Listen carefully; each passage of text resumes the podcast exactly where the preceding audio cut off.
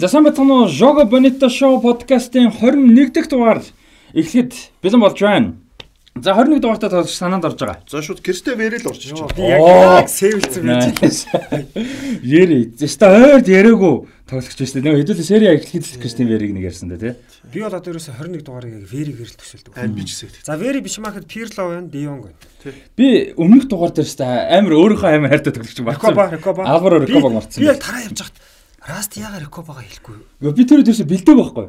Тэгээ ерөөсөө хориг яг тэр үдэн санаанд орохгүй юм чинь бичлэгэн дээр ингээл зааж юу л амилаа гэж заа заа шууд. Кристе Вере бол нанж төтөр дарахгүй 98 оны дэлхийн аварга бүтээрч үдэж эхэлсэн хүмүүс ш. Тэгээд тэр үчиг Кристе Вере чинь 5 гол оруулаа мөнгөн бомб Габриэл Батистута сууг авч ирсэн байхгүй. Тэгээд Италийн шигч юу Кристе Верегээр л төсөлдөг ш. Чирдэг байсан ш. Нь бол Вери амар. Миний бол шүү. үнэхээр хайртай тоглогч. амар амар. Тэгээд Италийн лигч амар өс Кристе Вере ч тэ. 90-ад оноос самгаан тань хэд болж жиггүй болж байна. Кристе Верегийн нэг асуудал зайлал нөө Европын аваргын өмнө нэг гимтчихдэг ш. тэ. Европын аваргад орж байгаагүй хаварга. Хоёр харамсалтай зүйл байгаа. 2000 оны Еврод гимтлээс ороогүй. 2006 оны дэлхийн аврах шалралт хэмжээнд ороогүй. Сарамсалтай. Вери 2000 онд Европын аваргад орсон бол Итали бараг төрүүлэх байсан баг шүү. Итали төрүүлээд 6 онд бол Вери бол одоо юу гэж чинь орох юм бол багийн хойш нь татна шийдэж байхгүй болчихгүй. Дэлхийн аварга Европын аваргатай л баг байгаар тий. Одоо бодлоо 2000 оны Европын аварга төр чинь Тоти довтлогчийн second striker-аар тоглолдог те. Тэгэхээр чи урдлын довтол Монтело, Делвеккио тэрэг байсан ээлжилдэг шүү дээ. Вери өсөн бол тэр ээлжилдэггүй байхгүй. Шууд Вери Тотиг л гарахгүй. Тэгэл дуусах байхгүй те. Дуусаа, шууд дуусаа. Дуусах байхгүй тэр бол амар өсөн. Айл нь супер өсөн байхгүй. За 21 дээр мэдээж Пирло байна. Одоо бол Фрэнки Дион тогтмол тоглож байгаа. Тэгээ Давид Силва тий. Ситэд. Силва бол одоо 21 дугаарыг одоо бас томог боллоо шүү дээ. За юм байна. За тэгээд э, мэдээж Web Sports Lounge хамт олон маань дэмжиж ажилласаар байгаа. Би тэд Web Sports Lounge дээр бичлэг Баярлалаа. өргөжлөж хийж байгаа. Хамт олонд нь баярлалаа амжилт хүсье. Тэгээд та бүхэн маань энд ирж бас одоо тогтмол үйлчлүүлээрээ бас тоглолтууд гоё үзээрэй. За тэгээд Шоны Шоу подкастын ерөнхий а, спонсор MMS-ийн хамт олондоо баярлалаа. За MMS бол уул уурхай барилга эрчим хүчний салбарт одоо цахилгааны бүтээгдэхүүн нийлүүлдэг. Одоо мэрэгжлийн хангаан нийлүүлэгч юм компани байгаа. За одоо кабел багаж, автоматжуулалт, удирдлагын бүтээгдэхүүн гэх мэт маш олон төрлийн одоо бүтээгдэхүүнүүдийг хүмүүст хүргэдэг юм байгууллага байгаа. Тэгээд яг одоогийн байдлаар бол 12 сарын 1 хүртэл бас агуулгач э, хямдралтай худалдаа явагдаж байгаа маань барилгын цахилгаан хангамжийн одоо бараа бүтээгдэхүүнүүдээс заримыг нь дурдчих. За автомат таслуур самбарын тоноглолууд э, за тэгээд цахилгаан монтажны утас болон дагалдах хэрэгсэл хүчний арзятаг болон залгуур за гих мэт бусад бүтээгдэхүүнүүд бол юу байгаа юм байна. 12 сарын 1 хүртэл агуулгач чөлөөлөх хямдралтай. Яг хэрэгтэй төхөөрөмжүүд шүү дээ. MMS-д айгүй том компани. Би нэ мэддэггүй байж байгаа нөө Union Building би чинь офслдаг байсан шүү дээ. Тэгээд Union Building нийт давхарт MMS-ийн салбар. Би нөө MMS-ийн сайн мэддэггүй. Тэгээд за энэ цахилгааны нэг компани үт юм байна да нэг жижигхэн компани байна да гэж бодоо манай найз эдэр ажилтдаг. Нөө комедиан тулгайгаа залгууд ш тэр мэрчин бас тэн дээр ажиллаж ажиллаж мажилдаг. Тэгээд яжсэн чинь дараа нь тэднийх өө манайх ярамглууга юу л нүүлээ мүлээ. Тэгээд би дараа нь ингээ гарсаж чаад MMS ч юу өстө. Монголын энэ цахилгааны энэ юун дөр чинь гол supply гэдэг том компани байсан байл шүү. Амар том компани байсан байл. Тийм байлаа. За тэгээд маань Source-ыг маань а, вебсайтаар ороо та бүхэн бас мэдээлэл авах боломжтой байгаа. За Facebook-оор саний мэдээллүүдийг авах юм бол Electric Zig MMS гэсэн одоо Facebook хаяг дээр бас мэдээллүүдийг авах боломжтой байгаа. За тэгээ өнөөдрийн дугаараас э, эхлээд бас дахин нэгэн спонсор нэмэгдэж орж ирж байгаа нь бол Хасбанк байгаа тийм. За тэр талаар За Хасбанкныхан маань юу нь бол манай Жого Бонетог эхлээл ерөөс удааг багтал танахтай ирэхэд хамтарч ажиллах сонирхолтой байна гэж илэрхийлж исэн. Тэгээд дэлхийн авраг зориулаад Хасбанкныхан маань энэ за минийх энэ те Visa карт. За Visa карт дэлхийн аврагын албан ёсны спонсор. Тэгээд албан ёсны спонсор Visa картыг Монголд ингээд одоо одоо энэ жил ганцхан Хасбанк л яг энэ дэлхийн авраг зориулсан визаг авч байгаа юм да. Тэгээд манай юунуудад гişүүдүүд ингээ бүгдэнд нь виза карт ингээ бэлтгэлж байгаа. Тэгээ айгүй амархан шууд аппликейшнээр ороод захиа өргүүлээд ирчин. Тэгээ би болохоор хоёрынхыг л авцсан. Тулгаа даасаа мэдэхгүй нэг да. Тулгааг хийгээгүй тэгээд. За энэ байгаа л гэдэг. Дашимтлийн нанжиддих байна. За тоо шүү задаад үсгэн тий. За нэр дуудаад. За За манай Rastirain За баярлалаа. амар ховор нэртэй Монголд. Тийм жинхэнэ нэрээр явдаг шүү Тий дээ. жиг нэрээр явдггүй. Жинхэнэ нэр овгийн бий л гэдэг. За баярлалаа. Тэгээд за энэ чинь ерөнхий мэдээлэл бас байгаа тийм. Нэг юу байна. Уусаа хасын мэдээллийг э, асуудалгүй. Тэгээд юу яаж байгаа? Аппликейшнаар захиалаа гэртээ хөргүүлчихнэ. Хоёр одоо юу байна? Юуг нэгэд апплик На хань тий. За ингээд сүртэй аа. Тэгээд аппликейшнээрээ хоёр илгэжүүлчихнэ тэгэл болоо. за ингээд дэлхийн аваргын карттай боллоо. А гэрээ энэ чинь орчиж байгаа юм шүү дээ. Окей. Аавынхаа нэрийг харч гоё шүү. Тэгээд юу яж байгаа штэ. Дэлхийн ургийн алтан цомгод хүмүүс ингээд хасынхаа ингээд надаас бас мэдээлэл аваад ямар хуу байд юм бэ ингээд. Би тэгээд яхан дэлхийн ургийн цомын талаар мэдээлэл өгч байхгүй.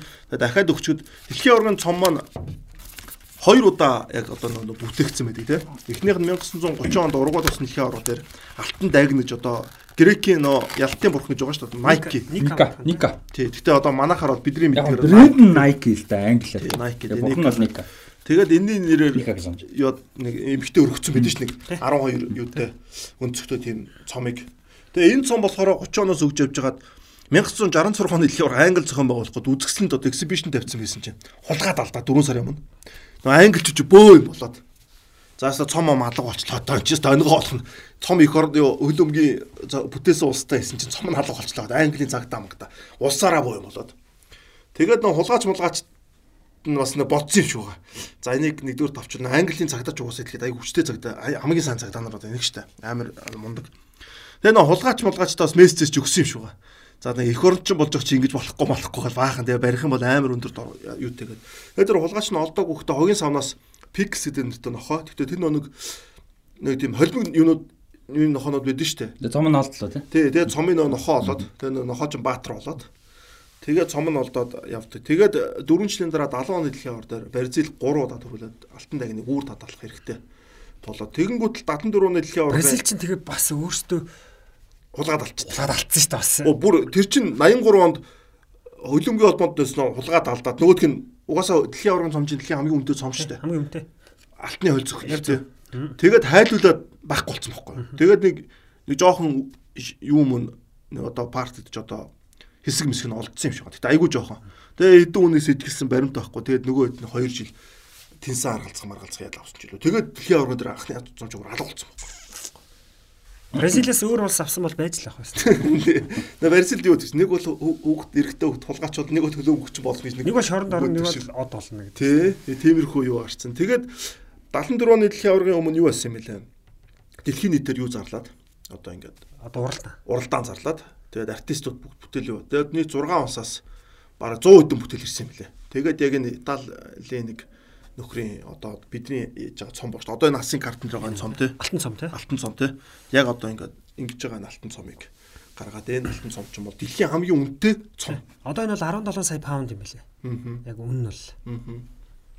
За тэгээд э, юуны хувьд Хасбанкны хувьд бол яг одоо энэ дэлхийн аваргын албан ёсны картаар бол Adidas, Reebok, Nike, Puma болон Under Armour дэлгүүрүүдэд судалгаа авалт хийхэд үнийн дүнгийн одоо сая төгрөг 1 сая төгрөг хүртэлх одоо худлаа авалтын үнийн дүнгийн 20%-ыг бол одоо буцаа авалт авах юм юутай урамшуул бол явж байгаа юм биш шүү. Тэгээд дараагийн ажлын өдөр нь бол одоо буцаалт нь ороод ингээд явах юм байна. За урамшуул нь бол одоо 10 сарын 17-нд одоо ихэлсэн үзэгч сонсогчдын хувьд за тэгээд 10 сарын 30-нд тусдал үргэлжлэх юм байна. За тэгээд ивент тэтгэгчид MMS болон Хас банкны хамт олондоо баярлалаа. Тэгээд үргэлжлүүлээд а, юу руу орох уу? Аа за. Тэгээ тэгээ би зүгээр э, жоохон таличи. Сая ингээд карта үзээд үнэхээр гоё карта байна те. Бас ингээд эргүүлж яхад нэг юм санаанд орлоо. Одоо чи карт болгоны ар чинь юм нэг гурван тоо байгаа. Ингээд юм байна. Хүн ингээд нууц одоо ингээд үйлчлэгээний байгууллагт ороход ингээд нууц үг асуудаг шүү дээ. Картны одоо 4 оронтой тоогоо 6 оронтой тоогоо. Тэнгүүт юу яд юм бэ? Энийгээ үгчий болж болдгоо юм байна. Артлахыг нарчдаг. Артлын энэ гурван тоог хараад нууц үгийг мэдчих тохиолдол ер нь бол мэрэгжлийн нөхдүүд айхтар нөхдүүд бол авчдсан юм биш. Тэгэхээр манай үзэгчд маань одоо ямар нэгэн ресторан ч юм уу те юугаар үйлчлүүлж байгаа тохиолдолд картал үгжи болж болохгүй юм байна. Ана артлын код бол бас сайн. Ямар ч манай. MS MMS-ийн бас харж байгаа хэрэгтэй ингээд. Бүтээгдэхүүн чинь амар гоё ингээд. Илүү гоё гоё яриа сурчлаад байгаа юм чи дараа нь хэдүүлээ MMS-ийн нэг ганц хоёр юм ичүүл гоё ингээд гоё яри те. Сурчлаад за ингээд спонсорудаа баярлалаа манайхаа За спонсоруудаа баярлалаа. MMS болон Хас банкны хамт олонд баярлалаа. Ажил нь амжилт хүсье. Тэгээд урамшуул итгэжүүлэлт явж байгаа мэдээллүүдийг үзэгч маань бас өөрсдийнх нь суугуулаар нэмээд тэ лавлаад бас авцгаагаараа за тэгээд нэмээд мэдээж веб спортс ламжийн хамт олондоо баярлалаа хэдүүлээ шоунд оръё. За өнөөдрийн дугаард бол 3 хэсгээс бүрднэ. За эхний хэсэг бол сая өчигдөр шөн одоо балондор болж өнгөрлөө. За балондор урчин тий. А балондор болж өнгөрлөө. Тэгээ балондорын талаар ярилцсан. За 2 дугаар хэсэг дээр бол өнгөрч өнгөрч 7 хоногт босон тоглолтууд тий. 10 лиг, Европа лиг. За Европа лиг нэг зүгтээ онцлог тоглолт байхгүй. Гэтэ 10 лиг болон лигүүдийн тоглолтууд. За тэгээд сүүлчийн хэсэг дээр мэдээж 2017-оос 16-аас 17-оос 17-оос 18. 17-оос 18 оны Европын хөлбөмбөгийн талаар а, ярилцсанаа. За Балондор өнгөрсөн шин болж болж өнгөрлөө. Тэгээд Балондорын одоо эрэгтэй Балондорыг бол Карим Бензема, за эмэгтэйг Алекса Путеяс авсан. За Герд Мюллер трофи гэж одоо цом бол байгаа шилдэг товтлогчд одоо өгдөг юм цом гардуулдаг болсон. За энэ цомог бол Роберт Левандовски авсан. За Сократес Award гэж Сократын шагнал гэж одоо яг хоо энийг нэгдүгээр философор хоёрдугаар нөгөө Бразил хөлбөмбөгч Сократес гэж байсан. Мондо хөлбөмбөгч байсан. Нийгмийн идэх маш сайтай, маш хэмэнд нийгэмдэр одоо боловсралтай боловсралтай маш толгойтой ийм хүн бол ухаантай хүн байсан. Тэгээ мань хүний бас нэрмжит ийм шагналыг бол энэ жилээс эхэлж байгаа. За энэ шагналыг бол одоо Садио Мане авсан байгаа. Энэ ер нь ямар хүн хүмүүст өгдөм бэ гэхээр нийгэмд маш их хувь нэмэр оруулсан тий сайн санааны идэвхжүүлэлтүүд одоо хийсэн сайн санааны үйлдэлүүд хийсэн гэх юм. Манай бол агуу агуу тий. Тэр тал дээр бол одоо ялангуяа Сенегалдаа бол одоо менежер бараг л бурхан шүү дээ. Бамбали гэдэг тосгондоо тий. Энэ хүмүүс мэдж байгаа бол сар болгоо айл болгонд юу өгнө 80 доллар өгч जैन. Тэгээд интернет имлэг мэмлэг сургууль барьсан тий. Тийм имлэг сургууль бариад өгцөн. Тэгээд үйл ажиллагааны зардалт нь тэр чинь хамгийн гол нь барьсан дарах нөгөө үйл ажиллагааны зардал шүү дээ. Тэр дээр нь бас тусалж мосолдог гэдэг амар их юу гэдэм лээ.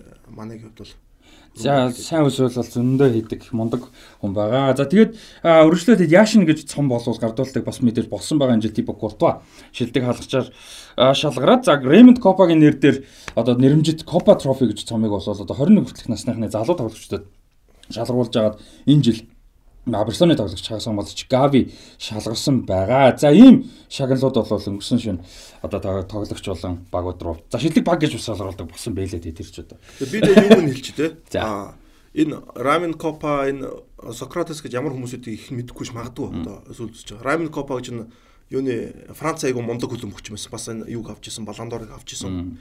58 онд 58 58 оных тий. Рамн Коп авч исэн. Тэгээ Сократес гэдэг бол 1980-ад оны их одоо 70-ад оны сүүлээр Бразилийн шат олт гэсэн. Үнэхээр супер мундаг боловсралтай одоо тийм цагаан харьцаа одоо кака шигтэй Бразилийн тийм хөлбөмбөгч нар баг байдаг тий. Холбогчтой. Тий, одоо плеймейкер гэх юм уу? Тий. Яг 82 оны Бразил бол тоглогчийн ард Зико. Тэгээ баруунд Сократес. Аа тэгээ тэндээс орон тоглолт өгсөн юм шүү дээ тий. 82 он дээр. 82 оны Бразил төрүүлэх байсан тэгээд тэр төрүүлж чадаагүй амар багуудын л нэг бас тий. За Баландор юу гэж бодож байна? За Баландор. За Баландор бол одоо энэ жилийн таамаг бол угаасаа хүн бүхнийх бол адилхан байсан баг. Тэгээ бүх зүйл бол яг сансны дагуу. Би бас жигсаалт харсан л да байрал. Ер нь бол маргаад тах зүйл бол энэ жил бол байсангүй тий. Бүхэн Ливерпул дөрүүлэлт манай авах байсан уу? Ливерпул э, дөрөв цомоос 3 мурыг авсан бол бас авч болох байсан баг. Бас яг Ливерпул төрүүлсэн бол одоо жинхэнэ эргэлзээл үүсэх байсан. Тийм. Яг тэр манай бас үнэхээр гайхалтай байлтай байсан. Тэгээ дөрөв цомын төлөө өрсөлдөлөө лигтэй хоёрыг авсан. За дээрэс нь Африк ТV-тэй ТV-ийн авраг авлаа. Аа тэгээд яг тэр балондор тамааралгүй л тэг. Гэхдээ ер нь бол тий. Аа тэнгуүтэй мэдээж шгшээ хагийн балондор тамаатай. Балондор тамаатай байдаг гэсэн. Оо ер нь балондор ч одоо дэлхийх болчихж байгаа. Ер нь дэлхийх. Европ юу байха болцсон. Аа тэр тусмаа дэлхийн бол одоо бүр хамаатай болж шүү дээ. Өнгөрсөн жил Месси гэж ярьдаг дээр бол тэр хамаатай байсан шүү дээ. Тэгэхээр. Би дэ Бенземаг бас амар баярлсан хүндээ. Үнэхээр их баярлсан. Тэгээд Зиданаас хойш юм уу те? Тийм Франц болж байна. Тий 98 оноос хойш анхуд байгаа. Франц тоглож авч байгаа. 2000 онд 2003 онд а 2000 Зидан ч балан доор ганц хуудаал авсан. Дил нөгөөтгөө дэлхийн шилдэг дэлхийн шилдэг авсан. Энэ тест ядаргаатай нэг хэсэг холдоо тий. Тийм дэлхийн юу хүртэл FIFA балан доор гэж явах хүртэл 1990 оноос 2009 онд дуустал FIFA-гаас World Player of the Year гэж явдаг байсан. Энийг бол одоо би төгсгөлтнөөс тайлбарлана. Одоо тайлбарлахгүй. Одоо тайлбарч байгаа. Тий.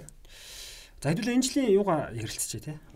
Тийм. За Бензема Бензематай хамгийн ойр хүрсэлдэг байсан бол мэдээж Садио Мане л байсан баг. За эмэгтэй баландор дээр бол Барселоны тоглогч Алексио Путес авсан. За Путесийн хувьд бол саяны аврагын лигийн шгшээд үлддэг Испани ла лигта нэгч хожигдлгүй 100% баг хожигчлуу да ганц тэнцлүү яла хожиж одоо төрүүлсэн бүрэлдэхүүний хамгийн гол бол бүр супер байсан. Хамгийн гол тоглогч тийм найруулагч хагас хамгаалагчтай бүр ерөөсөө чадахгүй юм байхгүй маш мундаг тоглож байсан. А гэхдээ нэг эргэлзээ яг ярьж исэн юм юу гэхээр хоёрт орсон, саналаар хоёрт орсон Бэлмид гэж англи шогийн тоглогчийг бол бас авах эрхтэй гэж нэлээ ярьж исэн. За Бэлмид яасан гэхээр мэдээд сая эмэгтэйчүүдийн еврод бол англи шог төрүүлсэн. За тэр бүрэлдэхүүнийн хамгийн гол тоглогчтой нэг Бэлмид байсан. А тэгээ энэ дээр бол Бэлмид авах бүтээс авах гэж ярьж байгаад санал нь болоод тэгээ бүтээс авсан юм байна. Тэгээ бүтээсийн хувьд бол сая 100 харамсалтай нь еврогоор бол тоглож чадаагүй. Өвдөний чагтай холбоосон маш хүнд гэмтэл яг еврогийн өмнө гэмтээ тэгээд одоо хүртэл би гэмтлээсээ бүтэн эргэж ирээгүй. Бага гэхдээ гэмцэн байна маш олон шагналууд төвж байгаа. Өвдөний чагтай холбоос чинь өвдөний чагтай холбоосны гэмтэл эрэгчүүдээс илүү эмэгтэйчүүд илүү өртдөг юм билээ. Илүү авах магадлал өндөртэй ийм гэмтэл. Тэгээд энэ өвдөний чагтай холбоосон дээрээс нь өсвөр насны хүүхдүүд бүр их авт юм. Одоо насан турш амждаг гэсэн л. хувийн тэгж гараа айгу сони юм блэ. За баландор дээр нэмээд. За баландор бас нэг сони юм юу боллоо штэ. Бензема Реал Мадридын тоглогч 12 дахь баллон дээр авч Барса Реал 2 бүх цаг үедээ 12 12 болж бол ингээд тэнцэж байгаа. За би энэ дэлхийн зарим түрүүн заяа бас хэлсэндээ одоо бас зарим нэг хүмүүс бол бас жоохон төөрдөг те энэ шагналууд дээр. За би энэ дэр одоо нэг зарим нэг зүйлийг бол бас цэгцтэй болгоод бас нэг факт байгаа айгуу гоё. За 1956 онд бол Францын алдарт Франц футбол сэтгүүлийн газраас Европын оны шилдэг үлэмбэгчийн шагнал буюу Балан д'Ор одоо гол алтан бөмбөг гэсэн үг шүү дээ. Ер нь бол сэтгүүлч төр өгдөг болс. Тий. Одоо Франц футбол сэтгүүлийн газраас энэ шагналыг бол өгдөг байсан. Анхны шагнал нь бол Англи алдарт төлөмөгч Стенли Мэтьюс авч исэн тийм төвхтэй. 40 гараад авчихсан шүү дээ. Нилээн ахмадтай авч исэн. За ингээд алтан бөмбөг гэдэг том шагнал бол ерөөсө тамирчин болгоны мөрөөдөл хөлбөмбөгчин болгоны мөрөөдөл байгаад явж исэн. За гэхдээ энд бол нэг тийм жоохон факт юм да одоо нэг зүйл байна. Энэ юу вэ гэхээр анх бол зөвхөн Европын лигүүдэд тоглодог Европ хөлбөмбөгчдөд өгдөг байсан. Европын лиг тоглодог Европ хүлэмжтэй. Тэгээд тэгээд ер нь бол Европын шилдэг гэж ярьдаг тийм болон доо. Европын оны шилдэг хүлэмж шагнал гэж явдаг байсан. А тэгж жагаад энэ нь одоо за би оны сайн санахгүй яванда Европ тоглож байгаа 94-өөс биш үү? За тэр явцаах. Яванда нөгөө Европ тоглож байгаа өөр твийн те тоглогч нарт бас өгдөг болоо. За сүүлдээ ерөөс дэлхийн шагнал болцсон. За FIFA баландор дээрээс хоошоогоо ер нь нэгдээд дэлхийн болсон шүү дээ. Үгүй үгүй. Тэрнээсээ өмнө. Тэрнээсээ ч өмнө. За энд одоо нэг ийм том фактууд байгаа. Одоо сэтгүүлчдийн гаргасан. Юу гэхээр одоо энэ шагналыг дандаа Европ тоглогч нар аваад дээ. Эхний жилүүдэд хэрвээ зүгээр анханасаа ингээд юу гэдэг дэлхийд ингээд яг паблик болгоцсон байсан бол хинхэн авах гэж. За 1958 онд Раймон Коп авсан. Хэрвээ анханасаа паблик байсан бол 58 онд Пеле авах байсан гэж. 17 онд хамгийн залуу болох шүү дээ. За 1959 онд Альфредо Ди Стефано авсан. Энийг бол бас Пеле авах байсан гэж. 1960 онд одоо алдарт Луис Суарес авсан бас Пеле авах байсан гэж. 61 онд Италийн алдарт Омар Сивори авсан. Гэхдээ энийг бас Пеле авах байсан гэж. Пүү. 62 онд Йосеф Масапост Чехийн домог авсан. Гаринч авах. Гэхдээ энийг Гаринч авах байсан гэж. 63 онд зөвлөлтийн агуу хаалгач Лев Яшин авсан гэхдээ энэ жил Пеле авах байсан. Ядаргаатай Пележ одоо. 64 онд Шотландын одоо Манчестер Юнайтедээс домог Денис Лоо авсан гэхдээ энд бол бас Пеле авах байсан гэж. Пелест амар шүү тэр тий. 70 онд Герт Мюллер балон дээр авсан гэхдээ Пеле авах байсан гэж. За 70 онтой бол Пелетэй ярих юм байхгүй ярих юм байхгүй. За 78 онд Германы Хамбург бол Английн шгшөөгийн алдар Кевин Киган авч исэн гэхдээ Марио Кемпс авах байсан гэж. За 86 он зөвлөлт холбоот улс Динамо Кивийн Игор Биланов авсан. Украин Диего Марадона авах ойлгомжтой энэ бол тий. 90 онд Лотер Матеус авсан юм байна. Гэтэ энийг бол Диего Марадона авах байсан гэж байна. 90 онд яг гэвэл яг Лотер Матеус дэлхийд төрүүлсэн Марадона финалцсан. Марадоногийн 90 он Наполит үнэхээр супер. Амар өс тий. Дэлхийн супер шилд юу хамгийн өндөө төлөмөгч болж шүү дээ. За 94 онд Христо Стоичко Стоичко авсан байна. Хэрвээ тэр жил ингээд паблик байсан бол Ромарио авах байсан. Тэгэхээр 95-аас авахгүй. 95 Жорж би 93 гээд би олж. Жорж ба 95-аас авч байгаа шүү дээ. Тэгэхээр би авс азтай байна тий. Амар амар. Би азтай амар. За хэрвээ Баланте хоор ингээд анханасаа яг энэ одоогийн журмаар байсан бол Пиле 4 7 удаа, Марадона 2 удаа, Гаринча 1 удаа, Кемпс 1 удаа, Ромарио 1 удаа. Дунд дунд орох гэж тий. Байсан байна гэдэг.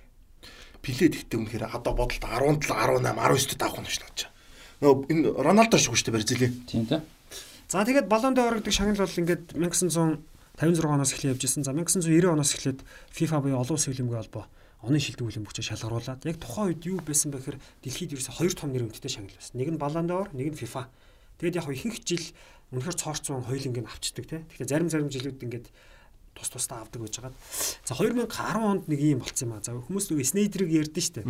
Снейдер дууг нь хоёр шанс байсан. Нэг нь FIFA-гийн дэлхийн шилдэг эсвэл балон дээр байна штэ. Гэтэл Снейдер бас их азгүй. 2010 онд Өмнөд Африкийн бүгд найрамд тулсад дэлхийн аврал шалралт тэмцээн болох үед FIFA-гийн ерөнхийлөгч Блаттер болон Франц футбол сэтгүүлийн удирдлагууд гэрээ байгуулад FIFA Ballon d'Or гэдэг хоёр шагналаа нийлүүлж гисэн. Тэнгүүт ерөөсө хоёр шагнал нийлээд нэг 2015 хүртэл нэг 6 удаа нэг шагнал болж явж байгаа. Тэгээ 15 оноос энэ хоёр шагнал чинь буцаад салаад ингээ явцгаа. Гэхдээ 15 оноос эхлээд UEFA бас өөрсдийн нэг UEFA-гийн оны шилдэг тоглогч гэдэг шагналыг бас гаргаж ирээд одоо үндсэндээ бол нэг 3 шагнал байгаад байна. Тийм Европын хөлбөмбөгийн холбооных олон улсын хөлбөмбөгийн холбооных одоо the best гэдэг нэг байгаа. Тэгээд одоо балон дор тийм. Тэгээд нэг ийм манай үзэгч маань бас жоохон төөрж магадгүй тийм одоо олон шагнал ингээд байгаад байдаг. Ийм нэг шагналууд нийлж солигдж явж исэн. Тийм зүйл. Тэгээд шагналын нөө юунууд нь айгуу чухал. Одоо нөө яаж чалруулж байна тийм. Одоо шийдэл балон дор 1956 оноос бол ерөнхийдөө дандаа спортын сэтгүүлчлэр энэ чиглэлээр бичдэг. Энэ бол би бол энийг бол хамгийн зөв гэж хардаг байхгүй. А FIFA-гийнх бол яаж шалгаруулдаг гэсэн мэтлэр шгшөөгийн дасгалжуулагч болон багийн ахлагч нар санал болгосон. 3 нэр явуулдаг өстэй. Тэгээ 2007 оноос хойш болондор зориул багийн ахлагч болон тасалжуулагчид буутанд бол оролцдог болсон юм байна. Тэрнээс өмнө яадаг үсэ. Тэрнээс өмнөхөн сэтгүүлч. 2007 оноос хөлөн бүгд дээр дэлхийн юм дээр үү? Биш болондор. А балондод аа тий тий тий. Балондод дээр би нөө юутэй 7 онд болохоор юу яа нэмэгдсэн байна. Шгшээ багийн тасалжуулагчд болон багийн ахлагч. Миний хувьд болохоор шгшээ багийн тасалжуулагч юу гэхээсээ илүү одоо нөө сэтгүүлчлэр өгж байгаа нь илүү бодит гэж би хаа. Тийм учраас баландорын нэр үнд чи өөрөө эхнээсээ гарч ирээд айгүй нэр үндтэй байна. Яг бол эзнээ болдог тийм. Эзнээ. Одоо Стенли Мэтьюс анх 56 онд авч Стенли Мэтьюс юу ачижсэн тухай нөө 40 гарцсан. Тухайн хөлбөмбөгийн юу өөр байсан. Блэкпул. Блэкпул тоглосон өөр байсан. Одоо үед чинь ур чадваргаас л олон жил явж нөө туршлагатай болсон хүн илүү тоглодог тийм үе байсан. Одоо манай Монголын хөлбөмбөг чинь 2000-ад оны их үеч баг тийм байсан шүү дээ. 30 гарчаач илүү нэг юу адаг. Лаг тоглодог тийм. Тийм үедээ яг тийм ялгаатай бас үе байсан да.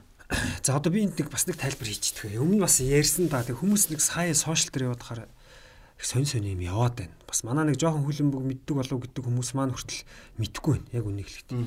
Одоо 2003 онд Европын оны шилдэг хүлэмбэгч алтан бөмбөг шагналыг Паул нээдүүд авсан. За нээдүүд ер нь дэлхийн FIFA-гч баг авах байсан. Гэтэл нөгөө нэг хүмүүсийн хэлж байгаа зүйл юу гэхээр Тире Анри 2003 онд одоо дээрэмдүүлсэн тийм. Энэ бол дэлхийн одоо хүлэмбэг том лөөрч гэдэг юм. Уушлаараа тийм байхгүй. Тэр үед хүлэмбэг үздэг байсан хүмүүс. За би хатуу хэлчихье. Хэрвээ нээдүүд Анригийн балаан дээрэг хулигдсан гэж үзчихвэл та бол хүлэмбэг сайн мэдэхгүй байна. Яг үннийг хэлчихье. Паул нээдүүд Анри хоёрын стат үзүүлээд байгаа. Анри чи довтлогч юм. Агуу мэрэгэн боч. Паул нээдүүд чи жигүүрийн хагас хамгаалагч юм. Тэр үеийн жигүүрийн хагас чи бүр аршаа суудаг байсан шүү дээ, тийм. Паул тэр хоёрын тэр жилийн зүгээр стат бол яа харахгүй Анри илүү. Анри бол домог агуу миний ч гэсэн шүтдэг үлэмбэгч. Гэхдээ тэр жил үнэхээр нээдүүд байсан. Энийг бол бид нар нэг 100 ярьсан байгаа тийм. Энийг бол энэ яриагаа одоо болиорой. Тэг яг үнэ. За тэгээд ер нь хамгийн маргаантай гэж байгаа нь одоо бараг өнгөрсөн жилээр шүү тий. Одоо энэ юун дээр бол одоо Мессиг авдаг. Яг Месси Яг би тэрэн дээр сая Эл Класико явдаггүй ярих тайлбар дээр юу Копа Америка энтер гэж яриа. Тэгээ 10 онд нөгөө Снейдерг ярьсан чинь Барсаг бэдэж барьж идэх гэсэн юм. Снейдер дээр бол 10 Месси бол амар байсан шүү дээ. Гэхдээ 10 онд зүгээр амжилт одоо бас нэг юм байл та би та ядаас асуух гэсэн. За одоо ингээд багийн спорт юм. Спорт нь өөр бол багийн спорт. За ингээ хувийн шагнал яг хуу нэр төртэй шагнал байж болно тийм мэдээж бид нэр ярьдаг одоо яриа сууж байна. Гэхдээ яг хувийн шагналыг ингээ өгөхөр яг юуг нь харах хэрэгтэй. Одоо одоо жишээ нь за FIFA-гийн одоо бид нар FIFA болондор гэдэг хүртэл яваад тэрнээс хойш болоод нэр нь унтсан шүү дээ. Best гэдэг нэртэй нэр гурлаа шагнал өгч байгаа юм шиг нэр мэртэй болоо тийм. Тэр хүртэл одоо дэлхийн шилдэг бол бас л тийм нэр төртэй өрсөлдөг байсан. За одоо тэгэнгүүт яг хувийн амжилтыг нь харах хэрэгтэй юм уу? Багийн амжилт авах хэрэгтэй. Одоо чинь 2006 онд Фабио Канаваро авч ирсэн байдаг ч юм уу те. Тэр бол дэлхийн авраг авсан хамгаалагч юм те. Тэгэхээр яг хувийн ам цэвэр статыг харах юм уу багийн амжилтанда хэр оролцоод явсан те мэдээж чухал байх хэрэгтэй баг. Гэхдээ тэрийг харах юм уу. Одоо тэрийг харах юм бол жишээ нь магадгүй Wesley Sneijder бол 10 онд ярахад Wesley одоо Мессигээс илүү гэж ярихад бол тэрэн дээр эргэлзээ баг. Багийн ярих юм ба штэ. Жишээ нь. Тэгэхээр тэр та хоёр тэр тал дээр юу гэж боддог вэ? Багийн спортын хувийн шагналыг одоо юугаар нь дүүнэх хэвтэй? Ёстой ч автаа одоо зүгээр хувийн бодол штэ те хуучин бол одоо ингэдэг байсан. Дэлхийн авраг болсон хүн бол заавал авдаг байсан шүү дээ. Ялангуяа FIFA World Player of the Year-ийг бол.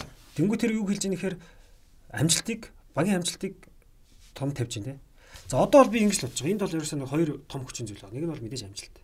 Нэг нь бол хувийн амжилт. Энэ хоёрын балансыг зүг болох хэрэгтэй. Аа хуучин бол ингээд дандаа багийн амжилт мундаг хүний багийн лидерт өгдөг гэсэн бол одоо сүүлийн үед нөх хөлөнгөч хөгжөөд одоо Месси Роналдыг ховь чадвар ч нөгөө яг багаараа цум аваагүй ч гэсэн хитрхи болчиход байгаа болохоор үнэхээр хувийн шагналыг бас яг хойроо тасарсан бас өгөхгүй нэхэр бас өрөөсгөл болчиход байгаа. Тэгэхээр энэ хоёрыг миксэлж хамгийн зөв гаргалгааг л олох хэрэгтэй.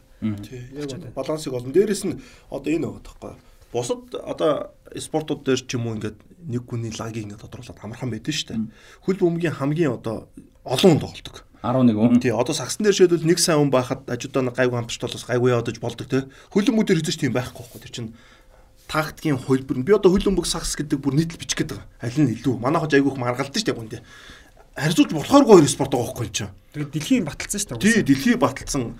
Одоо шийдвэл сагсан дээр чамд ингээд чи бөмбөг хүлээж авна штэ те. Бөмбөг хүлээж авахд чи өөрийнхөө хамгийн сайн одоо хүлээж авчдаг эргэтэн буюу гараараа өндөгөрөө ингээд алгаараа авч те. Нэг л байдлаар. Тэгээс хөл өмгчин тэгэхэд хатуу битүүдээр цээж, толгой, өвдөө, гуй те хүлээж явах чадвар нь хамаагүй өөр. Хамаагүй их сургаалт шаарддаг. Яг тэгээ спортуудыг харьцуулбал Үгүй үгүй үгүй үгүй зүгээр юу байхгүй нөө харьцуулж бас болох юмуд байгаа байхгүй. Одоо энэ багийн спорттой үзүүлж байгаа хүмүүсийн нөлөө өөр. Цөөхөн үнэтэй 3 4-өөс үнэтэй спорт төр бол нэг хүний үзүүлж байгаа нөлөө айгүй их байдаг байхгүй. Хөлөн бүдээр биш байхгүй. Тэнгүүд юуд чинь заа нэг Месси 20% Шави 10% тэд тэдөө гэл явж байгаа ш дасгалжуулагч тэдөө гэл тэ. Тэгэхэд тэр 11 онд тоглож байгаа тэр дунд айгүй өндөр хөвтэй 30 40% нөлөөлж өгдөг. Өөрөө маш чухал байхгүй юу? Маш чухал. А Марадон бол тийм байсан шүү дээ. Тоглолтыг ганцаараа өөрчилдөг тамирчин гэх тээ. Бүр тийм юу дээ. Тэгэл орчин үеийн өмгөх тех боломж айгүй бага болсон байхгүй. Яг бол багийн тоглолт гэдэг чинь өөрөө айгүй өндөр түвшинд очсон. Одоо та нар 1900 за нэг 60-аас өмнөх хөлөмгийг харах юм бол тасалжуулагч нөлөө бараг байхгүй заяа. Гэхдээ ер нь баг 70 донгараад ч баг байх. Тий, дасгалжуулагч нэгсээс л эхэлж байгаа шүү. Тий, дасгалжуулагч нь одоо тэр 30 оны дасгалжуулагч чинь 33 настай. Тэгээд дасгалжуулагч ирэж гарааны бүртгэн шийдэх хөлөөр өө тэгээд би дасгалжуулагч сууж нэгтээ ер нь багийн ахмад тоглогч нар л гарааны бүртгэн шийддэг гэсэн. Ерөөс тийм байсан. За яг наад дээр чинь нэг факт хэлж өгье. 68 оны Еврогоор нөгөө Итали зүйлт хоёр шотдсон шүү дээ. Тэгэхэд доор өрөөнд орж шотсон гэж байгаа байхгүй. Багийн ахлагч нар ороод өөр гадны хүн оруулахгүй гэхэд зүйлтийн дасгалжуулагч шүү дээ ороод ирэхэд тэр хүн таниагүй оролцсон байна. Таниагүй л гэж. Тийм л байсан. Тий, тэгэхээр багийн спорт гэдэг чинь одоо нөө сүүлийн үе шал өөр болсон те. Бид нар бас тэр талаар аягуулсан харах хэрэгтэй байхгүй. Дээд хэмжээндээ тий. Тий, бүдээд хэмжээнд ингээд тулцсан дасгалжуулагч олон тэр судлаач тэр мэрэгчлүүдийн нөлөө амар өндөр болсон байхгүй. Тэрнээс өмнө бол дасгалжуулагч гэдэг баг чухал биш байсан. Тоглогч айгүй чухал. Тэгээ тэр техник механик за бүрш нарийн юмэр бол зөндөө юмэр те. Тэгэхээр энэний одоо нанжид хэлж байгаа юм багхгүй. Балансыг олно айгүй чухал. Баг Снайдер 10 сайн байсан, сайн байсан. Гэхдээ тэр Месси гэдэг тэр хувь тоглогчийн чадвар, тэр үзүүлэлт бол бүр өстой. Ахиж тэрийг хүн өмнө дахид автах юм уу гэмээр үзүүлэлтүүд байж байгаа шүү дээ. Тийм үстэй. За би энд одоо саналаа хэлчихэд бас нэг жоох маргаан их байдаг те. Би бол өөрийн бодлоо хэлчих. За 10 онд бол Снайдер бол хэрвээ зүгээр Снайдер бас ингээд Левандовски хоёрт хохирсон юм байгаа байхгүй юу? Хүмүүс ингээд мессерүүл бурууч ихэд те. Энд чинь бас Мессигийн буруудаа бол биш шүү дээ. Маш том зохион байгуулалтын одоо жишээ нь тэр жил Франц футбол өөртөө 10 онд балан дээрөө гаргацсан бол Снейдерт баг өчгөл байсан шүү дээ. Тэгэхэд тэр бол тэр FIFA-тай нэгдэнгүүт Снейдерийн нэг боломж байхгүй болчихж байгаа байхгүй. За 12 онд Месси аврагын лиг төрүүлээгүй те. Гэхдээ Месси авахаас яг мэрэгжлийн том 12 онд бол бүр ямар ч маргал. Одоо мэрэгжлийн том хөлбөмбөгт 92 гол хийжлээ шүү. Нэг календарын жил. Тэр бол ямар Одоо эн чинь дахин давтагдах. Яг төвөнд тоглогч биш бас тий. Тэгэхээр одоо энд энэ энэ хувийн амжилтыг бид нар авч үзэхээс аргагүй байгаа юм байна. Яг балансын харна гэдэг тэр л л да. Одоо 10 онд Снейдер гэдэг дээр бол яриа байж болж байгаа байхгүй. 12 онд угаасаа Месситэй маргаад байгаа юм байхгүй болж байгаа. Одоо 20 онд жишээ нь Левандовски л авах хэрэгтэй байсан уу байсан. Тэ одоо саяны энэ жилийн Бензаматай адилханаар тэ. Ковид бас. Тийм ковид. Тэгээ тэр бол жоохон багчаа стал газар шүү дээ. Багч хэрэгтэй байхгүй. FIFA л бас э, юу Франц футбол тэ. Өөртөө л жоо. Тэн дээр бол Левандовски 20 онд авах байсан. Гарцаа байхгүй үзэгчтэй. Ямар ч ирэлж байгаа хэрэг. Тэгэхэд өөртөө олон улсын зохион байгуулаагүй ковидын жил гэдэг. Тэнгүүт тэр шийдвэрүүд Левандовскиг алж байгаа. За 21 он гингүүт 20 онд Левандовски хохирсон шүүхөрхий 21 оны хүчийг байж болохгүй болохгүй. А тэнгүүт 21 онд яг нэг нүгэлэхэд Месси Левандовски бас илүү байгаа. Юу вэ гэхээр Копа Америка. Энэ хоёр яасан бэ гэхээр Левандовски ч аврагын шүүгийн 8 те. А Германы Бундслиг авсан. За Месси бол лигтээ Левандовскигоос тутахгүй илүү бас тоглосон. 20 гол гол ассист нь 20 20 штэ 20 20-оос биш штэ амар тэр 20 20 ч юу гэсэн юм бэ? За ингүүт Левандовски э, клубын төвшөнд Месситэй яг адилхан. За тэнгүүт 100 шигшээ хог төр Месси Копа Америка чирээд авчиж байгаа байхгүй тэг хүмүүс одоо ингэдэг те. Копа Америка ч н одоо Еврогийн хаан ч үгж Месси Аргентин төрчлөө. Тэр хүн UEFA тоглож болохгүй штэ тэр хүн Копа Америка хэдий цөөн багтаж гэсэн харин ч амар чанартай. чанартай тэмцээнд чирсээр хагаад авч штэ Тэгэхээр энд бол одоо 21 онд Месси төгчлөө Левандовски төхөөсөн гэдэг бол бас хэцүү. Тэнгүүд бас ингэж байгаа байхгүй. Одоо нөө Месси а өмнө Копа Америка анх удаа авж байгаа. Хөл өмгчм одоо мэрэгжил өмгчм. Тэгэхээр энэ бас тийм амар цом биш гэдэг шууд ойлгомжтой болж байгаа. Тийм үстэй. Тэр амархан цом биш бол Месси чинь тэгэл за нэг 6 жилдээ нэг юм хоёр авчичлаа байгаа үстэй. Гэтэл одоо авч байгаа. Тэгээ тийм бас ялгаа. Би дээрэс нэр хөл бөмбөс хахтай нөгөө юу хэлчихсэн бэлээ нөгөө жоохон далигаад өөр юм л орчлоо. Хөл бөмбөг нөө үзүүлж байгаа нөлөөнүүд нь нэг тоглогч нь л айгүй бага байдаг те. Тэгэхээр энэ дээр айгүй том нөлөө үзүүлж байгаа тамирчныг бас айгүй сонцгол харах ёстой тий. Тэгээ айгүй чухал юу. Одоо тэгвэл орчин үед бүр гоё болж байгаа л да. Хамгаалчдын үүргээр л айгүй гоё өндөр ирж байна. Хамгаалч нар багт айгүй чухал. Одоо Бандак бас нийлэн дээгүүр явсан шүү дээ тэр Хоёр дорс. 19 онд. тий нэлээд дээгүүрсэн Канаваро 2006 онд авдаг шалтгаан бол 2006 онд үнэхээр тийм довтлогч нар яаж чадаагүй байхгүй тий онцгойлж чадаагүй тий Тэгэхээр Канаваро яг Италийн шиг авч ус Итали багаараа тоглосоор авч. Тэгэхээр тиймэрхүү нэг тийм жоохон тийм юунууд гарч ирж байгаа тийм тийм. Ацтаач гэх юм уу ямар ч юм тий. Одоо 21 онд жишээ нь яг хамгийн том тэмцээн бол мэдээж Евро бас байлаа шүү дээ. Тэмцээнүүдийн нэг Еврод Италийн шиг шиг төрүүлсэн ч гэсэн тэр тоглолтын үед Евродо сайн тоглосон болохоос яг оныхон турштай клубын хэмжээнд бол италичууд гялцж чадаагүй байхгүй. Тийм болохоор одоо юу гэдэг нь италичудаас за 19 онд Ван Дайк бол ерөн баг байж болох байсан шүү. Би бас тийм хүмүүс авцсан ч гайхааргүй байсан те ер нь. Би бол 19 онд бол Месси биш Ван Дайк байх байсан гэж би боддоо шүү. Ван Дайк бол амар байсан. Яг тухайд бол тэгж ярьжсэн те Ван Дайк авчна гэж л ярьж л байсан. Тэгээд их оноо нэг ойрхон зөрсөн байдаг санагдчих шүү. Ван Дайк ч өөрөө Нидерландын шиг шоугийн ахлах өөрөө санал өгт өөрөө Месси төгсөн шүү дээ. Бараг өөрийнхөө саналаар байсан. Тэгээ санал нь зөрдөг нь бараг тэр. Энэ дэлхийн энэ нөхдөө чинь бас санал манал зэвүүн те. Одоо чинь Роналдо хизээч Мессид санал өгдөггүй те. Месси Роналдод ер нь бараг өгдөггүй те.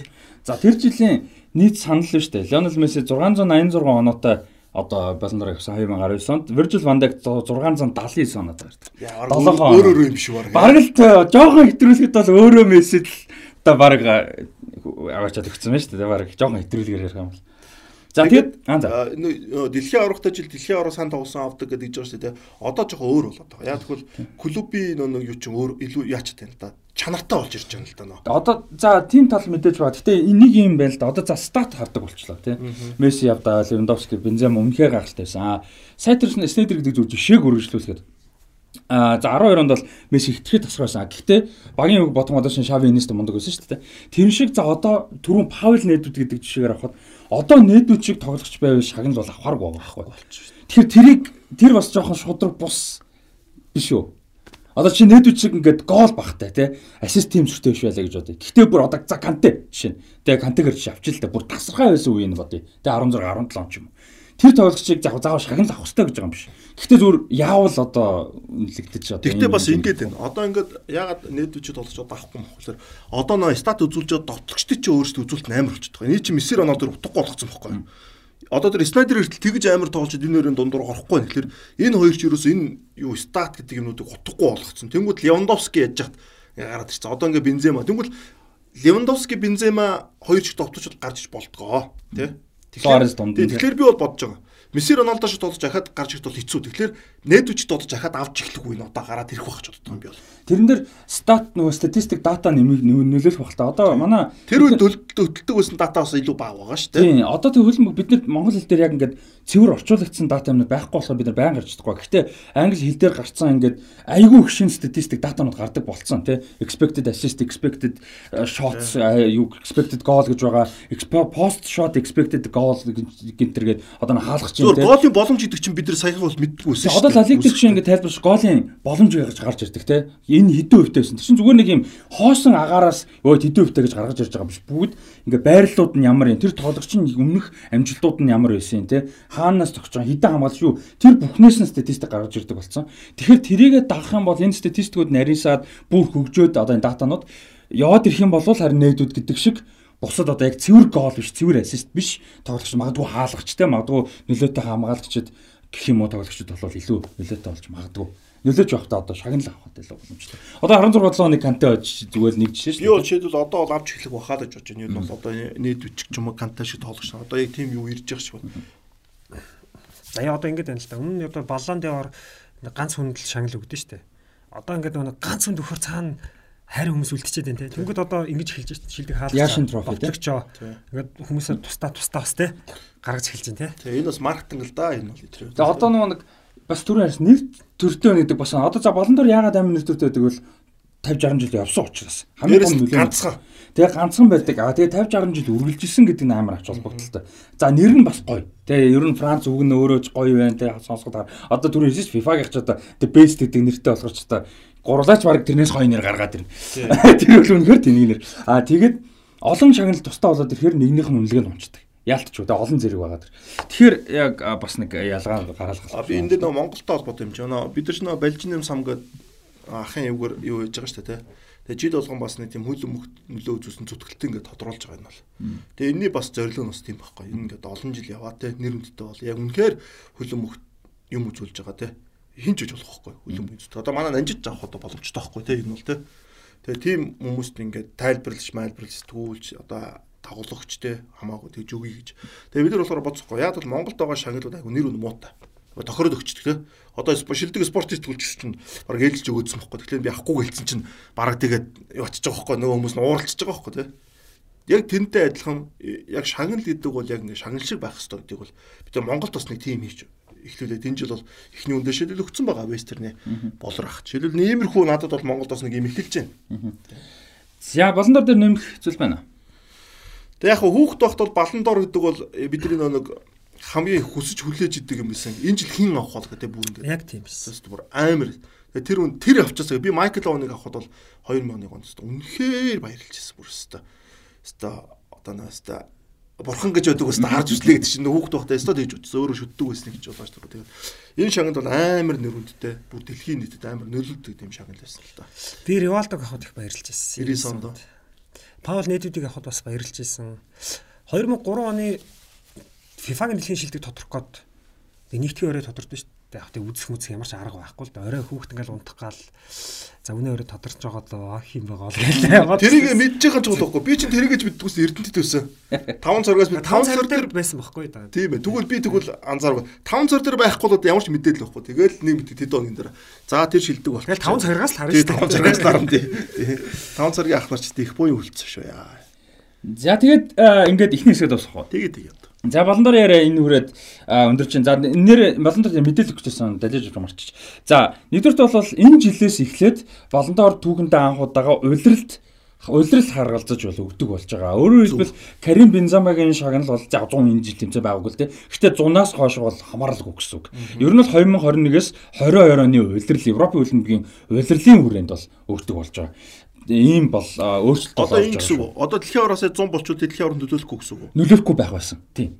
Тэгэд яг тэрийг нь яаж тооцож байгааг бол одоохондоо бол мэдэхгүй байна. Яг одоо чинь дараа жил баландор өнгөт энэ дэлхийн аваргыг тооцоогоор болчихж байгаа хгүй энэ үйлрэл дундуур болчихж байгаа. А тэрний дараагийнх одоо магадгүй 24 оны евро тий 100 болно. Тэнгүү тэрийг яаж тооцоогоо сайн мэдэхгүй байна. Гэхдээ ямар ч үсэн үйлрэлээр тооцдог. Тэрийг бол оруулсан тэр тий тэндээ тэгэхгүй жилийн дараа хахаал яваа. Тэгээ одоо энэ нөгөө нэг үйлрэлээр тооцдог энэ 2007-оос хойш дэлхийг ер нь ач холбогдол өгч болдог болсон юм шүү дээ. Дан Европ гэдгээ болоод тэгэнгүүт тэрэн дээр би бас нэг ганц алдаа гаргасан байна тайлбар дээр уучлаарай. Тэгээд гараад ер өдгөө байлаа.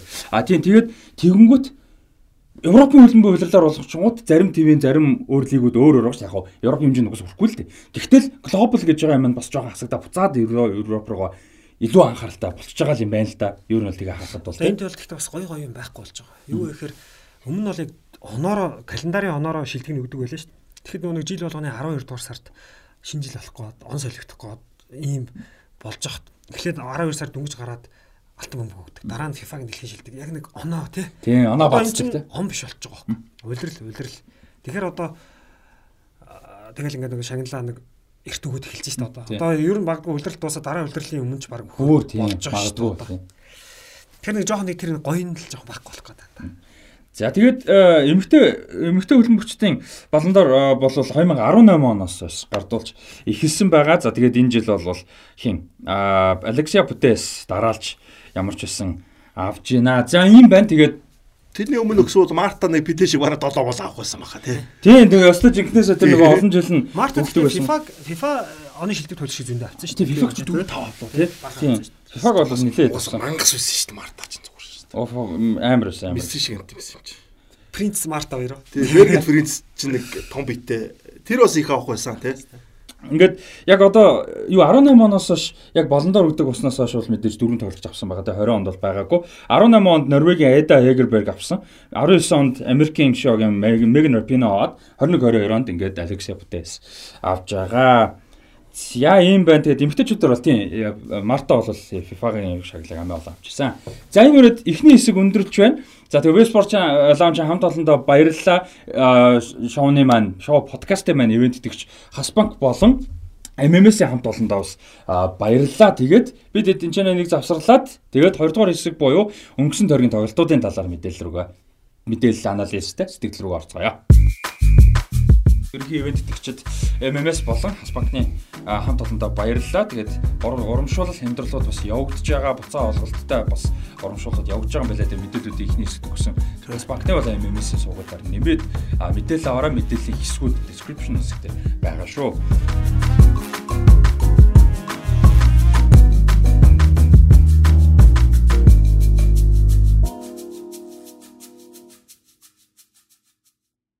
Зээргүүлж байгаа дата байна үзэгчтэй сонсогчдоо. За өнөөдрийн дугаарын 20 дахь хэсэг эхлээд бэлэн болсон байна.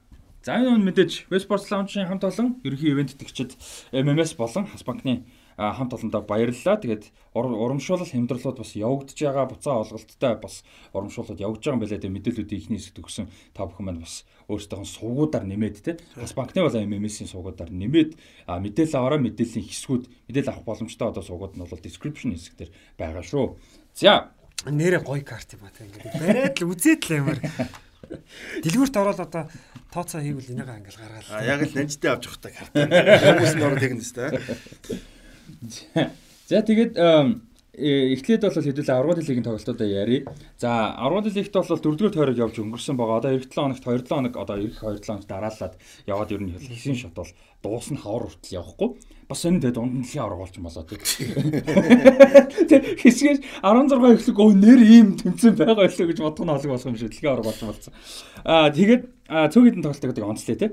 За нэг тоглолт бол Макаби Хайфа талбай дээр Ювентусыг хоёр тэгж ажиллаа. За энэний дараа бол Андре Аньели одоо Ювентусын эзэн захиралтай хэлсэн байсан. За манай багийн дасгалжуулагч бол Массимилиано Аллегри. Тэгээ одоо ч тэгж хэлсэн. Тийм нэдэд ч бас таатай захиралтай бас. Одоо юу гүйцэтгэх захирал юм. Спортын захирал. Дид ерөнхийлөгч. Дид ерөнхийлөгч vice president тий. За ингээд одоо нэг нь chairman шүү дээ Аньели бол. Тэгээ ингээд өөрчлөхгүй халахгүй ээ тий байгаа. За Ювентус одоо энэс дээр хөнгөө байгаа юм шүү. Халаад. Тийм ээ тий. Тэгээд угаасаа нөгөө гарт хүзэр нь муу байгаа. Аа. Өөрсөл өөр юм өөрчлөгдөх байна тийм. Ювентус Макабиг бол үтсэн шүү нэрээ. Тэгээ үнэхээр алуулсан. Макаби хэдүүлээ нэг ярьжсэн шүү дээ. Ювентус баг Макабигч нутагт нь хожихгүй шүү гэдэг. За бас тэгсэн шүү нэрээ. Нэг ярьсан шүү. Тухайд одоо Ювентусын би Ювентусын нүд альтерн байна гэдээ хэлсэг үнэн бохоо шүү дээ. Ястаа нэрээ асл Ювентус гэж харж чадахгүй л яг. Зүгээр Макаби зөндөө боломж алдсан. Одоо нэг том баг арай сул баг тоглоход нэг сул багууд нэг гол хийх гэж зовдөг шүү дээ. Яг тийм л юм болсон. Тэгэл ерөөсөө үндэ Ювентус баг. Яг сүүлдээ бол Ювентус жоохон тогтолсон. А нэг харамсалтай юм Ди Мария гинтэд гараад тэр их харамсалтай юм боллоо. Ювентустэд энэ жил муу дээр нөө гимтлүүд айгүйх байгаа. Маш гимтэл байгаа юм бэл. Одоо гимтэлтэй нөө өргөжлөл яг мэдээчлэхээр оруулах гэж байгаа. Тэгээ сая Пауло Дибала гимтчлээ, Анхел Ди Мария гимтлээ. За бас өөр шигшээ багуудад тоглолтыг тэгээ олон. Канте гимтчлээ шүү дээ. Нголо Канте гимтчлээ. Франц ер нь бол эвгүчлээ одоо л. Ер нь бол маш олон тоглогчд олон талд гимцсэн юм харамсалтай юмнууд яваал. Тэдэлээ өмнө ярьжсэн ойлгомжтой. Тэхэн тийм бол болж л таарна дэлхийн авраг өмнөд тэр нь харамсалтай. Тэ. За дараагийн тоглолт Милан. Челси Челси 2-1 харьцаатайгаар Миланыг а буулгаж авсан хэсгээ бол одоо 7 оноотой тэргүүлээд ихэлсэн. За гэхдээ хоёр тойргийн одоо өмнө бол энэ хэсгээс альч баг гарах боломжтой их өрсөлдөөнтэй хിവэрэ байгаа. Челси 7 оноотой, Салцбург 6, Милан болон Динамо Загреб багууд 4 4 оноотой ийм сонирхолтой байдалтай болол үлдсэн байна. Челси Милан гарах бах уу? Тэгээ ер нь бол гайгүй. Милан бол одоо Челситэйг хоёр тоглолцоо одоо нөгөө хэдээсээ 4 оноо авал. Тэгээ Загреб Челси бол Миланаас угаасаа төвшөө өөр үлээ шүү дээ. Тэгээ Грэм Поттер бол яа харахгүй дээ ирээд тод новчроо олчлоо. Милан ч нэг хүн эрт хөөгч бас тэ. Тийм ба шүү. Нэрээ тийм ба тэ. Тэрийг бол санахгүй. Гэтэ тийм байсан санагдаж байна.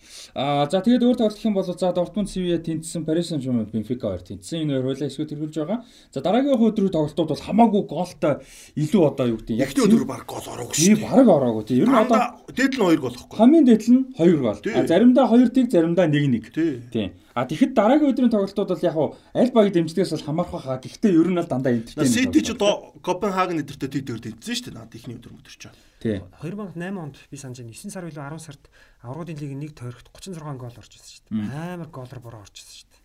Гэтэ амар өдөр. Яг ингэ сони ингэж таардаг тий. Одоо ингээ 2 дахь өдрийн харган бол маш их голтой тоглолтууд болсон. За Наполи Аяксыг 4-2-ын харьцаатаагаар буулгаж авч 4 тоглолтоос 4 хожилтой. За дээрэс нь мэдээ Сери А удахгүй ярих бах.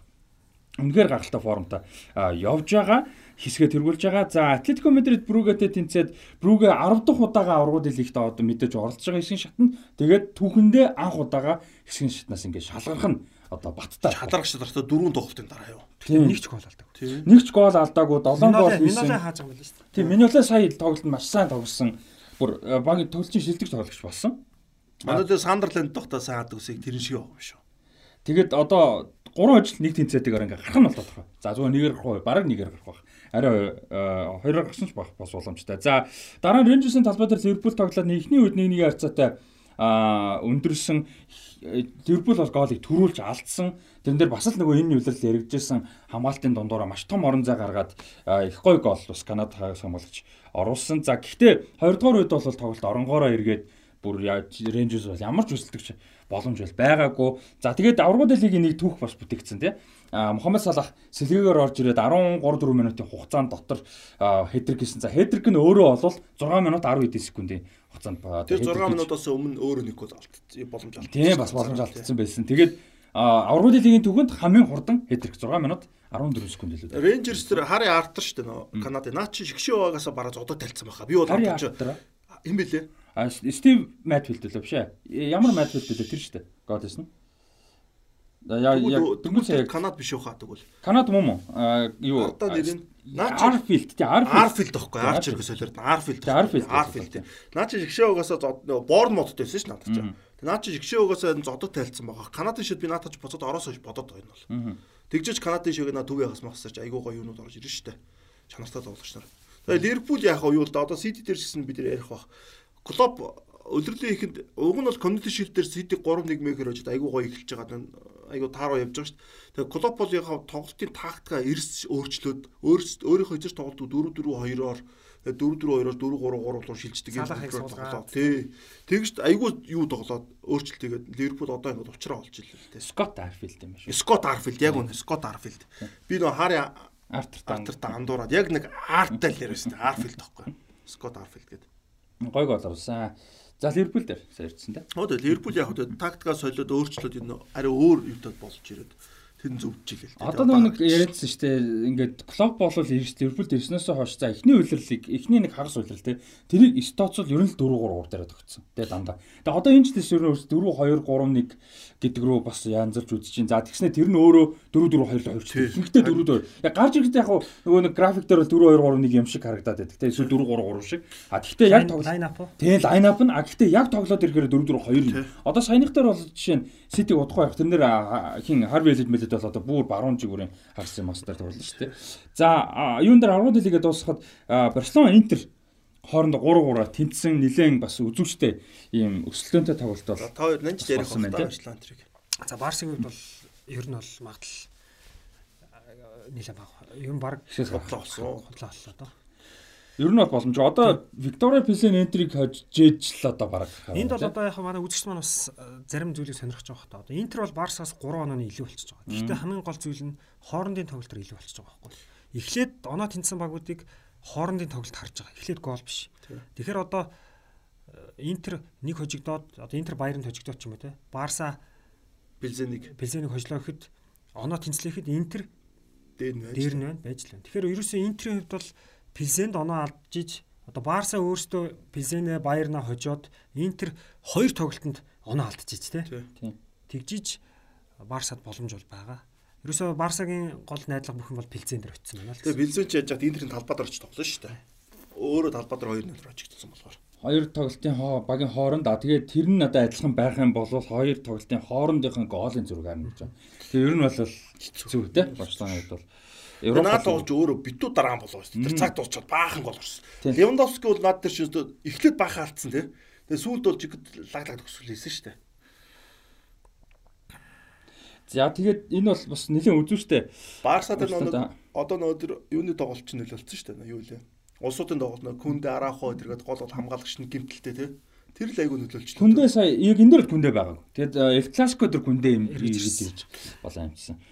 За аа тийм Барселонад хэцүү болж байна. За Байерн бол Пизендийг 4-2-оор хоцсон. Пизенаар 2 гол хийсэн байлаа. Тотнам Франкфурт бас сонирхолтой тоглолт болсон байлаа. 3-2 ярцаатай хоцсон байсан. За нэг иймэрхүү байдалтайгаар аргууд лигийн 4-р тойрог бол өнгөрсөн. За одоо 5-р тойрогт бол маш олон тоо одоо юунууд бол шийдэгдэндээ тий. Тэгэндээ. Ирэх лонх тоо тий. Тий одоо энэ 7 хоногийн биш тий уучлаарай. Тий 7 хоногийн 2 3 дахь шин тий. За тэгээд лиг дөрөв орох уу? За нэгэн сая Барселона ирсэн, Эл Класико ирсэн. Эл Класико. За Эл Класико тайлбарсан энэ сууж байна. За Эл Класико бол тайлбарсан тийм. Тэгээд тоглолтууд бол сонирхолтой бол болсон яг довтлогоор шилжих нь амар хэцүү газар Барселоны үед яг ингэ шилжиж чадгаа. Тэгээд довтлогоор явахаараа гайгүй. Хин үед ялангуяа эхний үед бол Барселона уулын довтлого нь бол дайжгүй. Ялангуяа тий боломжууд гаргасан хоригдолтой. Гэхдээ хамгаалалт бол маш чухал байсан. А тэгээд энэ тоглолтын турш ер нь хамгаалалт нэлээд муу явсаар байгаад дууссан. Тэгээд айгүй сонин алдаанууд гарч ирсэн л да одоо Барселоны ч юм уу юу гэдэг топ класс багаас гарахааргүй хамгаалтай алдаанууд. Одоо тэр хиний хийдэг гол байна те Бенземагийн хийдэг гол. Тэрэн дээр жишээ нь сөрөг давтгаа явж байгаа те. Тэг ингээд тэгэхэд дөрөв тоглогч яарад бүгд ингээ хамгаалал руу буцаж шүү дээ. Тэгж явах гурван тоглолчин гурван дээр ингэж хуваарлагдаж авахын оронд те бүгд ингээ шугамшиг татсан. Тэнцэж Бензема тэгээ цаана Валверде бүр ингээ суум суул тэнд бол хов хасаа хаалган дээр те тэрчтэйг нь бүгдийг хааж чадахгүй шүү дээ. Тийм байдалтай татчих жишээ нь. Тэгээ нэг тиймэрхүү хамгаалтын алдаа бол нэлээд харагдчихсэн. А тэгээ дээрэс нь төв яхсууд бараагүй. Ер нь бол яг үүндээ кросс модричгийн 3, Чомины 3 бол бодоо олгосон. Ерөөсө прессинг тал дээр хэнийг Педри хин Деон Бускетс гурав бөмбөгтэй тоглолтод бол яг гайгүй тоглосон Мерс үе бол мэдээж байсан. Бүтэн 90 минут тоглохгүй нэж яах вэ? А гэхдээ бүтэн тоглолтыг харах юм бол ер нь бол хөдөлгөөг сул боломжийг бол гаргуулаагүй. А тэгээд эхний үед уг нь товтлогоор бол гайгүй яваад исэн. А тэр нь тэгээ бүр байхгүй болоод харин Ферран Торрес хин хоёр Ансу Фати орж орж ирээд товтлогон дээр хамаагүй идэвхтэй шилжит нь арай гайгүй болоод Гави орж ирээд тэгжсэн а гэхдээ арай гүйцэж бол хамжаа өсвөл нэг гол уг нь оруулсан. Тэр тэр голыг бол яг Гави бөмбөгцлаад товтлогоог эхлүүлээд Ансу Фати нэгийг гаргаж маш гоё хурдтай одоо яваад тэгээд амжилт дээр нь Ферран Торрес оруулж гурван сэлгээнд ер нь бол үрдүн уулна нөгсөн гэхдээ амжаа. За энэ дэр нэмээд ирэх та. Заяа сэтгэл. За чи би нөө Ливерпул юу руугаас илүү анхаарал хандуулсан шүү дээ. За за за. Зэрэг болоод. За за. За Барса Барса сайн тоглосон. Реал бол бүр илүү сайн тоглосон. Барса бол бүр ингээ муу бол бас тоглосон тоглосон бол биш. Тэр өөрөө муу гэж ярьж байна. Гэхдээ хамгаалт бас бол байсан. Хамгаалт. Одоо энэ дэр юм баг. Барсагийн яг яг хамгаалтын юун сул байсан гэж. Барса довтлоонд олуулаа орж байгаа байхгүй. А олуулаа довтлоонд орчоод буцахтаа олуулаа буцахгүй байгаа байхгүй. Одоо энэ олуулаа буцахтаа замбраагүй олуулаа бас буцсан юм байна. Араас ийм байгаа. Тэн дээр одоо яг ийм. За сая чиний ярьсан дээр ч гэсэн би ярьчих зэ. Барсан ерөөсөө алдсан голууд дандаа сөрөг тоглохоор алдж байгаа байхгүй. Барса ингээд цөмөрцөн байжгаад тэр ихлэ Винисиусыг гаргаж өгдөг тийм. За дараагийн гол Карвахал гаргаж өгөөд тэр бол ерөөсө Барса товтлцоод буцах чадахгүй гэсэн дандаа голууд алдаад байгаа. Тэр ихний гол дээр юм байгаа байхгүй. Барсагийн хамгаалт довтлцсон байж байгаа нэг кросс аягүй зэвэн дамж өгж байгаа шүү. Кросс дээр Бускетс Бускетс тэнд ерөн бар зүг алдаа хийчих байсан байхгүй. Тэгэл зүг шар утсаа авчих байсан. Ер нь энэ дээр нэг алдаа хийх хийхгүй эргэлзэж тэнэлзэж байгаа хооронд кросс цөмөрсөн дамжуулт өгөөд Винисиус гарч ирээ. За тэн дээр бол Барсагийн хамгаалтад бүгд буцаж байгаа. Энэ бол зөв Расти. Энд бол ерөөсө буруу байхгүй. Эдгээр бүгд буцаж байгаа. Тэгээд Винисиус цохоход ичтэйг нь эхний боломжийг хаагаад багтаа хоёр дахь боломжийг яаж ийн гаргаж өгч байгаа. Энэ хамгаалт бол тэр үед Бенземаг нэмээд цогцно гэж хамгаалахгүй байхгүй. Тэд нар хаалганы ойр орчим, ойсон хаалгачийн ойгоод чадаагүй бөмбөгийг л яхаа бодох вэ? цэвэрлэх зайлуулахад болно. Нэг тийм цэвэрлэгэн дээр 3-ын 3 хүн тэр хаа. Тэр хоёр дахь дээр манчтай би санал хэлж байна. Хоёр дахь дээр бол яг байрал дээр алдсан байхгүй. Одоо раст энэ юм байхгүй. Энд хамгаалагчдын буруу биш зэ. Одоо би хэлээд шүү дээ. Барса багаараа товтлчоод буцахтаа бүгдээрээ буцахгүй байхгүй. Энэ эдийн зөв одоо энэ эдээс дахиад нэг хоёр хүн цуг буцсан бол энэ хоёр хүн чи яах юм? Ард нэвж байгаа. хамгаалах хэрэгтэй. Ард нэвж байгаа. Түүнээс энэ тэр 3-ын үүрэг 3-ын 3 хүний үүрэг нь юу байсан тэгвэл? Расти тэр 3 чи маш үүрэгтэй шүү дээ. Тэр гурван чи яаж нэхэр бөмбөг хаана унахыг хүн таахгүй шүү дээ. Гэхдээ тэгэд метрийн дотор метр метр хагасны дотор гурван. Чи өөрөө хөлбөмбөг тоглодог хүн бас мэдэн шүү дээ. Тэр бол аюу хэцүү. Юу нь бол энэ баггүй. Нанчтай би яг 100% хэлж байна. Хамгийн ихэнд буцаж байгаа хүмүүс хамгийн хурдаар угаасан инстинктээр буцсан. Хамгийн сүүлийн нэг одоо эсрэг багийн хамгийн довтооны эцсийн шугам биш тий. Тэр хүртэл буцдаг байхгүй. А тэнгуул араас гүйж ирж байгаа хэдэн тэр нэг ард буусан хогийг цэвэрлэх хэрэгтэй байхгүй. Тэгээс тэр урд гууж байгаагаар заа би нэг хог цэвэрлээд үлдээ даа гэж хизээж бодохгүй байхгүй. Тий. А энэ хоёр ингээ явчих би хог цэвэрлэж хизээж ямар ч хөлөмгч бодохгүй. Тэгэхээр тэр гурван хүн гуруулаа гүгээд нэг нь хоёр нь бүр ингээ хаалгач дээр очих хэрэгтэй байхгүй. Хаалгач чагаа дараа тэр хаалан дээр очиж зогссон шүү дээ. Энэ угаас ямар ч хөлөмгч нэр инстинкт байхгүй. Яг тийм яг хагсууд бол буцах нөхөж буцах хэрэгтэй байсан. Тэр буцаагүй л гэдэг нь хэлээд байна. Гэхдээ гурван хүн довтлохонд орж хахад дөрүүлээ зөвхөн хаалга руу явдаг гэдэгтэй. Аа хоёр хоёр дахь гол дээр бол мастраа нэг дахь голоо үйлчилж байна. Тэн дээр күндээ нэг том алдаа гарсан. Одоо ингээд манайхан тэр бичлэгээ ч гэсэн үзээрэй. Тоймооч үзээрэй. Яг энэ дөрөв хамгаалт чинь ийм болчиход байгаа байхгүй. Энд одоо кросс бүскэс хоёр үзээд нь штэ. Тэгэхэд күндээ энд шууд очих байхгүй. Одоо хамгаалтын гол зарчим тийм болцсон. Энд очиод туслана Иймгүй очлогд бөмбөгт оногдож болно шүү дээ. Гэтэл энэ үн чинь энэ дээр очихгүй ийм хоёрын хооронд болцсон байхгүй. Одоо энэ дэр Шавигийн зааварчлага байсан юм уу? Эсвэл одоо тоглогчт нь дайнд аяхан чашимдээ зөрүүдээр тэр бол арай итрүүсэн болно. Гэтэ ингээд болгоомжлоод байгаа юм уу? Ерөөсөө ялангуяа Винишиус дээр за Валверде дээр арайгаа ерөөсөө очихгүйсэн. Яг гэхдээ очих ёстой гэж байгаа юм биш. Гэхдээ очихгүй байснаас болж амар олон боломжууд Реал Мадридд гараадсэн. Яг ингээд яг дургуулын талбаараа ойртоод Винишиус ойртоод ирэнгүүт 2 3-уулаа очин зэ. Яг ингээд эргэн тойронд нь тэг чи ерөөсөө такл хийхгүй, хамгаалах оролдлого ерөөсөө хийхгүй. Тэгээд бөмбөгийн таслахгүй, хууралт ч юм уу, цохилт ч юм уу дамжуулалтын орлогыг нь ерөөсөө таслах тийм үйлдэл байхгүйгээр чөлөөтэй ер нь үйлдэлд айгүй их явсан. Тэр Валвердигийн голч гэсэн ерөнхийдөө тиймэрхүү агуулгаар бас хамгаалтын асуудлаар орсон. Э, тэр хэд ямар асуудал байгаа вэ? Тэгээ очиж одоо такл хийхгүй те илүү ингээд дорн зайг нь хамгаал гэж байгаа мó эсвэл одоо яасан бэ? Одоо ерөөсөө хамгаалтын хамгийн гол зарчим юу гэж? Хамгаалагч хүнд өгдөг хамгийн гол зарчим бол чи бөмбөгийг булааж ав такл биш. Чи зүгээр саатуул. Чи саатуул. Дилей аргашаагаа дамжуул. Тэр хүн Винисиус ингэж ингэж жаад хоошо буцаачих юм бол хамгаалт амжилттай бол. Түүнээс Винисиус тэр хөл тавьд хурагдах юм бол бүр том асуудал байна. Тэг яг хөл тавих ёстой гэж байгаа юм шиг. Гол нь тэр ингээд хааж байгаа хідэн 2 3 л очиж үр дүнгүй байгаа байхгүй. Дамжуулт суул хангалттай гаргаад байна, цохилт гаргаад байна. Тэг тэгэхээр хууралт нь заримдаа бол цохиулахгүй байна гэж байхгүй. Заримдаа тухгүй байдлаас цохиулаад хаалсан бариад авахыг бол хамгаалт гэж үзнэ. Тэн дээр бол Барсагийн яг тэр тэр Юун дээр бол би бол нэг алдаа гарах гэж бодохгүй. Гэтэ орчин үеийн хөлбөмбөгч одоо хамгийн зөв юм нь юу болчиход нэхэр суулгасан дамжуултыг хамгаалах катбек буюу суулгасан дамжуултыг хамгаалагч өөр аюу хэцүү. Одоо түрүүний яг заяагийн бас хэлдгэр бүх анхаарлууд хаалганы өмнөхөө байхад л суулгаж суулгаад Валвердед гаргаж өгч байгаа байхгүй. Тэгэхээр энд бол одоо Барса бол хамгаалтан дээр бол чатгаал хийсэн Реал илүү байлаа. За Валвердегийн хамгаалтан дээр нэг шугамд орохоос гадна тэр буцалт нь айгүй удаан байгаа тоххой. Тэн дээр Валвердегийн толгой Валвердегийн хувьд бол би яг юу харж байна Энэ тоглогч үнэхээр дасгалжуулагч болгоны мөрөөдөл болсон тоглогч юм. Яагаад тэгэхээр энэ тоглогч бүр амар ингээл скейл мэскэл үндсэн техник тасарсан заяа. Баруун зүүн үлдний бөмбөг эзэмшил зог. Дээрэс нь энэ тоглогчдын дээр талбайг мэдрэх, харах, тэ яаж сулрах уу тэр чодрол үнэхээр супер юм бэл. Тийм учраас энэ тоглогчийг Тони Кросс Twitter дээр бичсэн байгаа шүү дээ. Энэ тоглогч бол одоо дэлхийн супер түүний гурван хасын нэгэ гэдэг. Валверде бол яг тэр энэ тоглож дээрээс нь олон байралд тоглох. Дасгалжуулагч ямар сул байрал дээр хүн байна тэн дээр нь Валверде тоглох. Тэр хоёр дахь гол тийм шүү дээ Валверде. Хүн хамгаалагч усны дээр бүгд нь тоглож шүү дээ. Бараг.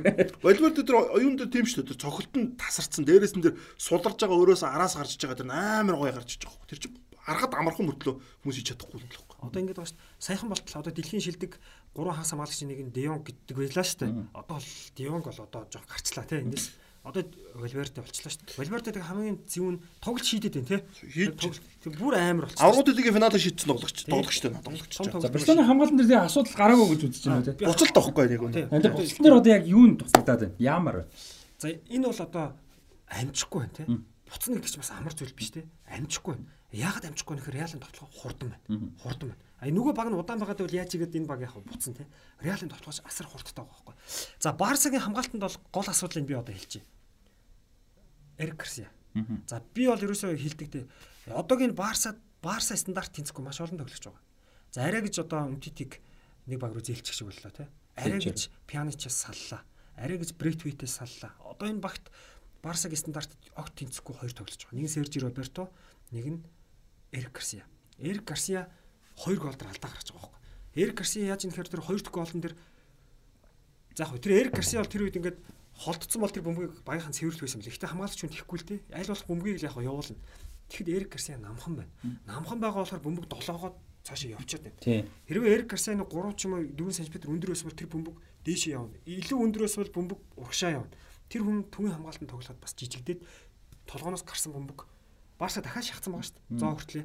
Ингээд цаана яваад тэр явсараад гол орж байгаа шүү дээ. Одоо нөө жижиг одоо күндээ чинь жижиг шүү дээ. Жижиг нөө нэг жижиг нөхөж чаддаг чадвар чухал байхгүй. Наа чинь жижиг мөнтө тэрийг чадахгүй байгаа. Чадж чинь а тэгэнгүүтээ дээрэс нь күндээ 12 чадаа чадаа күндээ 12 биш ээ. Күндээ Эрик Гарсиата тоглосоор бас тэр асуудал гарч байгаа. Одоо 10 күндээ 2 зэрэг тоглосон бол бас нэг өөр те э, бас тэр давуу талыг нэг нь нөгөөтөө нөхөх бас боломж гарах гэдэг шүү. Тэгээ дээрэс нь ингэж харж ирсэн нанж та би нөө Барсагийн юун дээр Сити дээр харагддаг юм баггүй хитрхи дандаа довтооны инстинктэд тоглож байхлаар буцалтан дээр одоо юу чинь саг сүлэмгүүд тоглож байгаа хүмүүс дунд хамгаалтын инстинкт сайтай хүн олон байх цумаа багийн хамгаалт айгу нягт болдог хөхгүй одоо тэр буцалт буцалт бүх юм дээр штэ тэнгууд л яаж юм лэр Барса дээр тэр төвийн хагасууд нь хамгаалтын инстинктэд тоглож ерөөсөй байхгүй одоо тэр буцалтан дээр.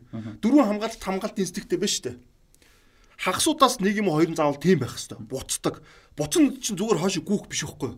Эсрэг бөмбөг авлаа маш хурдан хамгаалтын инстинкт уу яд тэгэхээр реакц гаргаж юу л сул тал руу ч юм уу эсрэг багийн тодч айгүй хурдан хардаг бол Барсагийн зарим тоглож CD дээр хардаг байхгүй. Зогсдог. Зогсчдаг байхгүй. Тэр 1 2 секундын зогсолт Бүгдийг шийдэж. тэр паник бүгдийг шийдчих жоохоо.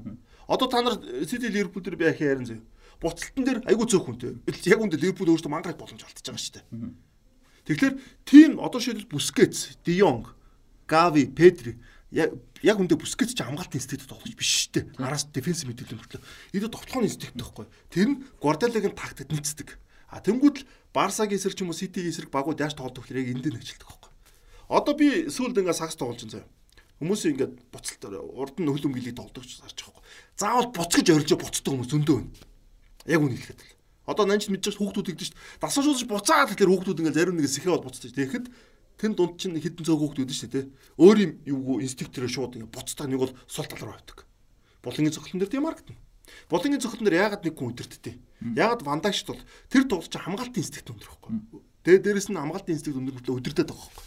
Одоо жишээлбэл ийм байхгүй. 2009 оны аврагын лиг хагас гişэ тоглох Ливерпул Барса шүү дээ. Нөгөө тренд ингээ булан хийх гэж хагаад буцаж хагаад буцаж очиж ингээ булан хийдэж дээ. Тэн дээр Барсагийнхаа барай авахгүй. Яг тэн дээр нэг хүн орилооч юм дуурайд нэг 2 секундын өмнө орилцсонд бол тэр гол алдахгүй байсан байхгүй. Хамгаалтын инстинкт гэдэг чинь үгүй хүмүүсийн буцаж байгаагаар шийдэгдэх асуудал биш байхгүй тэр чинь.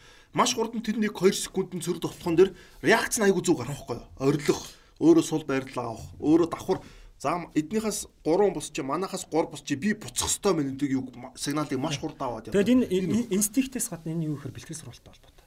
Мундаг инстинкттэй хүнч ядраад ирэх юм бол бас юу хэмнэл алдна. Тэгэхээр энд энэ эрчтэй хүлэмжт алдахгүй тулд тэр бэлтгэлч аюу тийм эрчимтэй тийм явдаг байсан.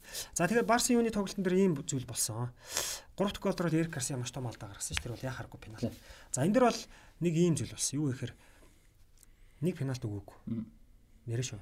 Левандовски дээр. Тэр бол пенальт. Шүүгч ваарч сонсоогүй. Тий тэр э, юуг нь наанан зүгээр отон байсан үгүй л гэхээс ш пенальт нь бол бас яг надад бол 50 50 л харагдсан. Надад бол тийг санагдчихсэн. Гэтэ өгөхөд бол бас гайхааргүй. Тэр бол пенальт. Тэр пенальт. Пенальтын дээр ингэдэг байхгүй. Тэр бөмбөг эзэмшээ туугаа явж байгаа тоглогчид хүрчихэж байгаа дээ. Тийм тийм. Тийм ойлгомжтой. Тэр хүч нь ерөөсөө тэр хол туусууг нь хамааралгүй гэж байна. Хол туух хамаагүй. Хэрвээ Реалын ухаантай хол туучих юм бол баг хүрхгүй хол туулгаад дарааг нь авах байхгүй. Тэнд хүчтэй тургуулын талбайд ялангуяа тэгж явж байгаа хүнд хүчтэй хүчгүй хүрэх бол нэг хамаагүй.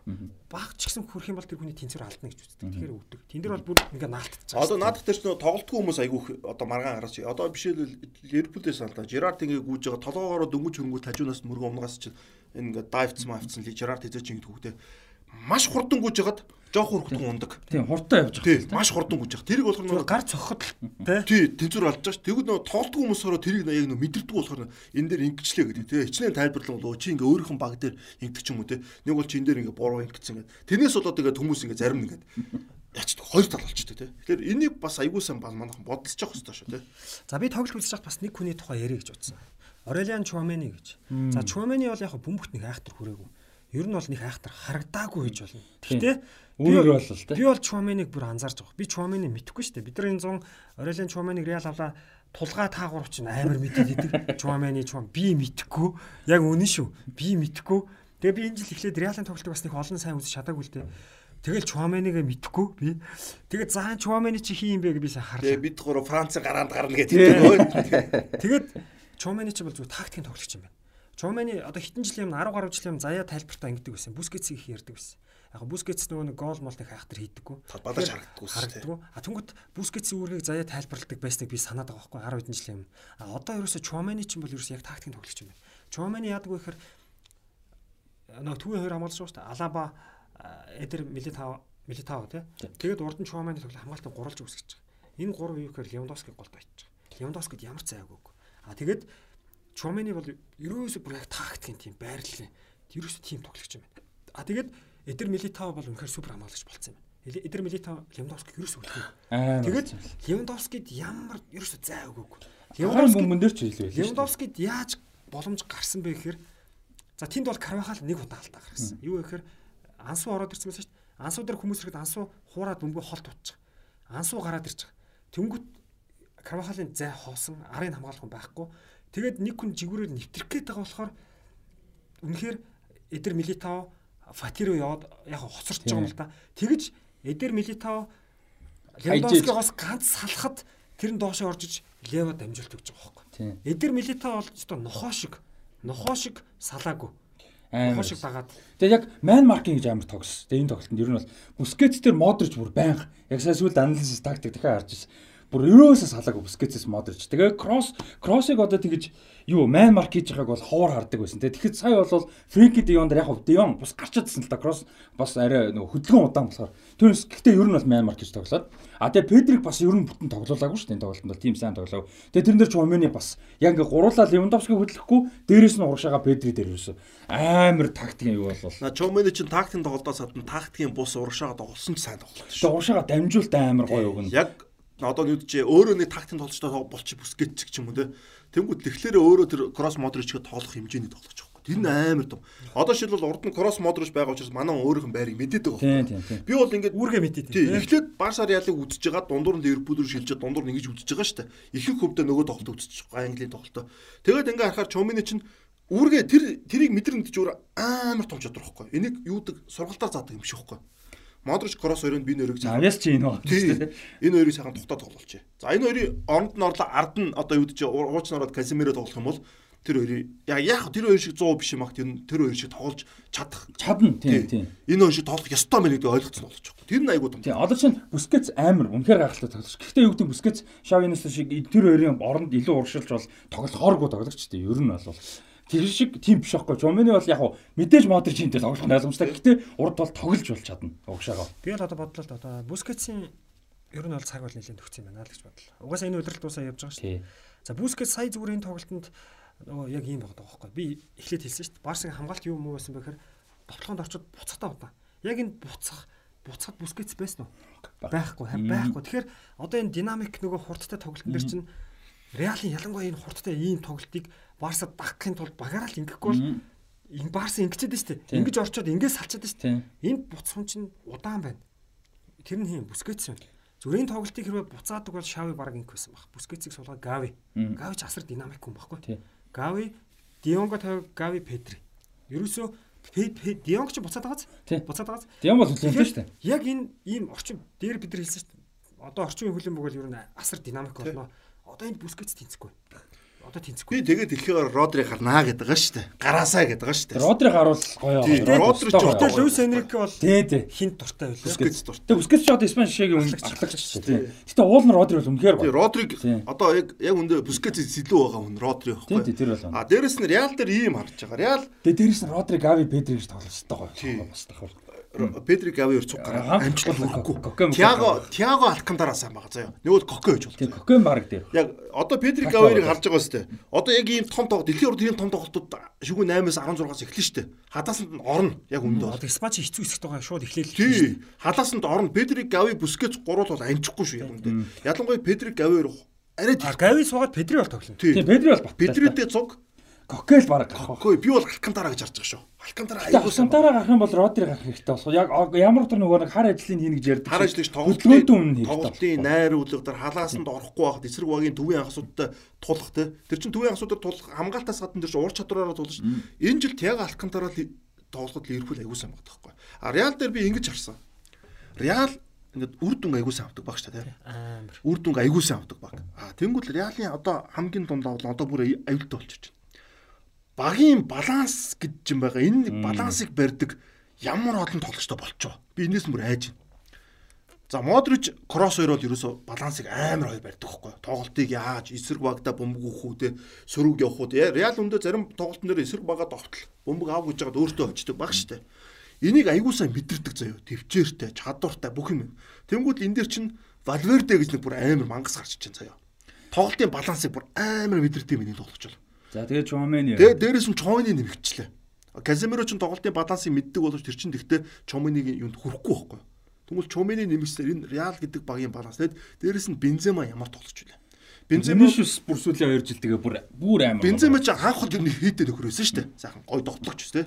Тэгээ Роналдо Марналдод их загнуулдаг. Тэгээд Модрич кросс хоёртой өндөж чи байнгын бэлтгэл дээр талбай дээр битүү сургалт авчиж байгаа нөхрөөхгүй юм бол тэ амар хурдан ингэ авчиж. Тэгэхээр Бензема гэдэг энэ айгүй мунд юутай болчлоо тоглолтын баланс одоо яа довтлох уу гэдэг бүр ингээд бүр мэдэрдэг болсон те. Тэгэхээр энэ баг бол одоо дээрээс нь нанждын хэлдэг хамгаалт нь бүр амар болчихор. Энэ багийн тийм баланс гэдэг юм бүр амар болчиход байна. Ямар ч багтаа үсэх юм. Сая Реал ингэсэн тактикийн хувьд бол нэг 10 хэд минутын техник бол орлоо шүү дээ. Тэр хүртэл Реал баашаар адилхан тоглосон байхгүй. Реал бөмбөг эзэмшдээрч нэг тутахгүй бас довтлоод тэгснэ. Нэг гол оронгот Реал хош суудчих байхгүй. Бүр амар амар. Тэнгүүд Барса ч түлхүү шунаад одоо довтлж эхлэнгүүд яг тэр зайн дээр дахиад явж байгаа Реалын хан тэр энэ одоо багийн спортын юм дөр чинь юу байгаа штэ. Айгүй олон хүн байгаа. Энэ дэр балансыг тохируулах байхгүй. Муу багийн балансыг өндөр болгож сайн явдсан штэ. Одоо Union Berlin байна те. Муу гэдэг нь одоо бүрэлдэхүүн сул те одоо Наполи Лестер гэдүүл ярьсан. Лестер, Грекийн шиг шиг 2004 он тий. Баланс нь өндөр болгочихж байгаа байхгүй. Тэнгүүд Реал ч бүр баланс нь өндөр, ур чадвар нь өндөр, айгүй айгүй харагдав. Одоо яг нөгөө хэдүүлээ Лестер гэж ингээ нөгөө байрал байрал дээр нь гараад яриа явдаг шиг байгаа байхгүй тий. Гол нь за молог Модрич тэр уусаа ойлгомжтой. Тэрэн дээр Чумени Валверде гэж хоёр мундаг. Ард нь Милитао яг сүүлийн хоёр үйлрэлд бол бүр ингээ тоглолтын левел шал өөр юм. Куртуа зогсчих. Нэг Куртуа гэсэн. За нэг гол факта марцчих. За Куртуа тоглолт тоглоогүй. Куртуа гимтэлтэй байгаа. Тэг яг одоо саяны дээр бол тоглох. Гэтэ ер нь бол тийм. Андре Лүнин гэж Орос Украин Украин хаалгас тоглолоо. Лүнин дээр ердөө шүү дээ. Гол ороход л нэг цогт баг ирсэн. А тэгээд Левандовски нэг дээш нөгөө боцохоос хаалгав. Тэгээд шинэ Лүнинд ирэхгүй. Тэгээд Лүнинд ирэхгүй харин тийм. Тэгэхээр энэ юу хэлж ийн гэж. Одоо гол проблем нь Реалын хаалгач болчихлоо шүү дээ. Цохиолол байвал алдах гэдэг дээ. Гэтэл ерөөс хаалгач та бөмбөг. Тийм аюултай цогт ерөөс ирүүл. Хаалгач шалгаагүй. Шалгаагүй. Тэд нар тэгж хаалгаа хаалгачаа тэгж хамгаалж штт. Гэхдээ наа ч балансахгүй. Наад чи мэдээд ш надад чи. Яаж толгоо. Барселон дээр бас довтлооны сул талууд бас одоо довтлогчд бол зүгээр ба. Тэ одоо Рафини ч юм уу Бэлэ ч юм уу энэ ч ингэ сурцсан бас топ класс тоглогч тэ. Одоо юм мэдэрчсэн Алехандро Балде бол гайгүйсэн. Ер нь бол хойшоогоо жоохон суу. Надад бол гайгүй санагч. Яг хойшоо сууж тоглох шаардлага амар гараад. Шийдвэр айгүй буруу гаргачихсан. Урагшаагаа сүлж шахаад Педри даймыг орон зайнууд гаргасан байхгүй. Би бол тэрэн дээр яг шийдвэрүүд нь их буруу байсан. Ер нь том тоглолтын чи шийддэг шүү дээ. Сая зүгээр тоглолт гэсэн. Сая бол. Тэгээд надад бол гайгүй санагдчихсан. Тэгээд юун дээр болохоор нөгөө тал Серж Роберто гэсэн. Тэгээ Роберто ерөөсөө товцооны юу амар муусан. Надад бол 2 3 товцоон дээр ч юм бол жинхэнэ дасгалжуулагчийн зөвлөмж байсан шүү ихнийх тэр. Юу гэхээр албаар үлдсэн. Серж Роберто урагшаа ороод дэмжихгүй зүгээр. Роберто байж Винисиусыг л алдахгүй. Чи бити довтол. Чи зүгээр наанаа л хамгаал. Ерөөсөө тийм үүрэгтэй эхлээд орж ирсэн шүү. Сүүлд хожигдоод ирэхэд яа харахгүй явж байгаа. Тэгвэл ихний үүрэг нь бол Роберто урагшаа ороод нэг бөмбөг төрөхгүй бариад алдаад алдчихснаас чи зүгээр хойно явчих. Гэтэ одоо чи нэг тоглоо явж байгаа тэнцээр яа. Гэтэ Барсагийн сөрөг тоглоо байсан. Тэгээ тэгээ явж байгаа баруун зүгээр ингээ хов хоосон байгаа байхгүй. Мэнди урагшилсан бүтэн буцаж амжаагүй.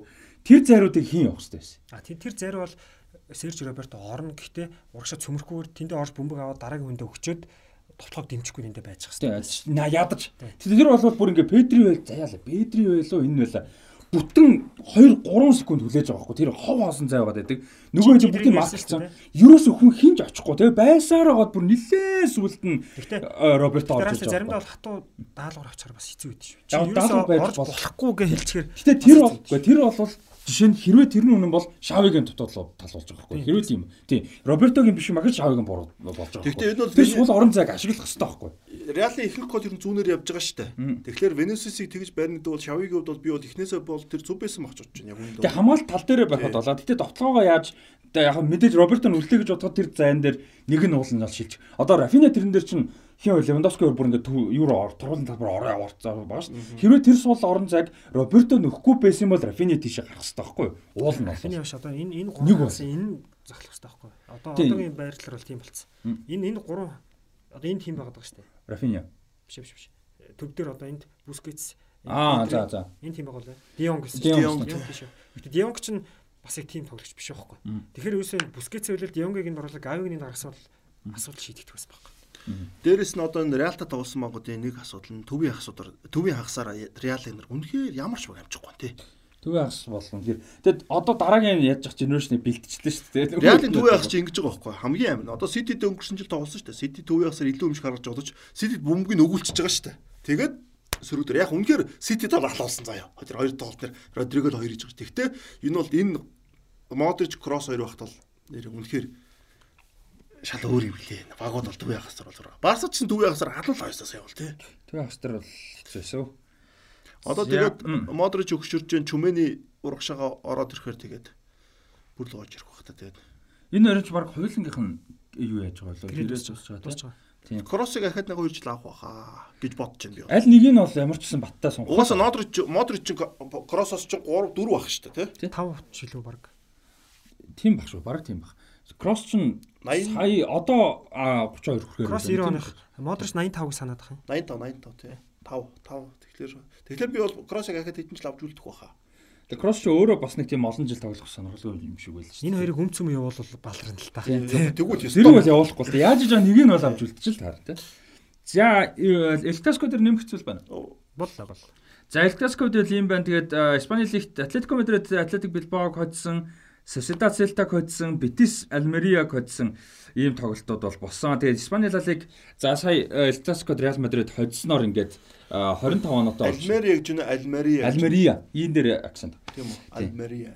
Тийм. Тэгээд Реал Мадрид 25 оноотой, Барселона 22 оноотой үлдэж байна. Араас нь 19 оноотой 3 баг байна. Атлетико Мадрид, Реал Мадрид болон уучлаарай Реал Битис болон Реал Соседад гэсэн баг. дээр өргөлтөг чи тэгэхээр чи Альмери болчихж байгаа үстэй. Зүг биш. И А үсгэн дээр И. А бүр хараа нуу. Альмерия гэдгийн одоо И гэдэг дээр нь гэж байгаа байхгүй би. А дээр нь байхгүй. А ид чинь Тэгээ R игээ уртаар дуудаж юм уу те? R-ийн артлын хай дээр үү? Альмерия тийм тийм тийм.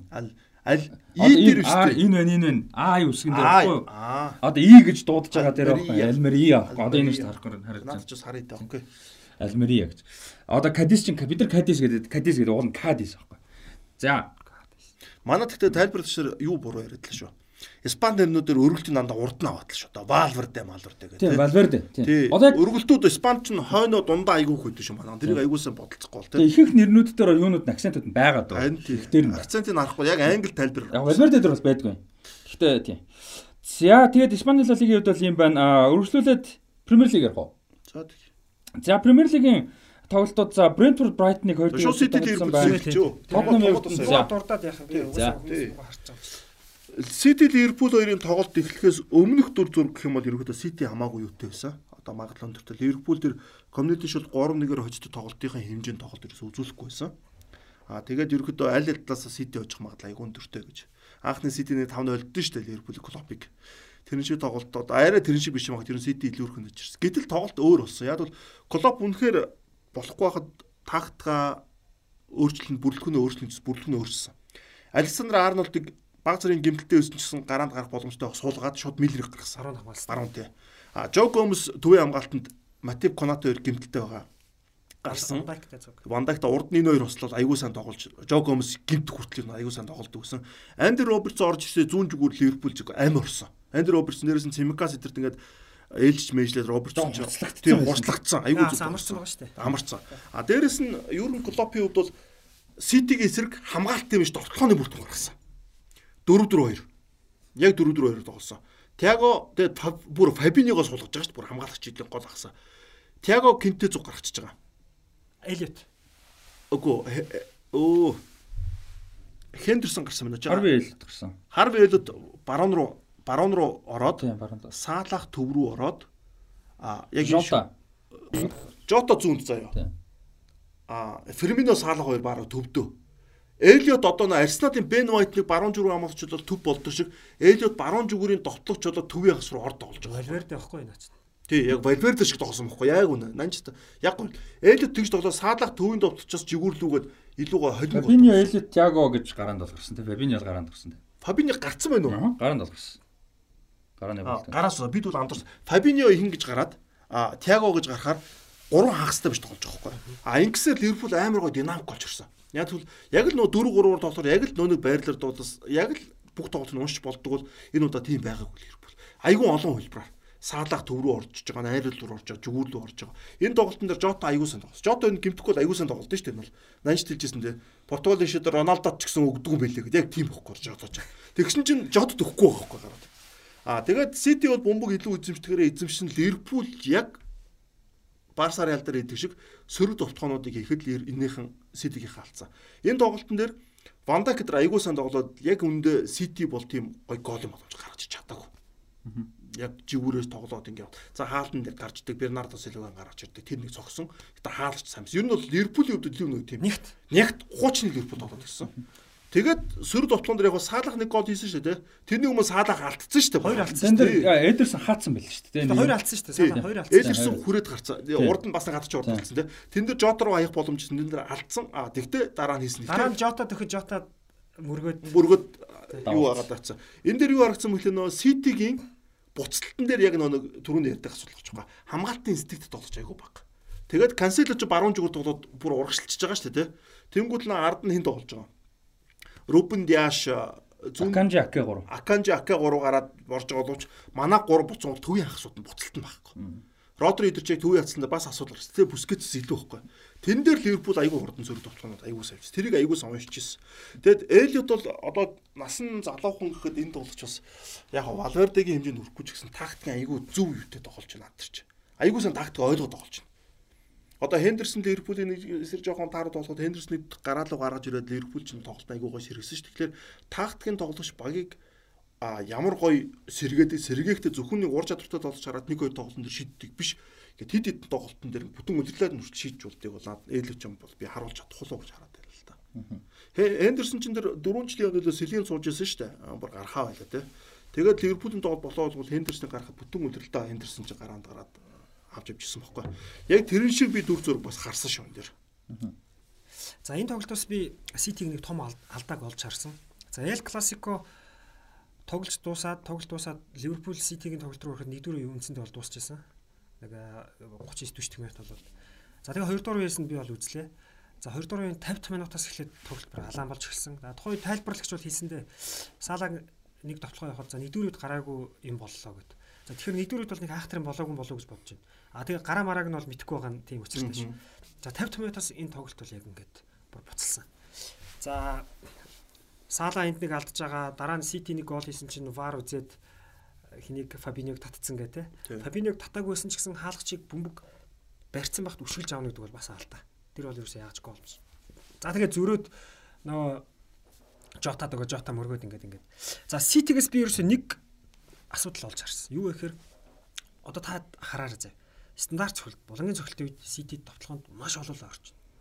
Одоо булангийн цохилтыг чинь яг зөв гол хийх сайхан боломж юм шиг боловч хийж чадахгүй л эргээд сүр товтлогоо алдах аюу тум эрсдэл واخгүй.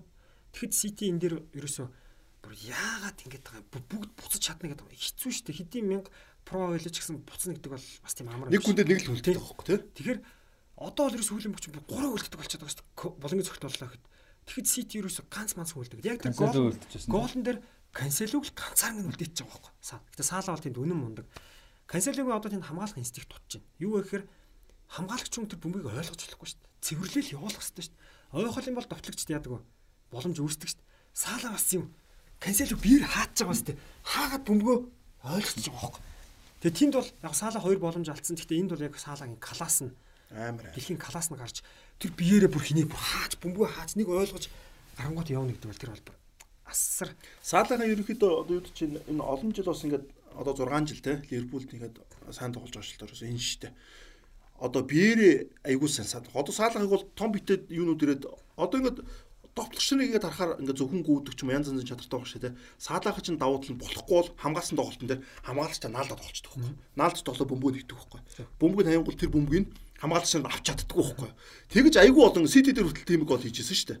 Тэгэхээр Саалахын давуу тал нь тэр байхгүй. Тэнгүүл Кансело тэн дээр айгүй толгой хамгаалагч инстинкт хийж шүү дээ. Дутж чинь үнэн бохгүй. За нэг бол тэр бөмбөг ингээд ойжих юм бол нэгдүгээр дойхоос өмнө зайлуулах хэрэгтэй. Хоёрдугаар эсвэл буцчих хэрэгтэй. Тий, буцчих хэрэгтэй байхгүй. Би бол тэн дээр хараад Кансело буцах байхгүй тэн дээр. Ер нь л очих хэрэгтэй шүү дээ, тий. Болохгүй л алдаа гарах. Тэгтээ саалах байгаа байхгүй. Болохгүй л алдаа гарах хэрэгтэй. Тэдгээр шар уцал авал та.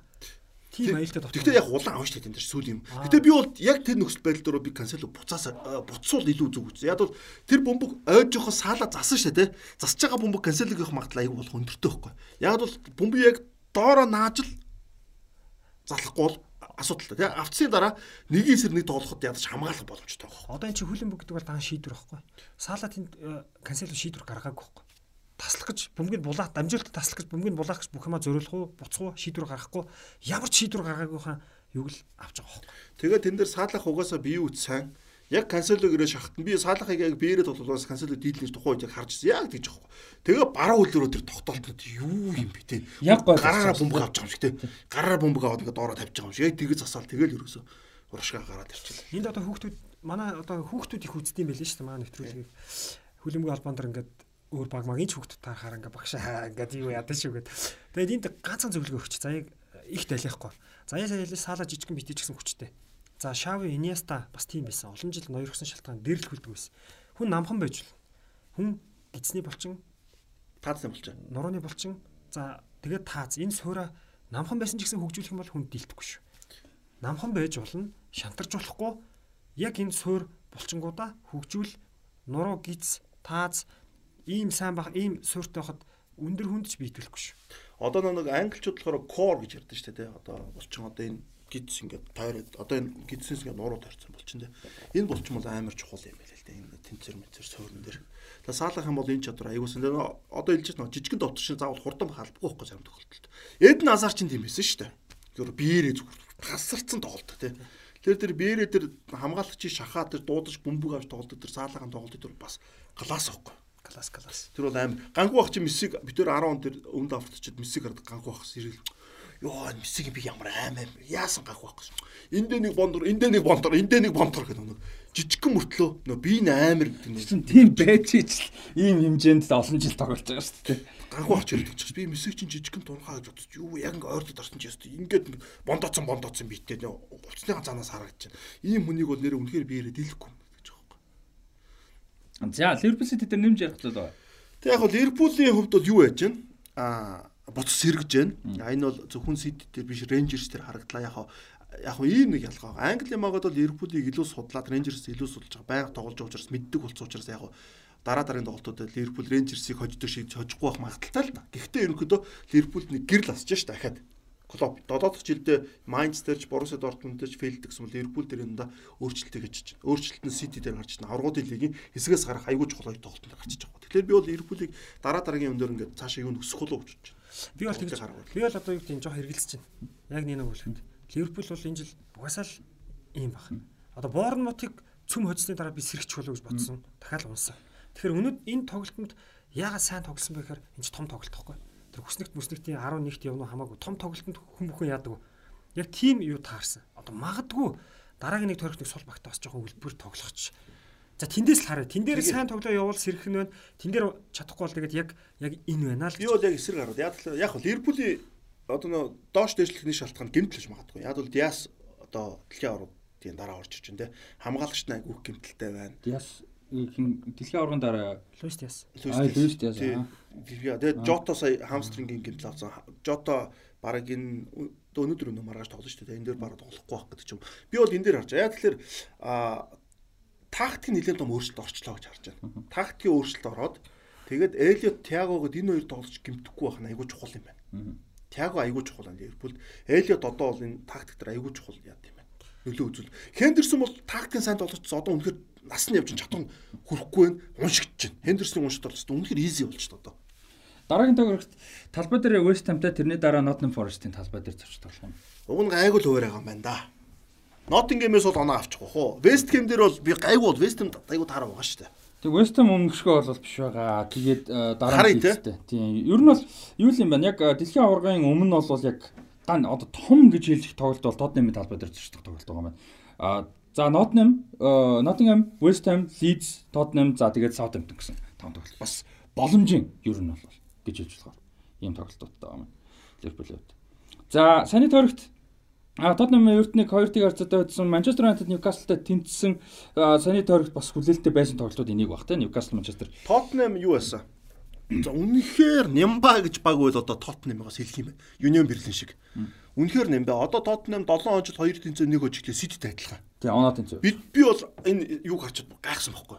Хүү Тотнам чи Сититэй үзүүлэлт нь оноо нь адилхан явж байгаа юм шиг гэдэг. Яг адилхан байхгүй. Тэгээд тоглолтын үзээ Эвертондээс нь тоглож өмнөх өдөр нь 12:30-аас болсон тоглолт шүү дээ. Амар нямбад тоглолцлоо Тотнам. Хамгаал. За тэгээд дээрэс нь Тотнамаас ямар тоглож онцлох гэхээр би урууга тоглож Бентанкурыг онцлогоор байна. Тэгээд би тэр Бентанкурыг онцолж харчаад уруугагийн дэлхийн аваар дээр Валверде тэнэлээ Бентанкур ч алхан дээр л гэж утсан.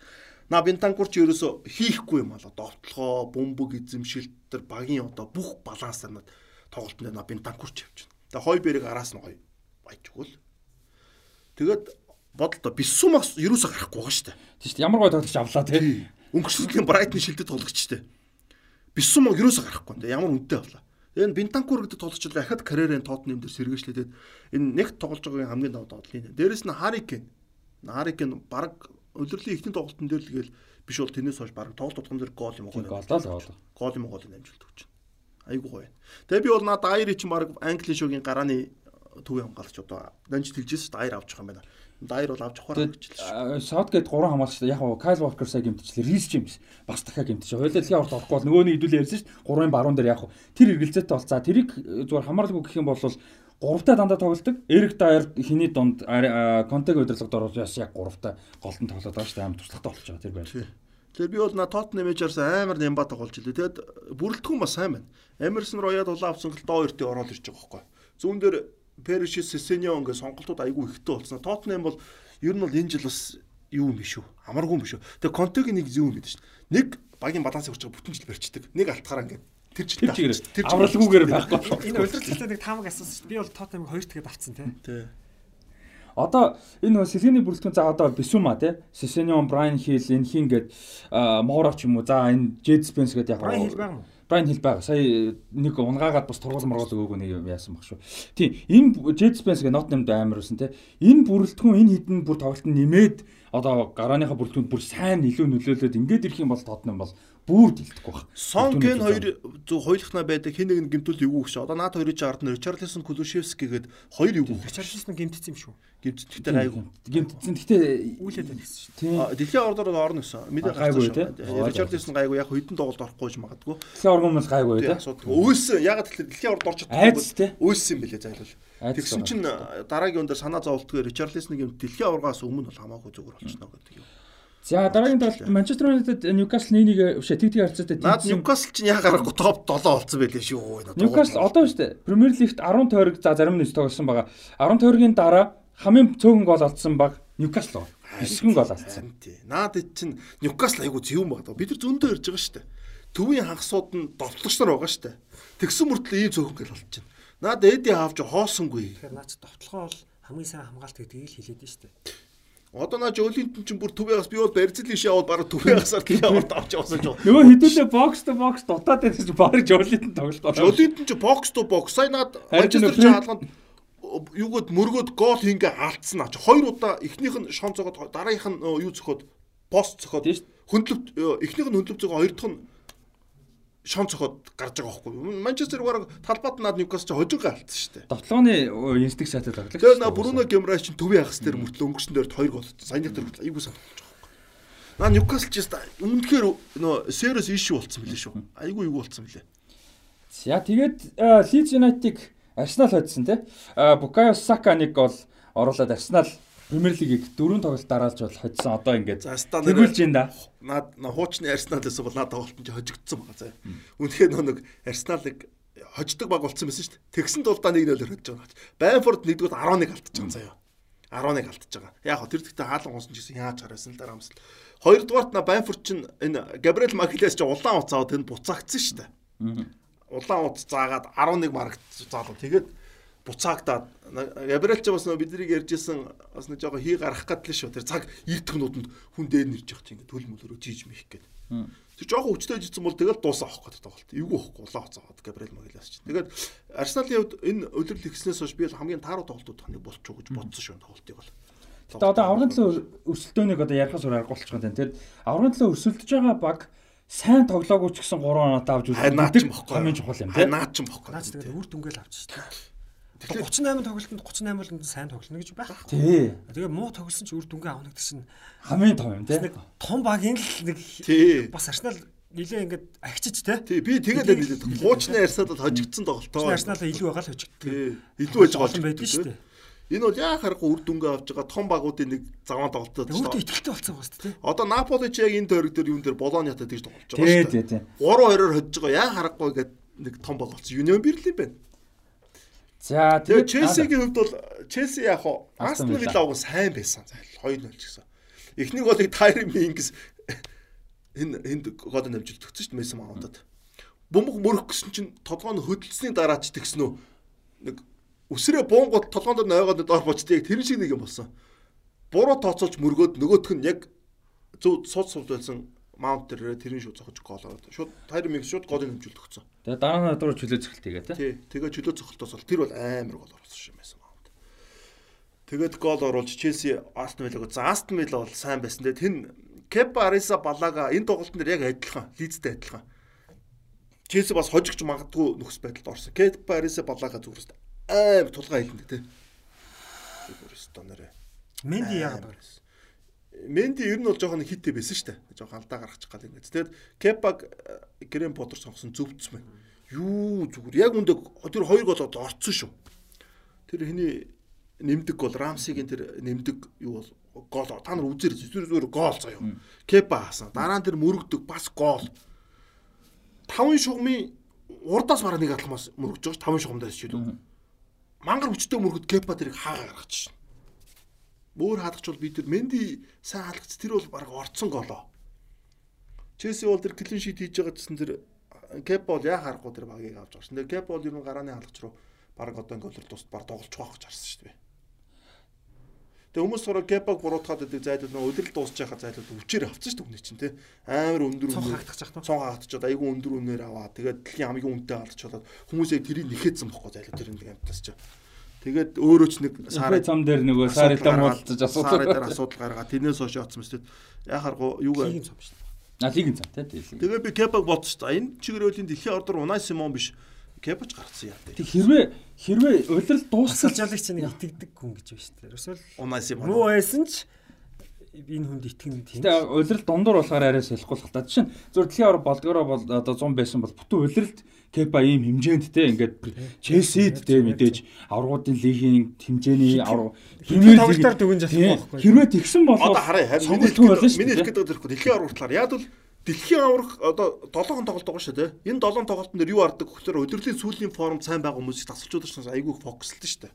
Тэгэхээр би бас Кепа энэ чигээрээ тоглох юм бол дэлхийн нь Унай Симон сайн байгаа шүү дээ. Атлетик Билбао Атлетик Билбао айгүй сайн байгаа. Унай Симон сайн байгаа. Гэхдээ энэ өөрөө айгүй гоё юу дүүл үсэх гэдэг. За дэлхийн аваад энд болохгүй. Гэхдээ дэлхийн шүү дээ бас л. Ууг нь. Тэгээ ууг бол. Гэтэ Унасимод энэ ч бас гоё. За юу гэдэг Унасимоныг сонгох боломж ер нь сонгох байх. А гэхдээ өрсөлдөөн болж байгаа хөх. Тэгээ энэ чэнэс Кепа үнэхээр сайн байгаа шахаад байгаа юм Хоёр бол баск хаалгах Тэгээ жаа. тэгэх юм бол Унасимонд бас ингээд нэг тийм зүгээр нэг за угаасаа л гарах юм чинь гэсэн юм байхгүй болно шүү дээ. Бас форм алддаг ч юм уу таархан байвал тийм ч сайн хүн байна гэдэг чинь бас. Яг Астон Виллагын тоглолтыг хараад байгаа байхгүй тий. Астон Виллагын тоглолтыг хараад би Кепаг бол зүгээр нэг хаад сайн би гэж би хэлэхгүй байхгүй. Үнэхээр онцгой хаалтууд хийж байгаа. Нэг плюс удаа хийсэн учраас би Кепа дээр ингэ тоочлоод байгаа. Дараагийн тоглолтуудыг харъя. Кепа ч юм бол одоо Атлетик Билбаогоос ирсэн хаалгач. Баскут бол угаасаа үе үед сайн хаалгач алдартай. Андони Зубизретагаас өсвөлээ. Андер Ираолагоос өсвөлээл тэр 60-аад оны бас агуу хаалгач байгаа.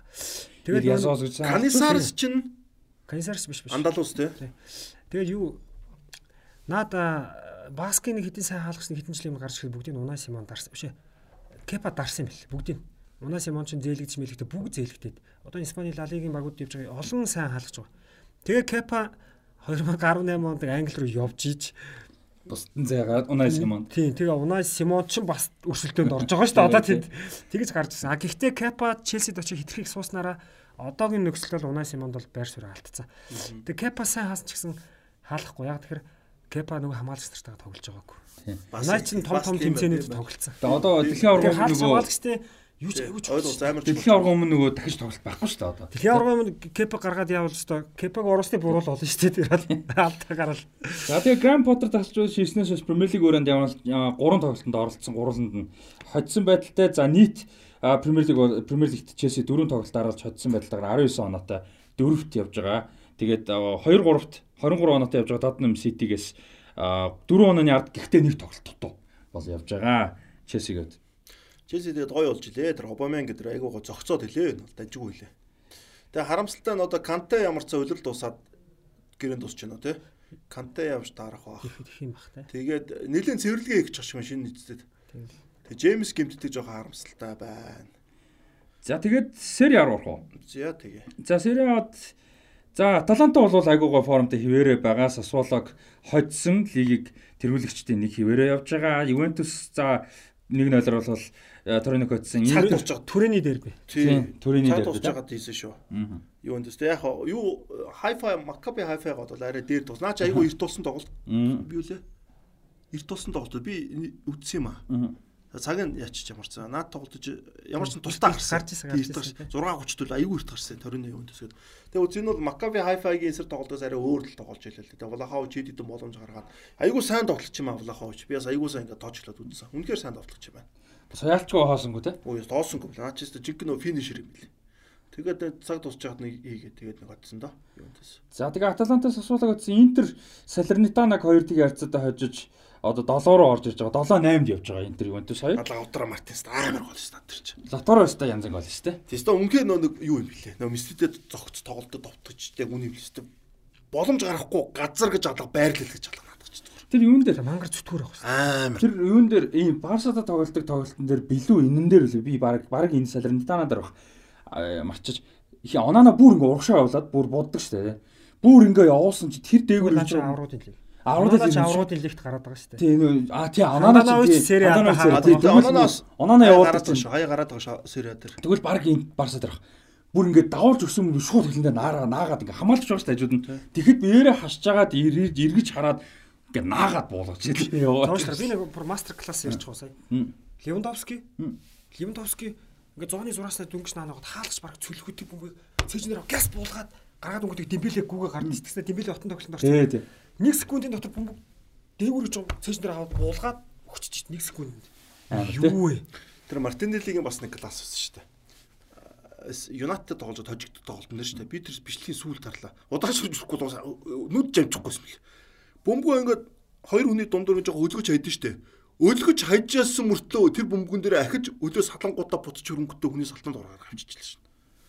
Би бүр тэрийг хараа бүр гайхаад зөндөө үзээд амар. Хүн өдөж дундууд гардаг шүү дээ.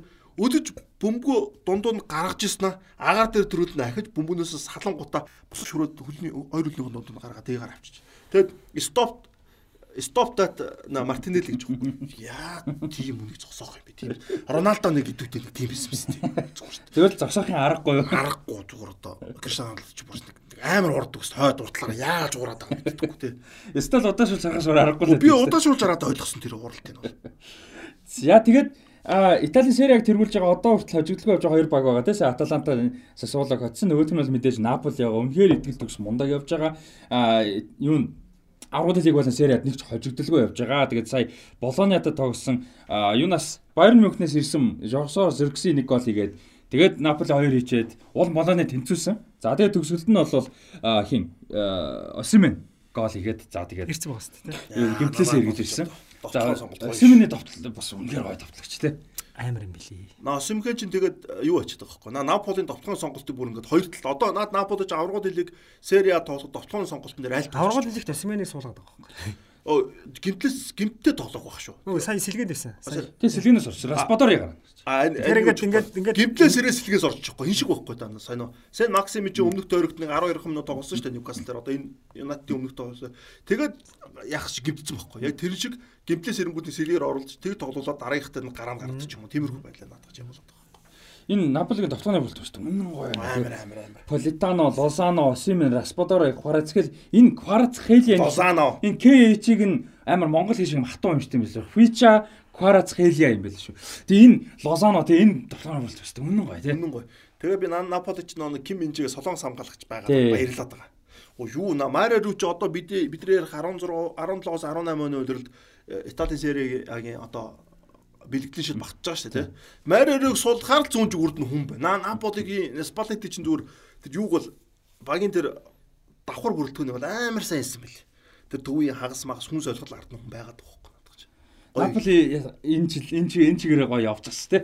Тэгээс байгаа тий. Наполи наа чин энэ жилийн Наполи сериэс хэлээ шүү.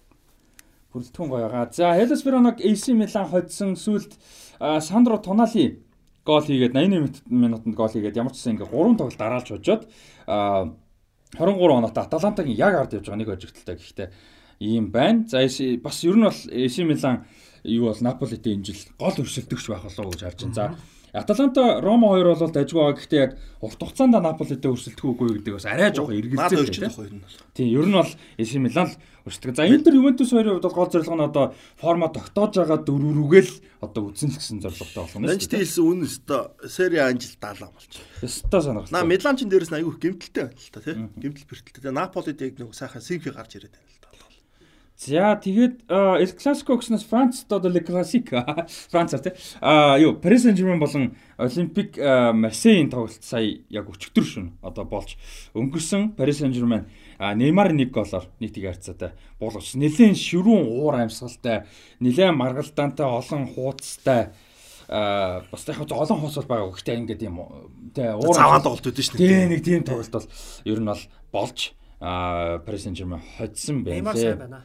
Тэг Неймар ястай янз байна. Тэг онцгой ойр хэдэн жил байгаагүйгээр онцгой тий. За тэгээд Мбаппе чи явна явахгүй бас бөөн ахаад нэг драм болоо та тий. Тэр драм болоод энэ 7 хоногт бас ихэн боллоо та өнгөрсөн 7 хоногт тий. Яг өнгөрсөн 7 хоногийн дугаар гасны дараа тэр юм драм юм болсон шүү дээ. Мбаппе явахаар бас яа. Тэгснээсээ Мбаппе өөрөө яг мэддэгдлээсэн байсан. Тийм бол юу ч байхгүй. Ийм юм юу ч гараагүй ингээд тэг хийсүр юмнууд гараад байна. Бүр ямар ч юм асуудал байхгүй. Тэг гисэн бэ лээ. Тэгэхээр яг одоо яг юу гэдэг Эмбапе өөрөө биш эргэн тойронд нь хүмүүс нь ингээд асуудалгүй гэж юм мэдэж эсвэл одоо юу гэдэг удирдлагууд нь ч юм ингэж ярьсан бол нэг 100% итгэхэргүй ч юм уу те. За бас нэг ер нь ор суур байж магадгүй гэж ярих байсан бол яг өөрөө ингэ хэлчихээр за окей гайгүй байна л гэж бас э, тодорхой хэмжээд ойлгосон л доо. Тэгээ өөрөө чинь чинь тэгэл айгуу чухал л та тий. Яг өөрөө бүр тий. Ийм асуудал гарахаар хэлдэггүй шүү дээ. Зүгээр яваад байдаг шүү дээ. Нэг бол бөөрөг хэлдэг ч юм уу тий. Наадах ч одоо юу яасан. Клубын удирдлага шахсан. Чи тэгж хэл гэж. Тэгсэн баг тий. Тэгвэл энэ клуб гачин байдалд ороод байна шүү дээ тий. Гэхдээ ер нь бол одоо нөгөө нэг шинэ гэрээ хийснээс Шимбапе Пэсенжерийг эзэмшдэг юм шиг одоо тоглоомоор яриа явдаг болчихсон. Юу одоо юу вэ? Мбаппе сэтгэл дундуур дасгалжуулагч та сэтгэл дундуур дасгалж удаж Мбаппег хүссэн байрлалаар тоглохгүй нөхөр чинь чинь Парисыг бүр байхгүй болгоо ажиллаа шүү дээ. Тэгэхээр клубын зүгээс чи мэдэгдэл хий гэж чийж аваач хийлгэж байгаа байхгүй юу? Энэ бол тийм. Тэгэхээр одоо Мбаппе одоо Галтие бол хэлэхгүй бах. Леонардо хаалгагдсан тий. Тэнгүүт одоо Клайфил очтой одоо баг хэлж байгаа хэрэг тий. Багийн эзэн. За тэгэд Франц лигт бол Жонатан Давид 9 гоолтой, а Неймар 9 гоолтой э, болол явж байгаа. Бас одоо энэ Канад Жонатан Давид бол дэлхийн аваргаар бас юм. Неймар ч бас тий, на Жонатан Давид Канад юу гоё үлээ. Тий, өстой гоё. На Неймар ч бас дэлхийн аварга гэдэг бас арай өөр байгаа. Одоо бараг ас сүүлийнх ч магадгүй шүү дээ. Арай сүүлийнх биш. Өөрөө сүүлийнх хэлсэн биз дээ тий. Өөрөө магадгүй ч. А магадгүй. Харин тийм баг. Бразил бол магадaltaй байхгүй. Бразилч ямар ундраг үлээ те. Ер нь нэг лагууд хоёр л ордон шүү дээ. Тэгээ дээрэс нь Неймар өөрөө одоо 30 та энэ жил те. Тэгээд 34-тэй яг формтой. Яг Неймар бол хэцүү шүү. Тий, Неймар өөрөө бол хэцүү. Барьцэл доолшор 30 гараад юу нөр удаа шүү. Хизээ нэг барьцэл. Неймар ч өөрөө хувийн зохион байгуулалт ч муутай. Тэгээ тоглолтын хэмнэл нь өөрөө юу илээ те. Тийм эрч хүчтэй хүн. Юу бүтэн өдрөг нэг тоглохгүй шүү те. Бараг сүүлийнх магадaltaй шүү. Ер нь бол тэр. Тэгээ Бразил залуучууд доороос яаж гарч ич чинь те. Дусдгүй шүү дээ ундраг те. За тэгээд Франц лигт бол Paris Saint-Germain 29 онтой тэрүүлж байгаа. Lorient 26 оноотой, Lyon Lens гэж бичдэг тийм Lyon 24 оноотой иймэрхүү явж байгаа. Marseille уул нь бол 3-т явжсан. Сая 2 дараач хожигчод дөрвөлөө унсан байна. Наа 2 том хот урт хойдгаа чухал шүү дээ энэ ч одоо бид нэг хэдүүлээ ярьдаг нөгөө сая ямарсанд энэ чи Францтай л классик гэдэг дээ одоо классик эл классик гэсэн үг шүү дээ тий ийм том тоглолт байгаа. За Германы Бундеслигт хоёр том тоглолт болсон гэж хэлж бол болно. За Union Berlin Borussia Dortmund гэж хоёр угаал тоглосон. За хуучин цагт бол одоо Юнон Берлиний нэрийг бол нэг тоохгүй тоглолт байсан баха. Гэхдээ нэгэн лигээ тэргүүлж явж байгаа нөгөөдг нь мэдээж Борусsia Дортмунд талбай дээр Борусsia Дортмундыг хүлээж авч тоглоод хоёр тийг харьцаатай буулгаад боллоо. Юнион Берлин Борусsia Дортмундыг тэргүүлж яваад гол алдахгүйгээр хоёр тэгээр хожиндаг ямар чамбаа тоглолт төгс үрдүм шүү. Төгс үрдүм угаас наа ч юм бол. Борусsia Дортмунд гол хийдэг багш штэ. Шүү дээ. Хоцсон хоцсон хамаагүй довтлоотой тийм. Дээрээс нь эсрэг багийн талбай дээр бүр их гол орлоо. Яг л эсрэг баг нь довтлдог учраас Борусsia Дортмунд сөрөг сайтай. Тэгэхэд на Юнион Берлин бас гоё шүү аа. Өстой гоё явж байна да. Union Berlin Берлиний баг ингэж болохоор одоо надад ч гоё санагдах Германы хамгийн том батан дандаа. Оо болсон тий. Сугарч идэг тий. Херта тэгээд байж лээдэг ус одоо сүүлдээ бүр Хертач байхгүй. Херта ч энэ нөгөө 15 тавьж байгаа. Нөгөө юу хөгжилтэй хөгжилтэй Берлинийнхэн баг нь шүү дээ. На Union Berlin яг нөгөө баг социалист Берлиний баг багш шүү. Би тийч яагаад гэсэн уншаадсан. Тий зүүн Берлин баг шүү. Берлин тий санаж. Зүүн Герман. Зүүн Герман зүүн Берлин дотор хоёр байгаа шүү дээ. Тий Берлин ч хоёр. Хамны наа цаана. Тий. Тэр нөгөө хамны цаан дотор хашигдсан байсан ашигцсан нөгөө ханы гадна байсан нэг социалист Германы л юу гэж санаад байна л да Юнион Берлин. За тэгээд 2 3-т 2-т явж исэн а юу Фрайбург 3-т явж исэн Байерн Мюнхен 2 тоглоо та Байерн Мюнхний талбайд Фрайбургийг 5-ыг харьцаатай буулгаж авсан. За энэ ч нэс ер нь Байерн Мюнхен формо олчуу да. Ер нь одоо гайгүй. Үгүй юу. Наа чи ингэж байгаа. Айгу буруу байхгүй юу? Нэг бол 5-0, нэг бол 1-1. Тий. Энэ айгу буруу уртан байхгүй Байерн Мюнхен. Тийм үстэй. Наа чи одоо ингээд Юнион зөвүүн байгаа шүү дээ. Тий, удирдлын ихтэй тоглолтуудыг Баярын санаж гэнэ? Хятсан шүү дээ. Хядсан шүү дээ. Хядж байгаа л гурван тоглолт ерөөсөө Дөрөв төвчсөн шүү дээ. тоглолт. Дөрөв тоглолт. Дөрөв тоглолт. Хожигдсон шүү дээ. Дөрөвдөгтөр Тий, тэнгууд 5-0. Наа ч юм бол бас их болцсон гэсэн үг биш байхгүй юу? энэ ч одоо яг нэг тасгалжуулагч бол бас жоохон дутуу байна л гэсэн. Туршлага Яг дутуу. тогтоохгүй байна те. Ер нь бол тоглолтуудаа. Үр дүнгээ авахгүй шүү дээ том багч тийм шүү дээ. Тэгээс Байерн шиг баг, Сити шиг баг одоо Барса Реал эдэр шиг баг бол Парис Сен-Жермен ийм тоглолт угаасаа үзүүлдэг шүү дээ. Гэт Тэгэхээр түрүүний ярьслаа л гэдэг шиг л байхгүй Тий. Тоглолт нь аргуу байсан ч оноогоо авч яадаг. Тий. Наа чи юу өдөр дундуурчин дээр тэнцсэн багууд хожигдсон багууд нь бол зарим нь бол хожиж болохоор байгаа шүү дээ. Аугсбург байгаа. Мюнхен за Мюнхен Гладбах бол угаасаа Байерны учрыг олцдог байхгүй. Тэгээд тийм хэд хэдэн тоглолтууд дээр бол Байерн Мюнхен бол нэг нь Кёлн л юу лээ нэг сонь сонь тоглолтууд дээр оноо алдчихж байгаа шүү дээ. Тэгээд наа ч бол болоогүй шүү Байерн. Фрайбург ч довтлдог баг байхгүй юу? Тий, тий, Фрайбург л авт. Тэгэхээр алуулж байгаа байхгүй. Тий, тэгээд Байернд тоглохоор алуулж байгаа байхгүй. Нөгөөд нэгэд махид л хамгаалч чана Байерн чинь болохгүй байгаа байхгүй.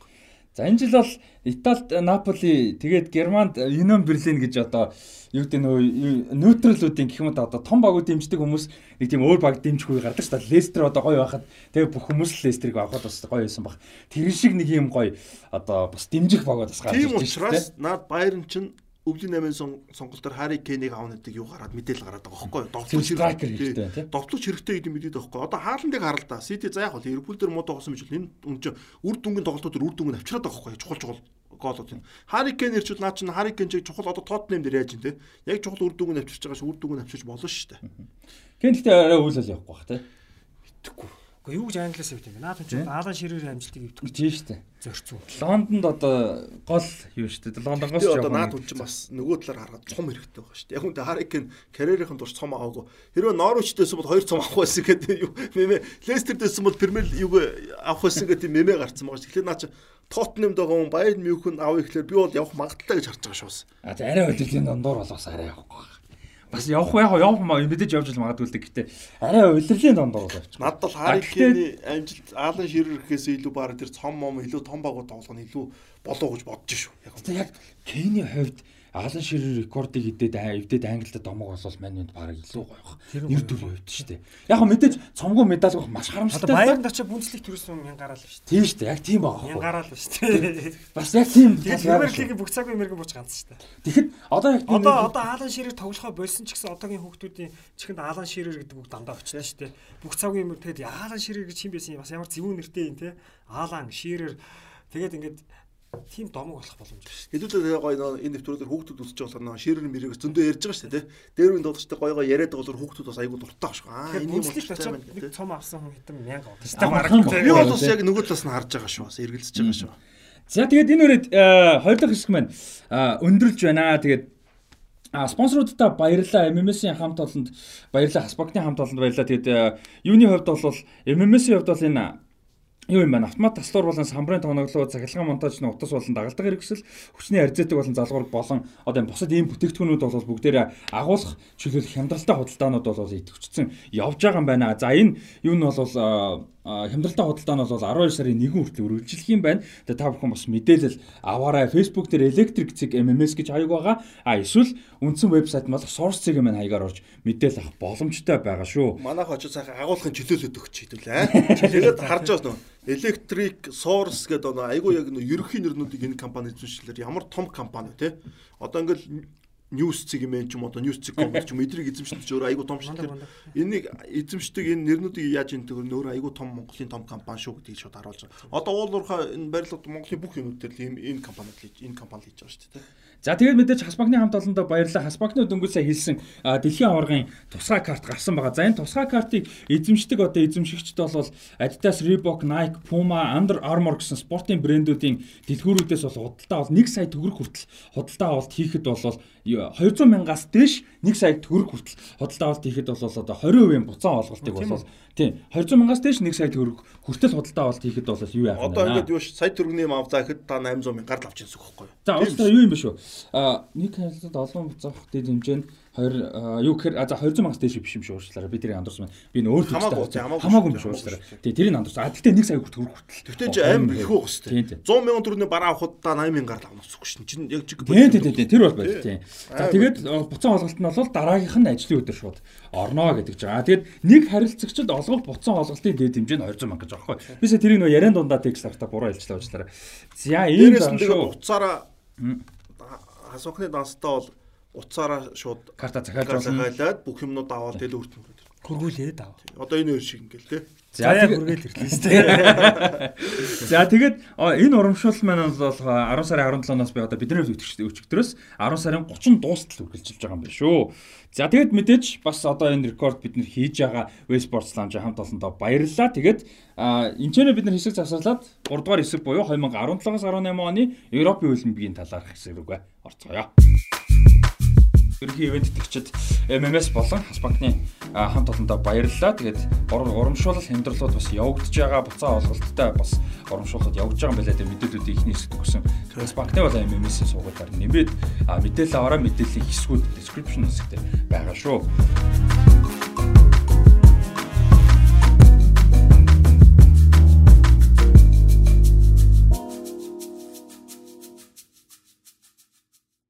За ингээд өнөөдрийн дугаарын сүүлчийн хэсэг буюу 2017-аас 18 оны Европын хөлбөмбөгийн а, лигүүдийн тэмцээнүүдийн талаар ярих хэсэг маань эхэлж байна. За. За сүүлийн үед англиас эхлээд байгаа тийм. За 2017 оны 100 гэсэн үг шүү дээ. 17 оны 100 бол мэдээж Английн хөлбөмбөг, Дэлхийн Европын хөлбөмбөг маш их олон сонир сайхан зүйл бол болсон байгаа. За Манчестер Сити бол э, Пеп Гвардиолагийн удирдлагын дор хоёр дахь удирдлага эхлүүлсэн. Гвардиола бол эхний удирдлагаа бас бага бол сансан хэмжээнд тоглуулж чадаагүй бид нэр 7 хоног юм ярьсан. За хоёр дахь удирдлага бол яг Гвардиола бол яг өөрийн багийг бол бүрдүүлсэн байна. 2017 оны 100 Давили Кабальеро, Гайл Клиши, Хесус Навас, Бакари Саня, одоо Сабалята, Нолито, Коларо, Ихеначо, Фернандо, Насри, Бони гэсэн. Цэвэрлэгээ. сайхан цэвэрлэгээ болсон шүү дээ. За одоо маш хэрэгтэй хүмүүс авч байгаа. Бернардо Силва, Эдерсон Мораис, Кайл Волкер, Данило, Бенжамин Мендиг авч байгаа. За өвөл нь Эмерик Лапортик. На Данило ч дараа нь канцел болж хөрж байгаа шүү. тий. Бүр айгу байна. эвтэйг Сайн байна. тий шүү дээ. За яг Гвардиолагийн удирдлаганд орох энэ хоёр дахь удирдлагаа Сити бол баг төгс гэмээр тоглосон байгаа. А 30 хо- Премьер лигийн маш олон дээд амжилтыг тогтоосон. 32 удаа хоцсон дээд амжилт юм байна. Эсрэг багийн талбайд 16 удаа хоцсон юм байна. Нийт 18 тоглолт дараалж хоцсон юм байна. 106 гол оруулсан юм байна. За голын зүрхэнд нэмэх 79 болсон. Энэ хэд бол ерөөсөө Премьер лигийн одоо түүхэнд бол хамгийн том Бурхан дээд амжилт болж үлдсэн. 100 оноо шүү дээ. Тийм 100 оноо. Одоо Премьер лигт юм 100 оноо авчихсан юм байхгүй шүү дээ. Байхгүй тий. Байхгүй шүү. Энэ рекорд тий. Яг 38 багтаа болоод Премьер лиг а, 38 тойрогтой болоод юу яснаас хойш.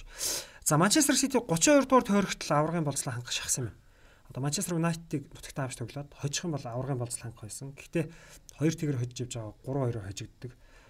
Тэгээ хожигдоод авраг авах одоо нэг тойрог Тий. хойшлуулсан. Нөө Юнайтedийн талбайд Old Trafford-д баяраа тэмдэглүүлгээд амар юм болоод. А энэ дээр бол яг өөрийн талбай дээр. А өөрийн талбай. А өөрийн талбай дээр байлаа тий. 30 дүүр төргөнө. 32 дугаар тойрог. Аа бүр амар хэрэгтэй шүү дээ. Тийм ч харахгүй шүү дээ. Яг эцсийн дүр дүндээ эн чинь бүр 19 оноо зөрүүтэй төрүүлсэн байна шүү дээ. За тэгээд яг дараагийн нь бол Манчестер Юнайтед өөрсдөө тэгээд их муу байсан West Bromwich хожигдоод.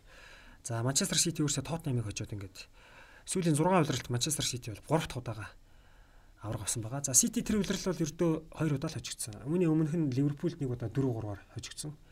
За ингээд Премьер лигт бол нэг баг бол а, ноёсон байна. За Манчестер Юнайтед бол тэр 100 бол бас нэлээд 8 хийсэн. 2017 оны 100 Ибрахимович бол гимтсэн байсан. Ибрахимович бол гэрээг су- сунгаагүй. За тэг Вен Рүүнийг Эвертон руу явсан, Янусаиг бас явуулсан. За тэгээд а, зуны солилцоо 8-ны сонхоор Лукаку, Линделёв, Немани Матичиг авсан. Яа, сав мөн зарж нь Мхитраныг явуулаад Алекс Санчесыг. Яа, бас том фейл. Жозе Моринос Тийм тийм. Морино. За гэхдээ Манчестер Юнайтед аврагын төлөв өршөлтөж чадаагүй. Яг хөө зөвхөн 2 дугаарт орсон нь бол Алекс Фергюсоноос хойш бол хамгийн том амжилт болж үлдсэн. Бараг одоо түүнээс хойш ер нь Фергюсоныг Э, явснаас хойш одоо энэ Сүүл 10 сошиал хоёр дөрсөн шүү дээ. а 2 дугаараас Тэ сошиал хоёр. Тэгсэн тэгсэн. Гэхдээ хоёр гэдэг бол бас яг төрүүлж чадаагүй ч гэсэн бас тэгэл энэ дигэн догонтой үед бол бас Амар амар хоёр ч юу. шүү. Мөрийн ч тэгээд өгсөн. Миний карьерийн оргил амжилтуудын нэг бол энэ Манчестер Юнайтед хоёрт оруулсан гэсэн. бас балер юм ярьж байгаа. Юнайтед фэнүүдийг дургыг нь үргэж чад. Ямар ч багийн фильмд дургу хүрхээр л тий. За Тоттенхэм бол 2017 оноос бол яг харахгүй Кайл Волкерыг бол алдсан. Манчестер Ситид 50 сая паундаар. За бас л дэлхийн хамгийн өнтэй хамгаалагчдын нэг болгож энэ үнийг бол ингээ явуулсан байгаа. Тэгээд Stones-ийг бас авч байгаа ш тэр жил чи бас бүр 55 аваар авч байгаа ш. Stones-ийг өмнөх жил авсан. Өмнөх жил нь лөө. А тий 10 а тий 17. Тэгээ өвлийн цонхороо хэнийг авч байгаа. Эмерик Лапортыг Сити. За тэгээд Тоттенхэм энэ мөнгөөр яасан яасан бэ гэхээр Дависон Санцыг Аяксаас авсан байна. За Серж Ориг бол Парисаас авч нөхүүлэх гэсэн байна. Баруун зүрх хамгаалтаа. За Лукас Маураг авсан байна. Хуан Фойтиг авсан байна. За Ливерпул Ливерпул 2017 оны 100 Лукас Лейва, Мамаду Саког явуулаад Мохамед Сала, Андрю Робертсон, Доминик Соланке, Алекс Оксле Чемберлинг авсан. Өвлийн цонхоор Ковтиниг Барса руу явуулаад Virgil van Dijk-ийг 75 сая паундаар авч дэлхийн хамгийн үнэтэй хамгаалагч болгосон. Ийм 8-нуудыг бол хийсэн байна. Гэхдээ Ливерпул тэр жил бол аврагын төлөө өрсөлдөж чадаагүй. Яагаад вэ гэхээр удирдлын ихний 9 тоглолтод 3 хожоод 4 тэнцээд 2 хожигдсон ингээд маш олон оноо алдсан ингээд ерөөсөө аврагын төлөө өрсөлдөөнд орж чадаагүй. За Челсигийн хувьд бол Жон Терри, Немanja Matic, Асмир Бегович, Соланка, Квадрадо, Аке, Ремиг явуулаад Кабальяро, Рудигер, Бакаяко, Альваро Морота, Сапакоста, Дринкватрыг авсан. Өвлийн цонхоор Диего Коста явсан. Өвлийн цонхоор Рос Баркли, Эмерсон Палмери, Оливе Жируг авсан. За гэвч бол Челси өмнөх үлрэлийн аваргууд бол аваргуудын лигийн эрх авч чадаагүй тавд орсон. За Челсигийн энэ шалтгааныг тулгаа дээр надад их гоё тайлбарлчихсан. Юу гэхээр Морино ирээд нэг жил сайн тоглолцоод дараа жилд нь апдейт хийгээгүй. Яг нөгөөдхөр тоглоод судлагдсан байсан. Тэгээд их муу тоглож байсан гэдэг. Энийний өмнөх үлрэлийн конте ямар төгс байла те. Гэтэл дараа үлрэлт нь яг тэргүүрээ л тоглосон. Тэгэл ерөөсө багууд контегийн Челсиг мэддэг болсон байсан. Ингээд Челси өршөлдөж чадаагүй. Нэг ийм зүйл болсон байна. За Арсенал бол 2017 оны 100 Войцек Шенсник бол яг өмнө зээлсэн байсан тэгээд дараа нь явуулсан. Тэгээд Санаго, Габриэл одоо Габриэл ч нөгөө Габриэл шүү. Габриэл Паулиста. За тэгээд Керан Гибс, Оксфорд Чемберлен нарыг явуулаад Колошинац, Лаказетиг авсан. Өвлөн одоо цалин өндөртэй Санч, Алекс Санч болон Жиро аа тэгээд Коклен, Волкот Дибушиг явуулаад Абамаянг, Михатряныг авсан. Гэвч Арсенал тэр үлрэл бол хамгийн муу амжилтаа үзүүлсэн.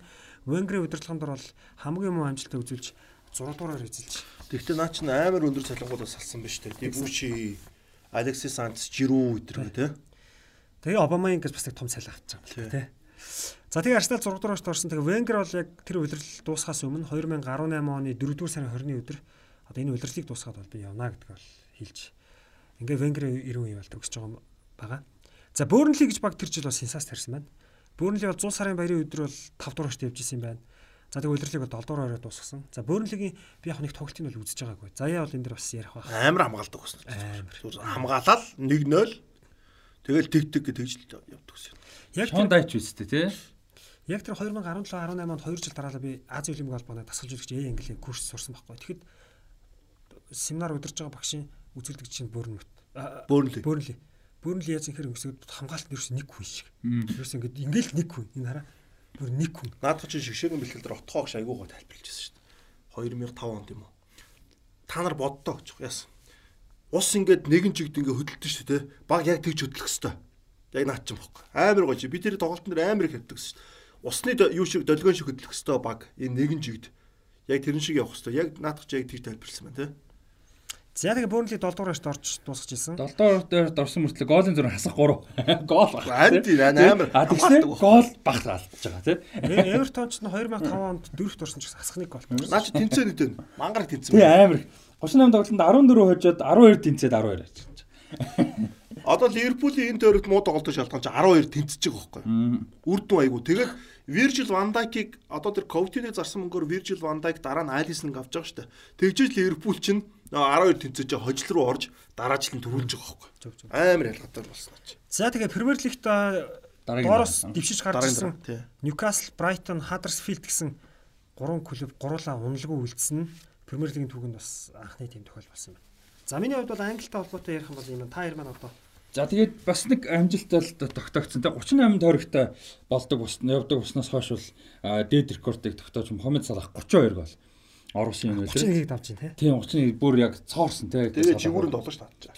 Өстө ёстой цоорсон энэ дээр. За тэгээд Harry Kane бас маш мундаг байсан 30 гол уг нь оруулсан. Бас л амар өсөлтсөн. Өмнөх хоёр удирлын яг мэрэгэн буучдаг гэх. Тийм 30 гол оруулаад бараагүй. Тэгээд Harry Kane бол хоёрт ороод. За араас нь бол Aguero 21, Jamie Vardy 20 голыг оруулж исэн юм хамгийн ойрцоо. Сити 100 оноо аваад 105 гол оруулсан. За энэ дээр бол 106 биш үү? 106 100 а тий 106 106 гол. Агуэро 21 гол. А Габриэл Жесус 13 гол, Стерлинг 18 гол, Зане 10 гол оруулчихсан. Ерөөсө дөрөв тоглогч нийлээд ерөөсө бараг 60 Жуноос юм байна шүү дээ. 60-аас дээш гол, 70 гол шахав оруулсан. Тэгээд тоглоом амарсан. Ливерпул энэ өдөр л ягаад шүгэн 12 тэнцэд ингэсэн мэхлээр Садио Мане баруун зүгүр тоглож. Саалах ирээд, Саалах баруунд ирээд Манег зүүн рүү тоглож байгаа.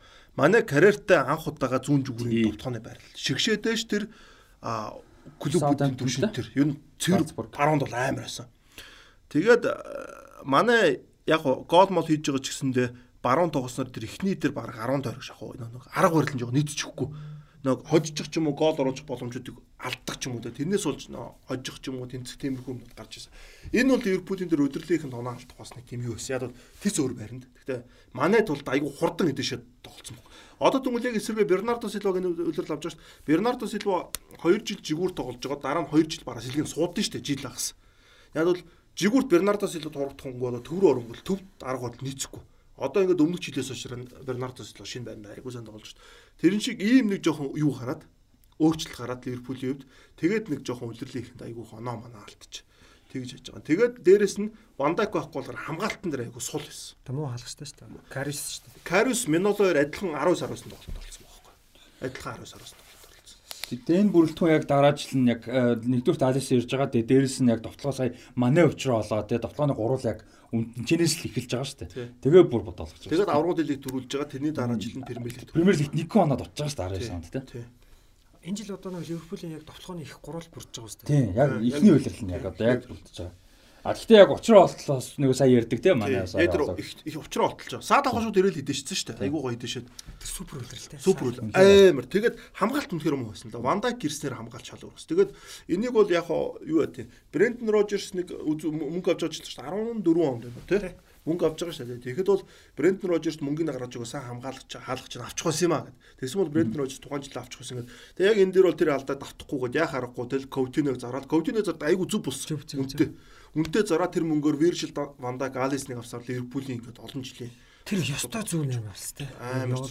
Маш үнэтэй зарцсан. үнтэй зарцсан. Яг капитанаа сайн л байсан. Гэтэл айгу Өөрөө явах гэсэн давхар. Өөрөө барса дуудаад. тий өөрөө сэтгэл нь ингээд эргэцэн. Тэгээ ярьж байгаа юм ин очиод 10 номер авах боломж одоо 10 юу гэж авдаг байсан. Үгүй мессигийн дараа авахгүй одоо тэр чинь тэр чинь Хугацаа гэж бодож ирсэн. дугацаага бодсон. Тэгээд юунууд а яг төвийн хагасар Коутиныгийн юу хэрэгтэй байсан. Коутино дээрээс нь 4 3 3 дээр а, төвийн 3 Гурван хоёрын зүүн талд нь. зүүн талд нь тоглоо сурцсан.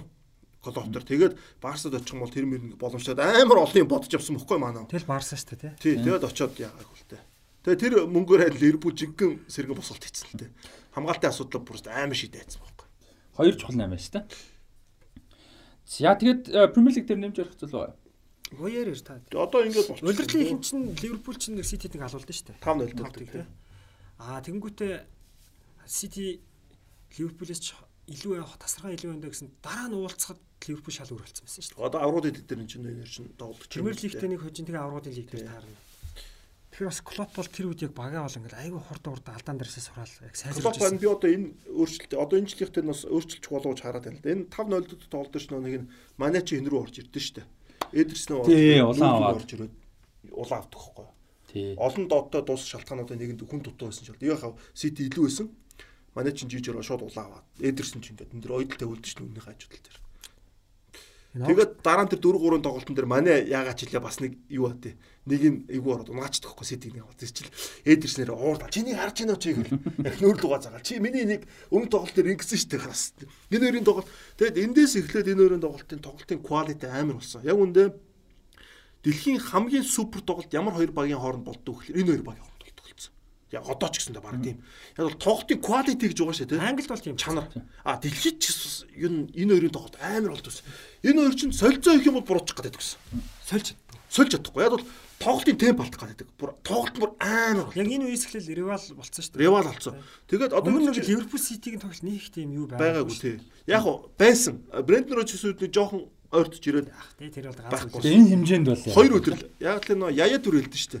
Йоо Ливерпул ч ямар амар. Ливерпулд тоглос бүр ядарч өгөх чинь гээд яя түрийг би тэнжилж байгаа айгу баг сонсоо ярьсан гэдэг штэ. Миний хамгийн их ядарсан хамгийн их одоо ингээд стресссэн тоглолт бол энэ тоглолт л ажиллаж байна. Тэгэхээр энэ хоёр яг нэг 2 жилийн тэгсэн. Гэхдээ энэ дээр бол ирээд Энэ юу шинэ ривал Ревал одоо юу ч хүмүүс ингэж үгүй санал хэлэхгүй байж магадгүй. Гэхдээ би юуг нь хэлэх гээд байгаа. А Челси ч юм уу бусад ингээд аврагууд лигийн тоглолтууд дээр болохоор тоглолтын чанар нь өөр гэдэг хөхгүй бөмбөг эзэмшил нэг баг тэр. Энэ хоёрын ч нөө quality чанар гэдэг байгаа шүү дээ. Яг одоо юу чинь нэг нэг жижигхэн дэрэн шүү тоглож хийдэж болох үз. Алтаа ороос гарахгүй нэг юм ба. Бүр амар тийм тоглолтсон байхгүй наа шүү. Тэгээ тэр 4 3-ын тэр аврагууд лигийн тоглолт Монголд ч ерөөсөө яг ерөөсөө яг хөл өмгийн өвнө Итали Германы тоглолтыг битүүний тайлбарлажсэн шүү дээ. Солилцоо оруулахгүй. Аль аль нь. Солилцоо болохоор нэг хэмнэлээ алчих гэдэг. Яг хөө тэгэл нэг гол мол орж байгаа нэг алдаанаас л болж байгаа нөхөөс яг би биний тоглолтоор илүүрхэж чаддгүй. Нэг амар тийм зөвүүн тоглолт бол яг тийм тоглолтууд яг энэ үес ингээд эхлээд ирсэн л дээ.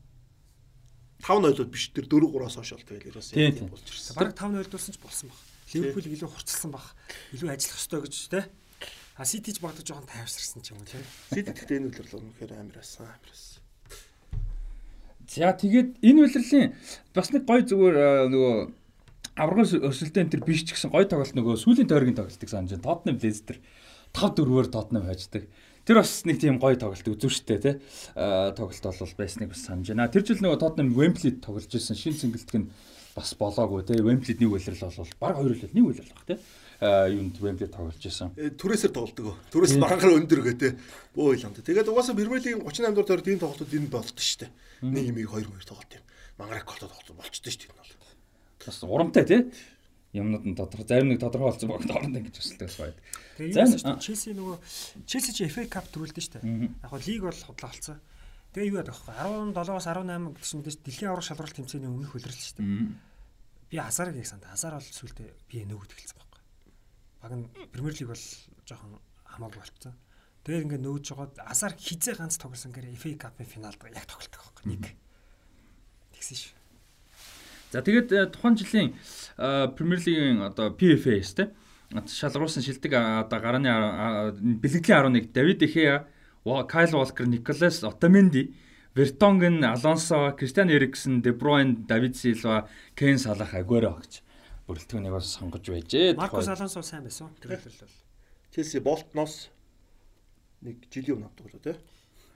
За тухайн үйлрэлт залуу шидэг залуу тоглогч Лерой Сане болж исэн. А тэгээ бусад одоо тоглогч жилийн шилдэг тоглогч бүх шагналыг нь бол Мухаммед Салах авсан. Шилдэг тоглогч болж Гвардиола. Салах Авч ирсэн.